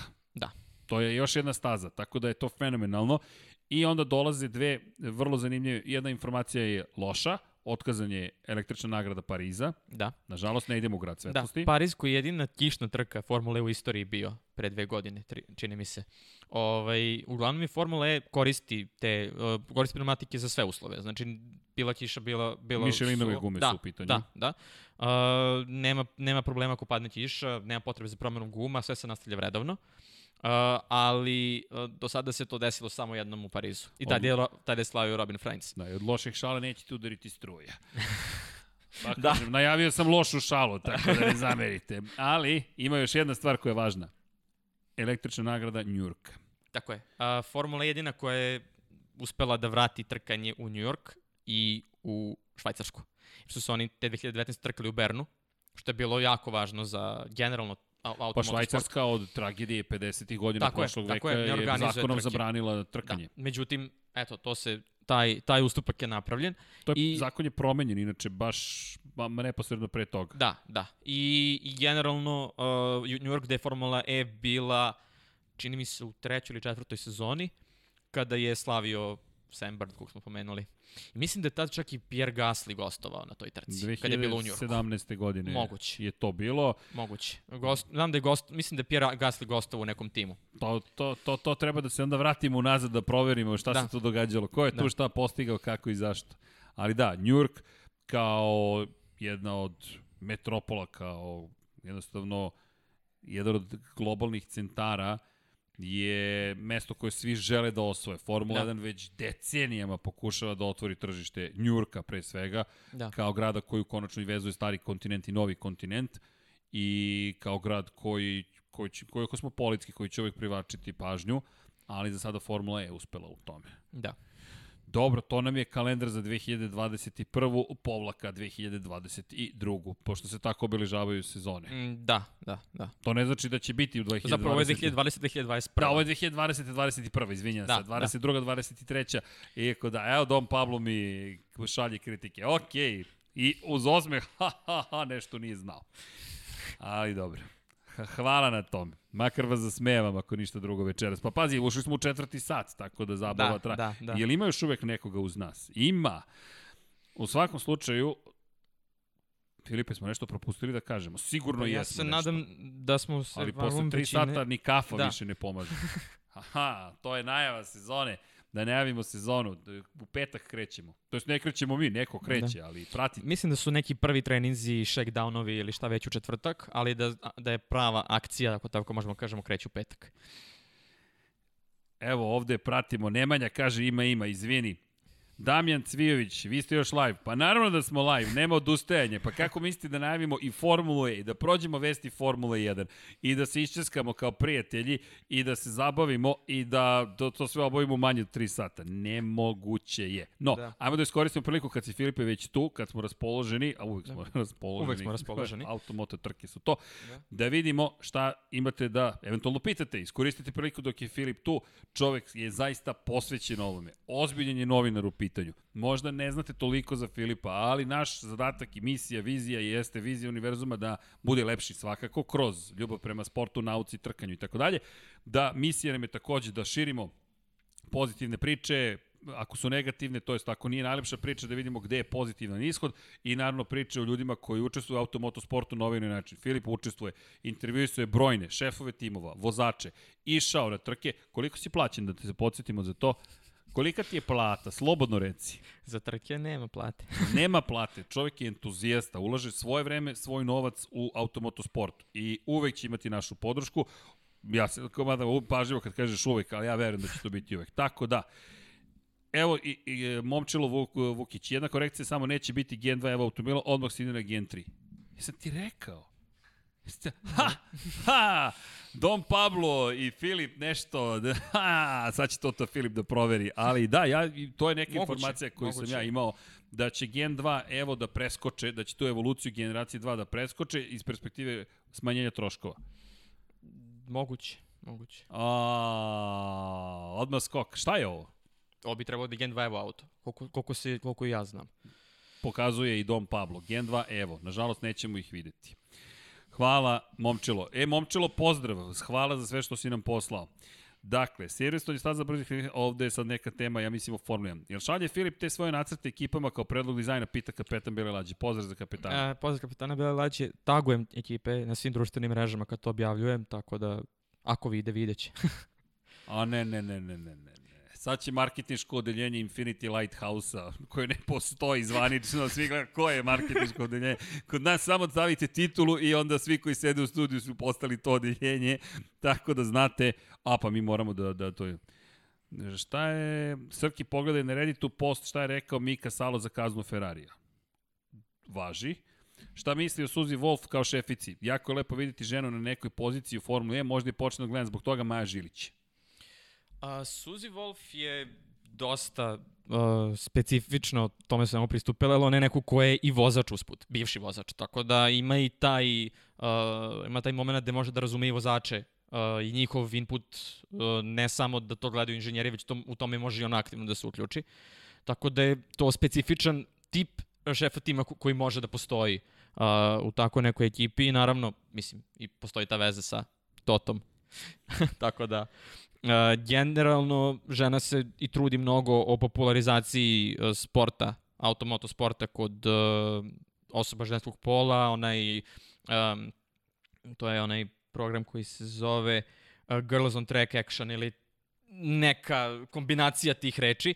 Uh, ona je vrlo aktivna u tome i znam da su nekoliko čak seminara održavali uh, uh, za uh, žene koje hoćete se umešaju u automoto sport, mislim da je baš PR menadžer uh, Venturija, koja je isto dama u pitanju, uh, da je ona uh, vodila jedan seminar za žene o tome kako biti press officer, odnosno neko ko upravlja press službom neke trkačke ekipe. Tako da, uh, rade, ozbiljno rade na tome kada spominjemo dame i da odgovorimo odmah na pitanje kada počinje u sredu, da ne kažem sutra, za oni koji možda slušaju u, u, u snimku, u 18 časova krećemo sa Lab 76 kada je reč o broju 74 od 21 čas tu smo ograničeni, ljudi, imamo manje, od, imamo dva i po sata, mada možda i pomerimo vreme malo unapred, da bismo imali više vremena, što da ne, broj 74, M da je Giro Kato, M Fausto Gresini, pa bar 4 sata da odvojimo za sve to, mislim da su zaslužili, ali ok, danas se Deki Potkonjak sad slušao ovo i da je svestan šta ja govorim,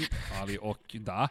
E, inače, kada spominjemo dame, Jenny Anderson, ne znam da li si to ispratio, ali u njoj smo pričali, otišla je iz KTM-a u Hondu i mhm. pridružila se Marku Markezu. Jenny Anderson je veoma cenjena, tako da dame, imate našu punu podršku. mašinstvo, elektrotehnika, tehnologija, imate brojne fakultete, svima je poruka ista, ljudi, diplomirajte, školujte se, ako niste diplomirali, nezvanično školovanje, si diplomirao. Na doktorskim studijama. Ok, molim vas, doktorski studij, tako da, on je asistent inače, ali nema veze. Mislim, to dobro zvuči, da li je diplomirao, zato što je mnogo mlađi od mene. Nemoj da me pitaš da li sam diplomirao. Ali možda da me pitaš koliko sam fakulteta upisao. Šalu na stranu, e, školujte se, završite svoje školovanje, nemojte biti poput nekih od nas. E, ima pitanje za Dom Pablo, da li još uvek veruje u, u Fetela? Apsolutno, apsolutno. Inače, imaš pozdrav od kapetana Bela Lađe, kaže da on je Haas fenomenalan. Viola Wings, srđane, Hvala. pogledaš poruku na Instagramu, bio bih puno zahvalan. Viola Wings samo na kom Instagramu? Infinity Lighthouse ili Serceg? Da znam gde treba da gledam. Ljudi ne zamerite, ali u poslednje vreme poruka je toliko bilo da oni koji su videli poruke odmahuju glavom, jer ni, nisu verovali, ne, ne stižemo ljudi, zaista. E, Maja Žilić, sjajno hvala. Hoćeš biti e, nešto od starih trka na SK? Formula 1 neće. Odmah da vam kažem, ukoliko se za to izborimo, verujte, verujte, treba da organizujemo kada to bude dozvoljeno, žurku za, za, za celu direkciju sport kluba i za sve nas koji se bavimo Formulom 1. Toliko je teško doći do tih arhivskih trka, toliko je manjak povratnih informacija da ne znamo da li ćemo ih ikad dobiti. Moto Grand Prix, Dorna, pohvale prošle godine, kako smo rekli, ljudi, dajte nam stare trke, rekli su, bukvalno su pitali koje hoćete trke. Bukvalno su pitali koje, Da, Formula 1 je bila jako zatvorena ovaj, po tom Bernie pitanju. je Za vreme Bernija to je, to je bilo, mislim, kad kažemo da YouTube kanal izbacivao jedan video u godinu dana, to mnogo govori. Danas imate na tom YouTube kanalu sve živo što hoćete da saznate o Formuli 1. I o dešavanjima, o, o ovim uh, starim trkama, o istoriji, generalno, šta god. Što je ogroman napredak za njih. To je nešto što je, ako je nešto Liberty Media donela dobro, ja mislim, ja mislim da je taj aspekt društvenih mreža su pogodili pravu centar. apsolutno, ono što je tu, što bih napomenuo, YouTube kanal Formula 1. Evo sad se naježio. Bukvalno. Pa, bukvalno, ljudi, to je, ako se subscribe-ujete, jedino što će vas sprečiti da gledate taj kanal je Infinity Lighthouse. Aps, Ima smisla, ima smisla, ima, smisla, ima smisla. Čekaj, Pajče je tu uz mene. Duh Pajčeta je tu. On odmara, ne brinite, Flavio Briatore, kako ga zovemo, ovog, po, ovog podcasta.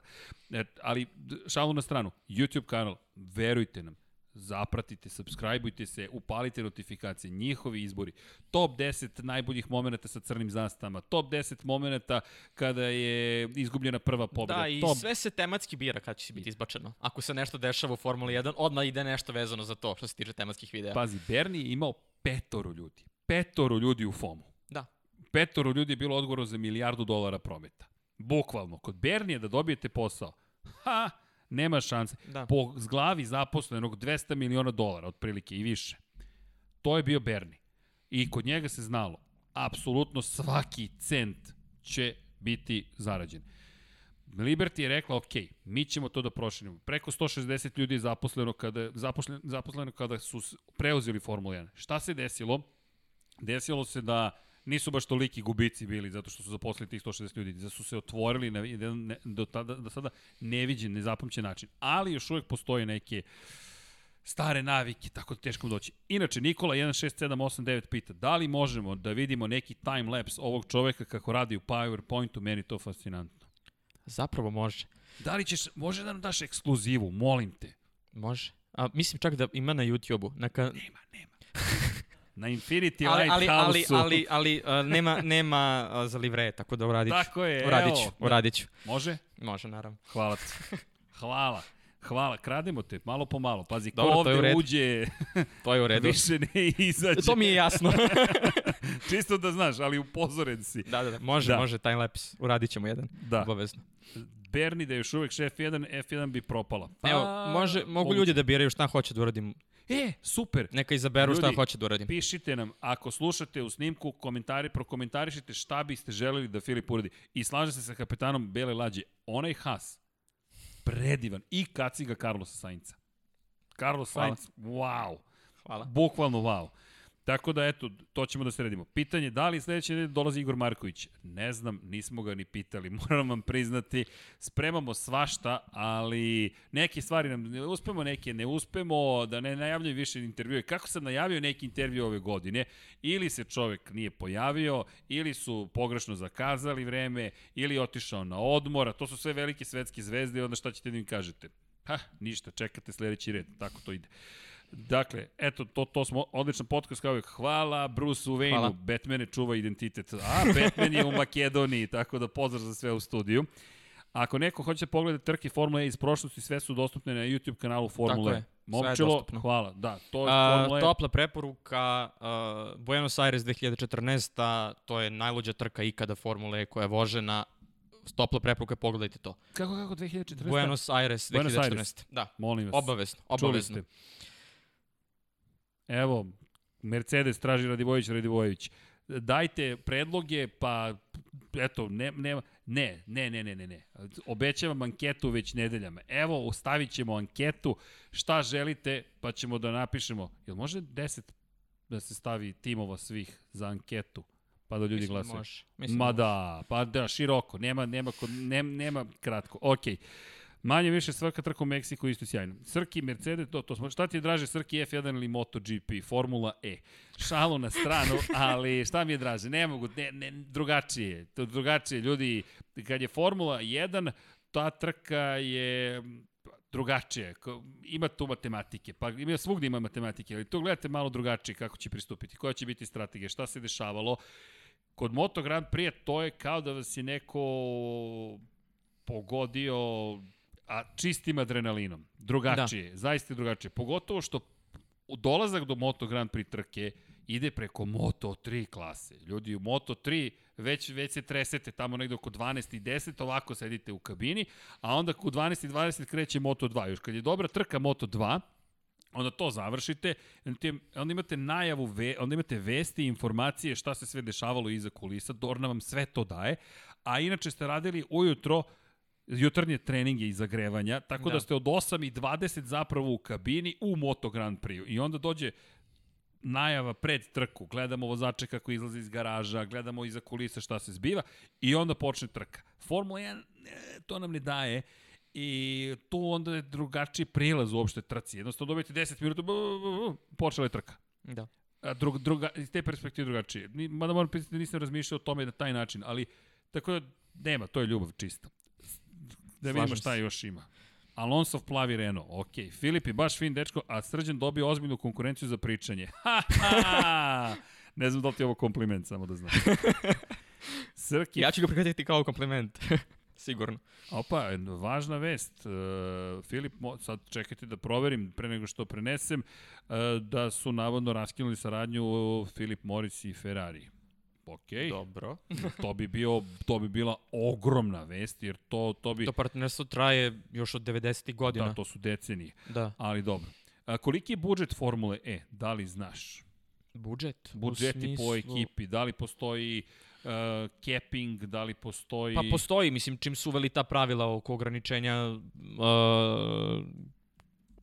uh, kod troška, oko toga kako će, odnosno da, da motori se prave, odnosno da ekipe mogu da biraju da li žele da koriste stari motor, novi motor ili da koriste stari motor deo sezone pa onda novi ili kako god.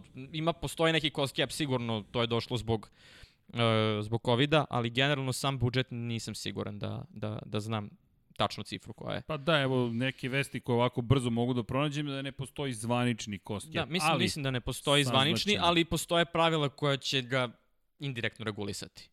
Ok. Okay. Da, ono kao, postoji neka vrsta ograničenja budžeta. Pa da, to nije, uh, nije Nije jasno cap, eksplicitno, da. ali na neki način ćemo vam... Da, postoje pravila koja će da. Da. utiču na to, svakako. 2023. Kialami se vraća u Formulu 1. To bi bilo jako lepo. Pa da, još to nije potvrđeno, Da. ali priča se o Šuška tome, se o tome, da. tako je da će se to desiti. Bilo bi To je jedna, to je jedna fenomenalna staza. Fenomenalno, Fenomenalna da staza. dobijemo, to Da. bi bilo... Pa i generalno afrički kontinent, Afrika kao da ne postoji. Pa da, postoji, mislim, generalno kad gledamo stazu u Africi imamo Kjelami, imamo Markiš i to je to. A mislim da ne znam, da ne znam da li postoji još nek, neki autodrom u Da, Africi. ali, ali, ali, ali samo po sebi je Da, ignoriše se uglavnom, to je... Ja, ja sam se nadao da će u tom nekom kalendaru Formule 1, koji je trebao da bude prošle sezone, promenjenom, da će možda da ubace Marrakeš, zato što je to odlična pista. Dobili bi ličnu trku, bili bi smešteni negde u nekom, slično kao zapravo u Bahreinu. Ljudi, pričamo o drugom najvećem kontinentu na planeti Zemlji i Da. samo je Azija veća od Afrike. Da. I to nisu male razlike. Afrika je mnogo veća, ne znam koliko puta, tri puta veća od Evrope površinski. Da. Mi govorimo o, o, o, o ozbiljnom kontinentu koji Da. iz geopolitičkih razloga prosto kao da, kao da ne postoji. Da.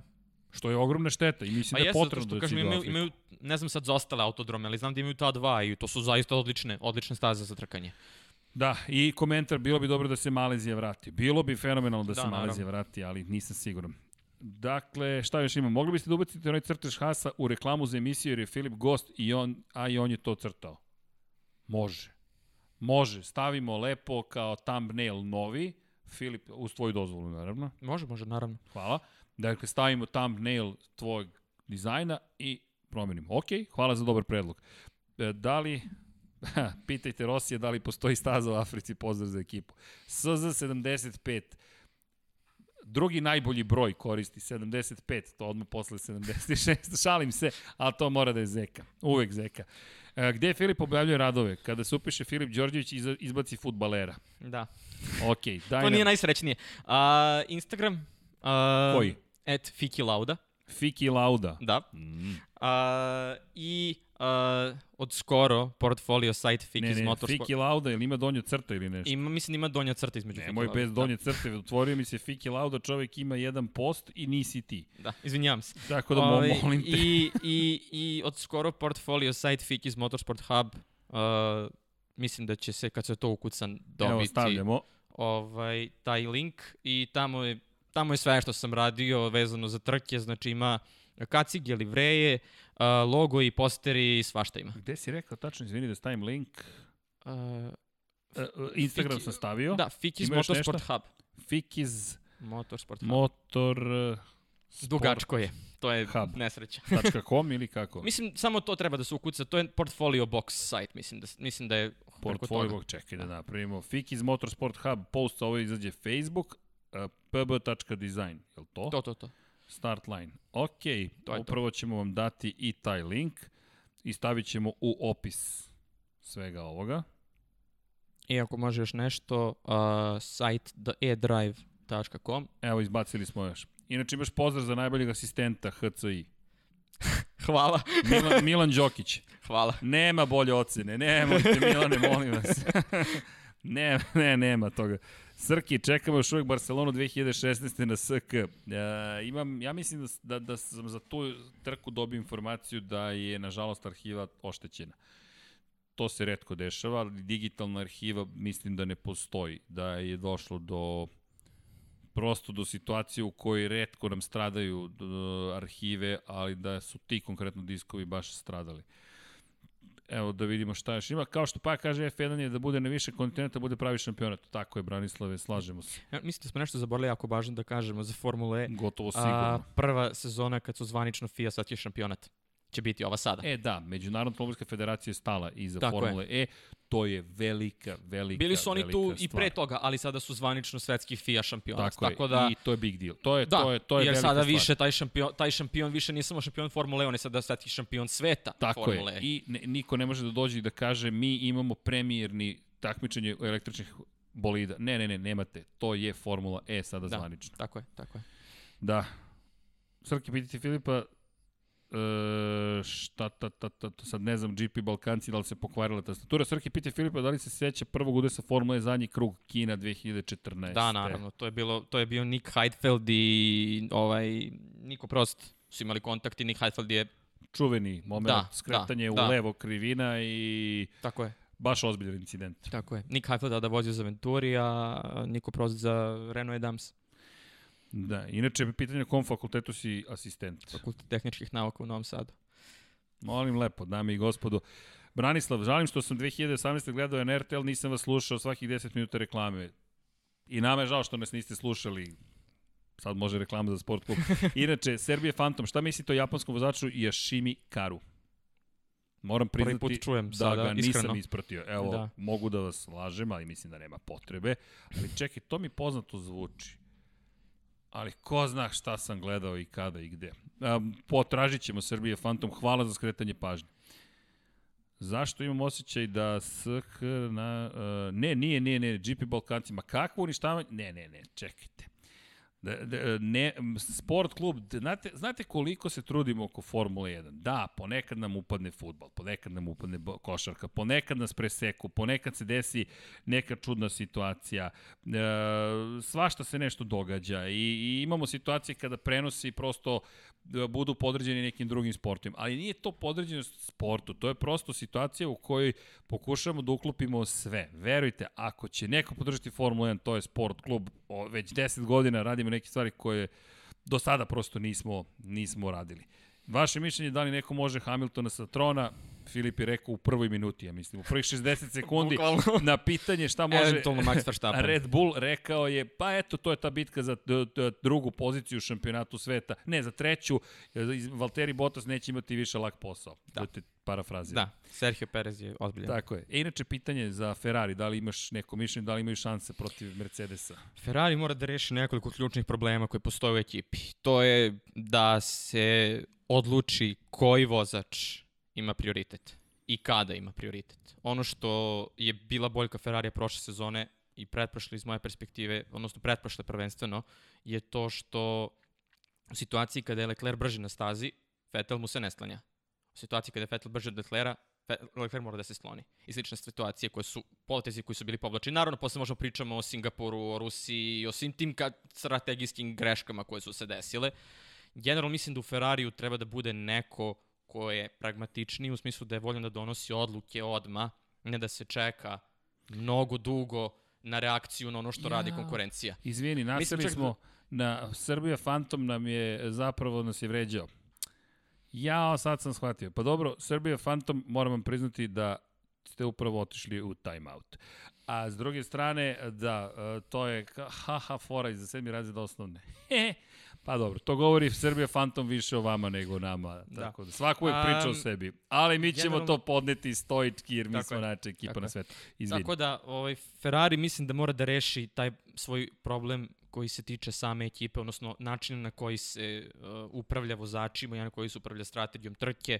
Mislim da je čak i Mauricio Vabene, Avari Vabene u svoje vreme pričao o tome da oni nemaju čoveka koji gleda na stazu, oni imaju samo čoveka koji gleda na radar. To im fali. To Pa, nemaju. Pa, Ja, meni deluje kao da. Da. da se nije šta nije promenilo dolaskom Carlosa Sainca. I stojim pri tome.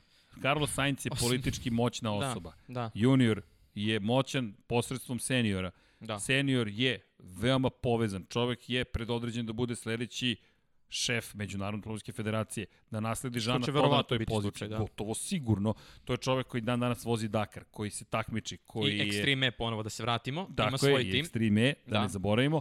E, čovek je za električni pogon car, dakle nema, ne možete ga pobediti. Ali, e, činjenice, ne, nije, nismo banovali nikoga, samo smo time outovali na 300 sekundi. Pa eto, da, da budemo, ne banujemo odmah, ali sutra. U svakom slučaju, ako se ponovi besmisleno, je, šta ćemo da pričamo o tim, da, hajde jednom i da se nasmemo, ali više od toga, ne, boring. Pojenta je da kada govorimo o, o Ferrariju, mislim da ništa nisu rešili i mislim da se mnogo pocenjuje Carlos Sainz i koliko zapravo snage Carlos Sainz ima iza sebe.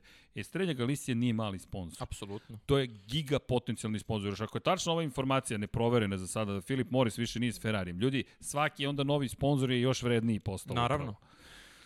Tako da, Mislim, Tako da. bili su neki navodi da je a, zapravo Ferrari privoleo Estrelju Galisi od McLarena, da su oni čak možda trebali da ostanu tamo, tako da nije isključeno da je to možda i čak i povezano jedno s drugim.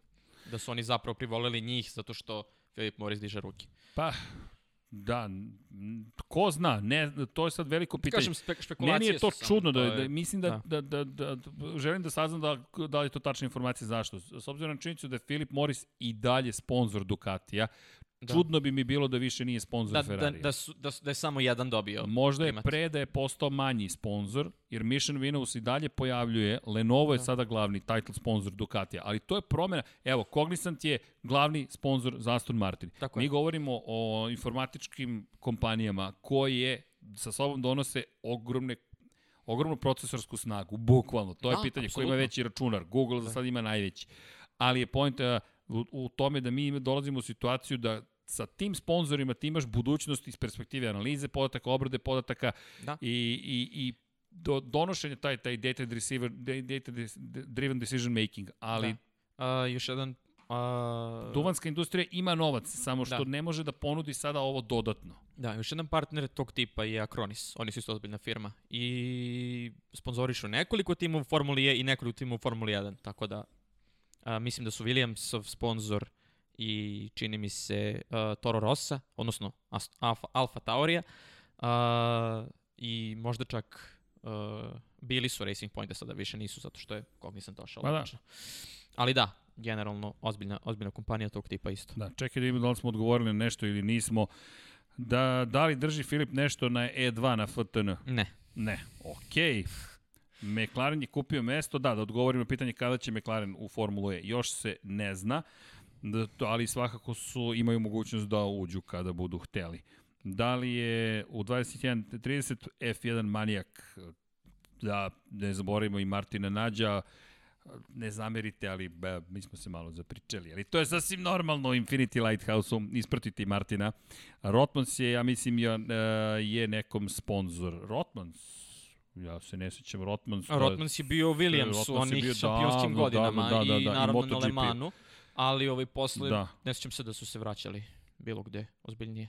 Da, duvanska industrija treba proterati svakog sporta, pa ne mogu da, da kažem ne tome. Pa, I ono što je tu problem jeste samo da, nedostaje... to je politika sporta koji, koji će da dopusti Pa- da li želi da se to kod njega prezentuje ili ne. Ja ne želim nikome da branim da radi bilo Da, šta, ali naravno. ako treba, ako pogledamo šta promovišemo nekim klincima i klinkama, to sa duvanskom industrijom to postoji fakat problem Ka, kako ćete, šta ćete, ali da, ne kažem dva puta, pa, Pa, sutra opet, dođe Filip Filip Morris Morris i mi tu. kažemo ja, mi bismo baš da sarađujemo sa vama, tako da znate kako, da ne budemo licemeri, dok vam ne ponudi neko saradnju pa da vidimo onda da li smo ljudi od reči ili nismo. Da, ali volao bih da verujem da smo ljudi od reči.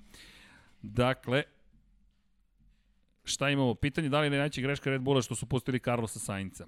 Pa nisam siguran da im je to najveća greška što su ga pustili. Ha. Red Bull se fokusira na jednog vozača, izabrali su svog vozača, to je Max Verstappen i to je to. da, složio bih se da je to tako. Pa tako je prosto. Mislim da, mislim da je Red Bull um, u zadnjih par godina, jeste oni dalje guraju svoj program mladih vozača, jer prosto, ali uh, bio je jedan period zasićenja u njemu, kad smo imali, eto sad, sad, sad se setio Jaime Alguersuarija, ni iz čega, uh, Jaime Alguersuari, uh, Buemi, Vernj, uh, tu su bili onda naravno posle i ovaj, uh, Sainz i Ricciardo i svi su dolazili tuda. Uh, I na kraju krajeva, eto, ko je ostao? Pa dobro, Carlos, što kažeš, dobio je priliku u krajnjem slučaju da mu se otvore neka vrata. Da, on je, pa on je, ja to uvek poredim sa Fernandom Alonsom, on je išao sličnim putem Fernando Alonso, vozio je za Toro Rosso, odnosno Minardi, Minardi. Roz, vozio je za Renault, vozio je za Fakat. McLaren i za Ferrari. Ima Tako samo da, jedan problem, Ima nije osvojio titulu, da, to je nije dve. osvojio titulu i nije se, To je- vrat, i nije se vraćao u Renault. to je tako to, da, to, je, to. to je jedino što smeta toj priči, ali generalno ima sličan put Da. uh, onom koji ima Fernando Alonso. Inače- za, za divno čudo. konstatacija GP Balkanci. Evo je za tebe, super, da, da prokomentarišeš. Najlepši bolidi su gde su sponzori bili duvanska industrija. A, delom da. A, jedni od, meni je uvek najlepši, koji uvek se setim, je a, stari Lotus iz 60-ih sa Gold Leaf brandingom. Meni je to jedan od najlepših bolida koji ikada, ko se tiče boja, postojao. Kakva ironija. Da. A, i, I generalno tu od tih uh, bolida duvan, sa duvanskom, koji su zapravo uh, prikazivali brendove duvanske industrije, Rotmans Williams mi je bio jako lep. Uh, I uglavnom da, imali su solidno. Naravno, mislim, ono, ne, moramo, ne moramo da spominjemo Malboro. To je, to je ikonično samo po sebi. Pa da, ti imaš si pokretnu paklicu u McLarenu, još si imao Da. prosto i senu Da. koju sede Da. u njima, Da. a ako to nije dovoljno imao si i Laudu pride. Tako je, tako je. Čisto, a i Zajedno, Bergera. kao- zajedno sa Porscheom. Da, između ostalo. Da. Da. E, kakav bolid očekujete od Ferrarija? Uh, nadam se, Bolji nadam, nadam se godine. ne mat crven. Aha, da, boje. Da, bravo. Nadam se ne mat crven. Koja je, ili ti ona crvena, okej. Ona mi je, pa, on, on, kako su radili bolide u predu 2012, 13, 14, tu su bili lepši bolidi meni barem, Okej. što se tiče boja. Nadam se da neće ići ovu mat priču ponovo. Da vidim još šta ovde imam. Izvini, ja sam se sad ovde isto Nema- fokusirao nema da vidim. problema. Ima nešto za tebe. Svaka ti čast ako si imao desetku kod profesora Ivetića. Hvala. Jesi imao? Yes. Pa njegov sam asistent, tako da pretpostavljam da je to negde bio i uslov.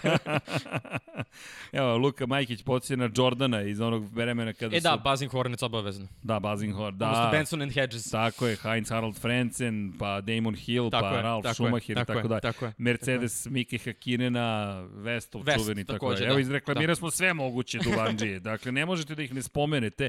Da. To su nazivi zvanični bili, ali nemojte da, da konzumirate duvan. Štetan je za Tako vaše je. zdravlje. Ne, nikako. Da li Filip zna nešto o pričama da će Alfa Romeo da prebaci fokus na Formulu E? Pa to su priče, uh, ili Alfa Romeo ili Maserati, sad to je samo pitanje kako će Ferrari da odredi koji brend ide gde. Uh, priča se o Alfa Romeo, ali onda je pitanje šta radi Alfa Romeo u Formuli 1, odnosno da li ostaje u Formuli 1 ili se prebacuje tamo ili su oba aktivna, i Formula E i Formula 1. Mislim, što je naravno odlično ako bude tako, ali ovaj, o, postoje obe verzije. I Maserati i Alfa, i Alfa Romeo. Ali nekako Okej. ja, sam, ja sam pristalica te Maserati priče. Ne znam ni sam zašto, ali eto. Pa, pazi, električni super automobili. Da, To je defaultno stanje. Elon Musk je okrenuo na glavački sve, Da. zato što je napravio praktično super. Pa onda Rimac, eto Da. ti još jedan super automobil. Pa, pa, to je da možda proizvođač koji, ko zna. Da. Što ne Možda bi doći. sutra Maserati rekao, ok, mi dolazimo u neki novu fazu time što ćemo biti samo, samo Da, Pričamo. naravno, naravno. zvuči mi Ali realno logično. je bio Alfa Romeo, bio Maserati, svejedno. Da, da li sam gledao Avengers Endgame? Jesam. Više puta. Da li mi je bio tužan? Pa tužniji mi je bio Infinity War, moram da vam priznam. Da, ima smisla. A još nisam ni pratio sve namerno, nisam toliko nisam pratio ništa šta se zbiva u Marvelovom svetu, da nisam znao da Infinity War zapravo nije da Infinity War zapravo nije poslednji. Da, Mog šoka, ali to mi je drago što sam bio tako šokiran. kao ima, O, ok, ima ovako, još. Ima ovako još. se nisam šokirao da Imperija uzvrće udarac. Kad sam morao tatu da pitam da li je zaista on njemu tata. Jer mi je nelogično. Spoiler. A, nisam rekao ko, ali Da, dobro. da, da. Alfa Romeo ima dve godine šlep službu. dobro, nećemo sad protiv Alfa Romeo. Da, koliko će Vettel napredovati prošlogodišnji Mercedes koji je trenutno, koji je trenutno Aston Martin?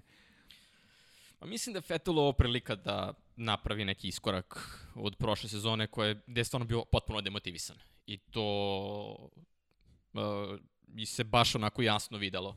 Ovaj, mislim da je ovo prilika za njega da, da pokaže mnogo, zapravo šta može da učini. Ovaj, jer i on je sada delom vlasnik ekipe, tako da to je isto vrlo značajno. Uh, in, invest, inve, in, prosto tu je i mislim da, da, da se neće... Ko se tu pita kada Da. ide strategija? Da. Ja sam ovde vlasnik. Da, da, da. Hoću drugu strategiju. Pa dobro, Vettel je u Ferrari umeo da podvikne Umeo strategiji, umeo. tako da verujem da verujem da će ga slušati. Pa da izabere bolju. Da. Da, da, da, da, da, od cele da. ekipe, ali Upravo, okej. Upravo, upravo. Da. Vettel je nažalost završio svoje. Pa vidjet ćemo da li, da li, Pa- da li je završio. Ja sam rekao, ja nisam njegov najveći ljubitelj na, na celom svetu, ali ovaj, ako, ako, mislim, mogo bi on da bude taj koji će da taj, tu, tu marku Pa mi, sponzoriše Ja mislim i da je, ti- da je onako na pravi vidi, način čovjek je već na pravom putu. Ima Da. moju frizuru, tako da je sve okej. obavezno, Već da. sada je bolji nego prošle godine. Pazi, nema potrebe da krijemo neke stvari. Genetika je čudo. Nego, kada je reč o Fetelu, mislim da si ključnu stvar rekao, motivacija. Da. Mislim da, da i to za sve nas važi. Kada smo motivisani, drugačiji smo ljudi, način na koji se krećemo, šta radimo, pričamo, razmišljamo i kad smo nekako dole, kada, kada posrnemo, zato je tu Infinity Lighthouse, Tako uvijek je. je svetlo jedno tu beskonačno, ali pojenta jeste upravo u tome da, lepo si rekao, ovo je možda neka nova prilika. Da, Ovo je možda neka nova Pa u prilika. krajnjem slučaju, ako to s njegove vozačke prilike ne uspe, ja mislim da Sebastian Vettel ko zna jednog dana može da bude šef te ekipe. Izvini, sad već, pošto smo u petom satu, nismo u petom satu, nešto mi pada na pamet, to mi Ivan pokazao prošle nedelje caku. Pazi sad ovo. Slušaš? A, električni brijač Da, da, kada da. smo već tu. Ali pazi, hibridni, ne zaboravite. Da, da, da. Za kraj ćemo da, da odradimo i taj da priča. Da, ali, kažem ti, to, lepo se zabavljamo, ne zamirite, bilo je jače od mene, ali dugo traje je. podcast. Da, Zabavljamo se. to nije brijač, to je One Blade To je One Philips. Tako je. Za koga navijate u Formuli 1? To si već negde A, rekao. Lando Norris. Lando Norris, a tim Pa mislim, Ferrari je ljubav od početka, ali ako birao vozače, Max Verstappen, Lando Norris, to je moj tandem. Team Redline, u, oni, o zone koji prate e-sports. E, a, a, od- e, da, imaš pitanje, gde si kupio Envision? A na u trci u Berlinu kad sam bio, 2019. Eto, na Tegelhofu imate povoljno, tako da samo svratimo svi do Berlina. Dobro, inače, Srđan probudio dete u sebi. Definitivno se probudilo. ne, nije ono ni zaspalo. Da, inače, Vettel je hteo da studira aerodinamiku i rekao da će se tome posvetiti ako ostane u Formuli 1. Da, to je priča koja je istinita. Da, pa Rekao, rekao je da bi bio inženjer, da nije bio, da nije bio vozač. Da, to je to jeste zanimljivo. Znaš da sam ja pisao mašinac? 1995. godine. To je to, nemam ništa da, dodam. I dao sam jedan ispit kod eh, Jozefa Kratice. Dobio sam šesticu iz programiranja i rekao odoh ja na tehnologiju. A onda sam posle tehnologije otišao na filološki. Ali dobro. Inače, neko pita da li znamo da u četvrtak počinje VRC. Ne, već je počeo. Sezona je počela, ovo je drugi reli. Ide se u Finsku. Ali ono što jeste zanimljivo, što se ide zapravo na arktički reli. U arktički krug, u arktičkom krugu će se voziti po snegu. I to će da bude Mislim da je Hyundai testirao i 20 po snegu. Ovaj, baš sad u pripremi za to. Ovo će biti fenomenalno. Ljudi, oni odoše ljudi u Laponiju. Da. Odoše u Laponiju, idu da voze reli u Laponiji, u arktičkom krugu, Da, pa to da. će biti fantastično. Ja to čekam Ja da sam vidim. da napomenem, eto sad se setio Hyundai-a. Da. Oni su isto jedan brand koji gura ka tom električnom. A, i, I prisutni su eto u reliju i u touring trkama i evo sad u tim električnim touring trkama Veloster NTCR će biti njihov a, izazivač za ovu predstojeću sezonu koja će imati tipa pet trka, čini mi se. Ovaj, Pure ETCR električne touring trke, kombinacija rallycrossa, električnog i svega biće, biće zanimljivo. Da, bit će zabava. Da. A, Augusto Farfus je deo projekta, uh, on je onako ozbiljna zvezda kad je u pitanju uh, automobilizam i Jean-Carl Vernet koji je, ne Jean-Eric Vernier, nego Jean-Carl Vernet, čovjek koji je uh, šampion TCR Evropa 2018. čini mi se. Leopard Racing, Volkswagen Golf, tako nešto. Evo ti, Kombinacija. evo ovde je monografija Leopard Racinga. Da ne spominjem zašto Da. je bitna Leopard Racing. Da, naravno. Oj, i, stvari, zašto je da, bitan? Bitan je da. zato što je čovek Da. koji vodi Leopard Racing u Moto, u Moto3 šampionatu. Miodrag Kotor, ni manje, ni više čovek koji je pobeđivao na 24 časa Lemana, učestvovao na 500 milija Indianapolisa, Da. osvajao titule zajedno sa Mihaelom Schumacherom kao šef logistike, čovek koji je držao tablu Mihaelu Schumacheru kada prođe Da. pokraj zida. Gospodin Kotor, potražite mi je draga Kotora, legenda automotosporta od 1988. učestvuje aktivno u svetskim šampionatima. Da. I dalje vodi timove. Inače, Joan Mir je bio njegov šampion, to jest ekipe Leopard Racinga u Moto3, pre nego što je postao šampion Moto Grand Prix kategorije. Fabio Quartararo je vozio za njihovu ekipu, Lorenzo Dalla Porta osvojio titulu sa tom ekipom, Danny Kent osvojio titulu sa tom ekipom i tako. Eto, Leopard Racing, da, da, ozbiljna ekipa. u svakom slučaju. Srki, zovite Igora sledeće nedelje. Moramo da zovemo i Zorana Živkova i Igora. Imamo tu dosta stvari koje treba da... Inače, Mi- Mikela Skora je pre neki dan objavio da će voziti u Pure ETCR-u za Cupra Racing. Tako je, takođe. on, uh, Matijas Ekstrem, trostruki šampion DTM-a i Jordi Žene. Ozbiljna ekipa će da bude. A ja da ti kažem ko, ko, ko, ko, ko je, ko je ko, ovo će biti kao u vojsci, imamo volontera, volonter se zove Momčilo Vukić. Momčilo, uh, čujemo se mi posle podcasta, imam neke ideje. Uh, au čoveče, gledao sam prvih pola sata do neki dan otišao na trening, vratio se, Srki dalje pegla live. Ne, ne, molim vas, Filip je, Filip je pričao više od mene. Da, znam da zvuči nemoguće, ali, ali prvi podcast u istoriji To u kojem je, se to, je, desilo. to, je, to je profesorski element, odnosno asistentski element. E, da, imaš pozdrav od Maje, svaka čast na znanju. Hvala. Da, Filip nije slučajno ovde, niko nije slučajno, ali Filip stvarno zna mnogo. I pitanje za tebe, kako uspeš da postigneš sve s obzirom na činjenicu i da si asistent i novinar, i dizajner bolida, i kaciga u slobodno vreme. Uh. A, snalazim se. Kratko, jasno. E, Zna, zna, ok. Gde, ima, gde, ima, gde ima volje, nađe si način. Profesorski. Gde ima, gde, ima, gde ima volje, nađe si način. E, da, jedno pitanje, šta je po, da, da ima, da, da, šta je po vama uništilo grupu B, gledaoci ili vozila? Grupu B u reliju? Pa sama Toliko grupa B, pratio ljudi, toliko ne, ne, to, tako ljudi, da ne znam. ljudi, to je bilo toliko opasno. Ču- Verujte, Da, to je bilo, svakako. to, pa pite, pogledajte sam intervju Vartela Rola, Lju- Rola, ljudi, to, to je bilo suviše opasno. Prosto, to je početak 80-ih, to već se polako menja senzibilitet publike, niko ne želi da gleda ljude kako ginu. Naravno. Grupa B je nešto što, kada bi, kada bi moglo da se vozi u zatvorenim okolnostima, nekako da nema publike, jer pre svega je publika ugrožena, čak i vozači, ljudi, to je bilo, to je kao raketu da, da, da, da vozite po drumu, bukvalno. Buki, bukvalno. Srki, nemoj da pamet da ti padne prekidaš Zorana Živkova. Čuo kritiku, ne brinite, Dom Pablo mi ovde odmahuje, kontroliše moj mikrofon, tako da ja krenem, to se neće ni vidjeti ni čuti. I tako. Da. Momčilo, čujemo se mi u svakom slučaju. E, ok, Filipe, ja mislim da zaista Da, je vreme da, vreme da- ugasimo sam- crvotočinu, malo inače sam, nećeš ovaj- nikada stići e, gde god da si naumio. Da, apsolutno. Malo smo probili sve moguće rokove, ali Apsolutno. Vidi, seo Ali si dobro, u takve su- stolicu, Da. to je... No, no. Morao sam, morao sam da, da nadoknadim ozbiljan manjak, tako da ovaj, mislim da sam uspeo u tome. Sigurno jesi. Mnogo ti hvala od srca, zaista. čemu. Čast nam i zadovoljstvo svaki put kad nam dođeš.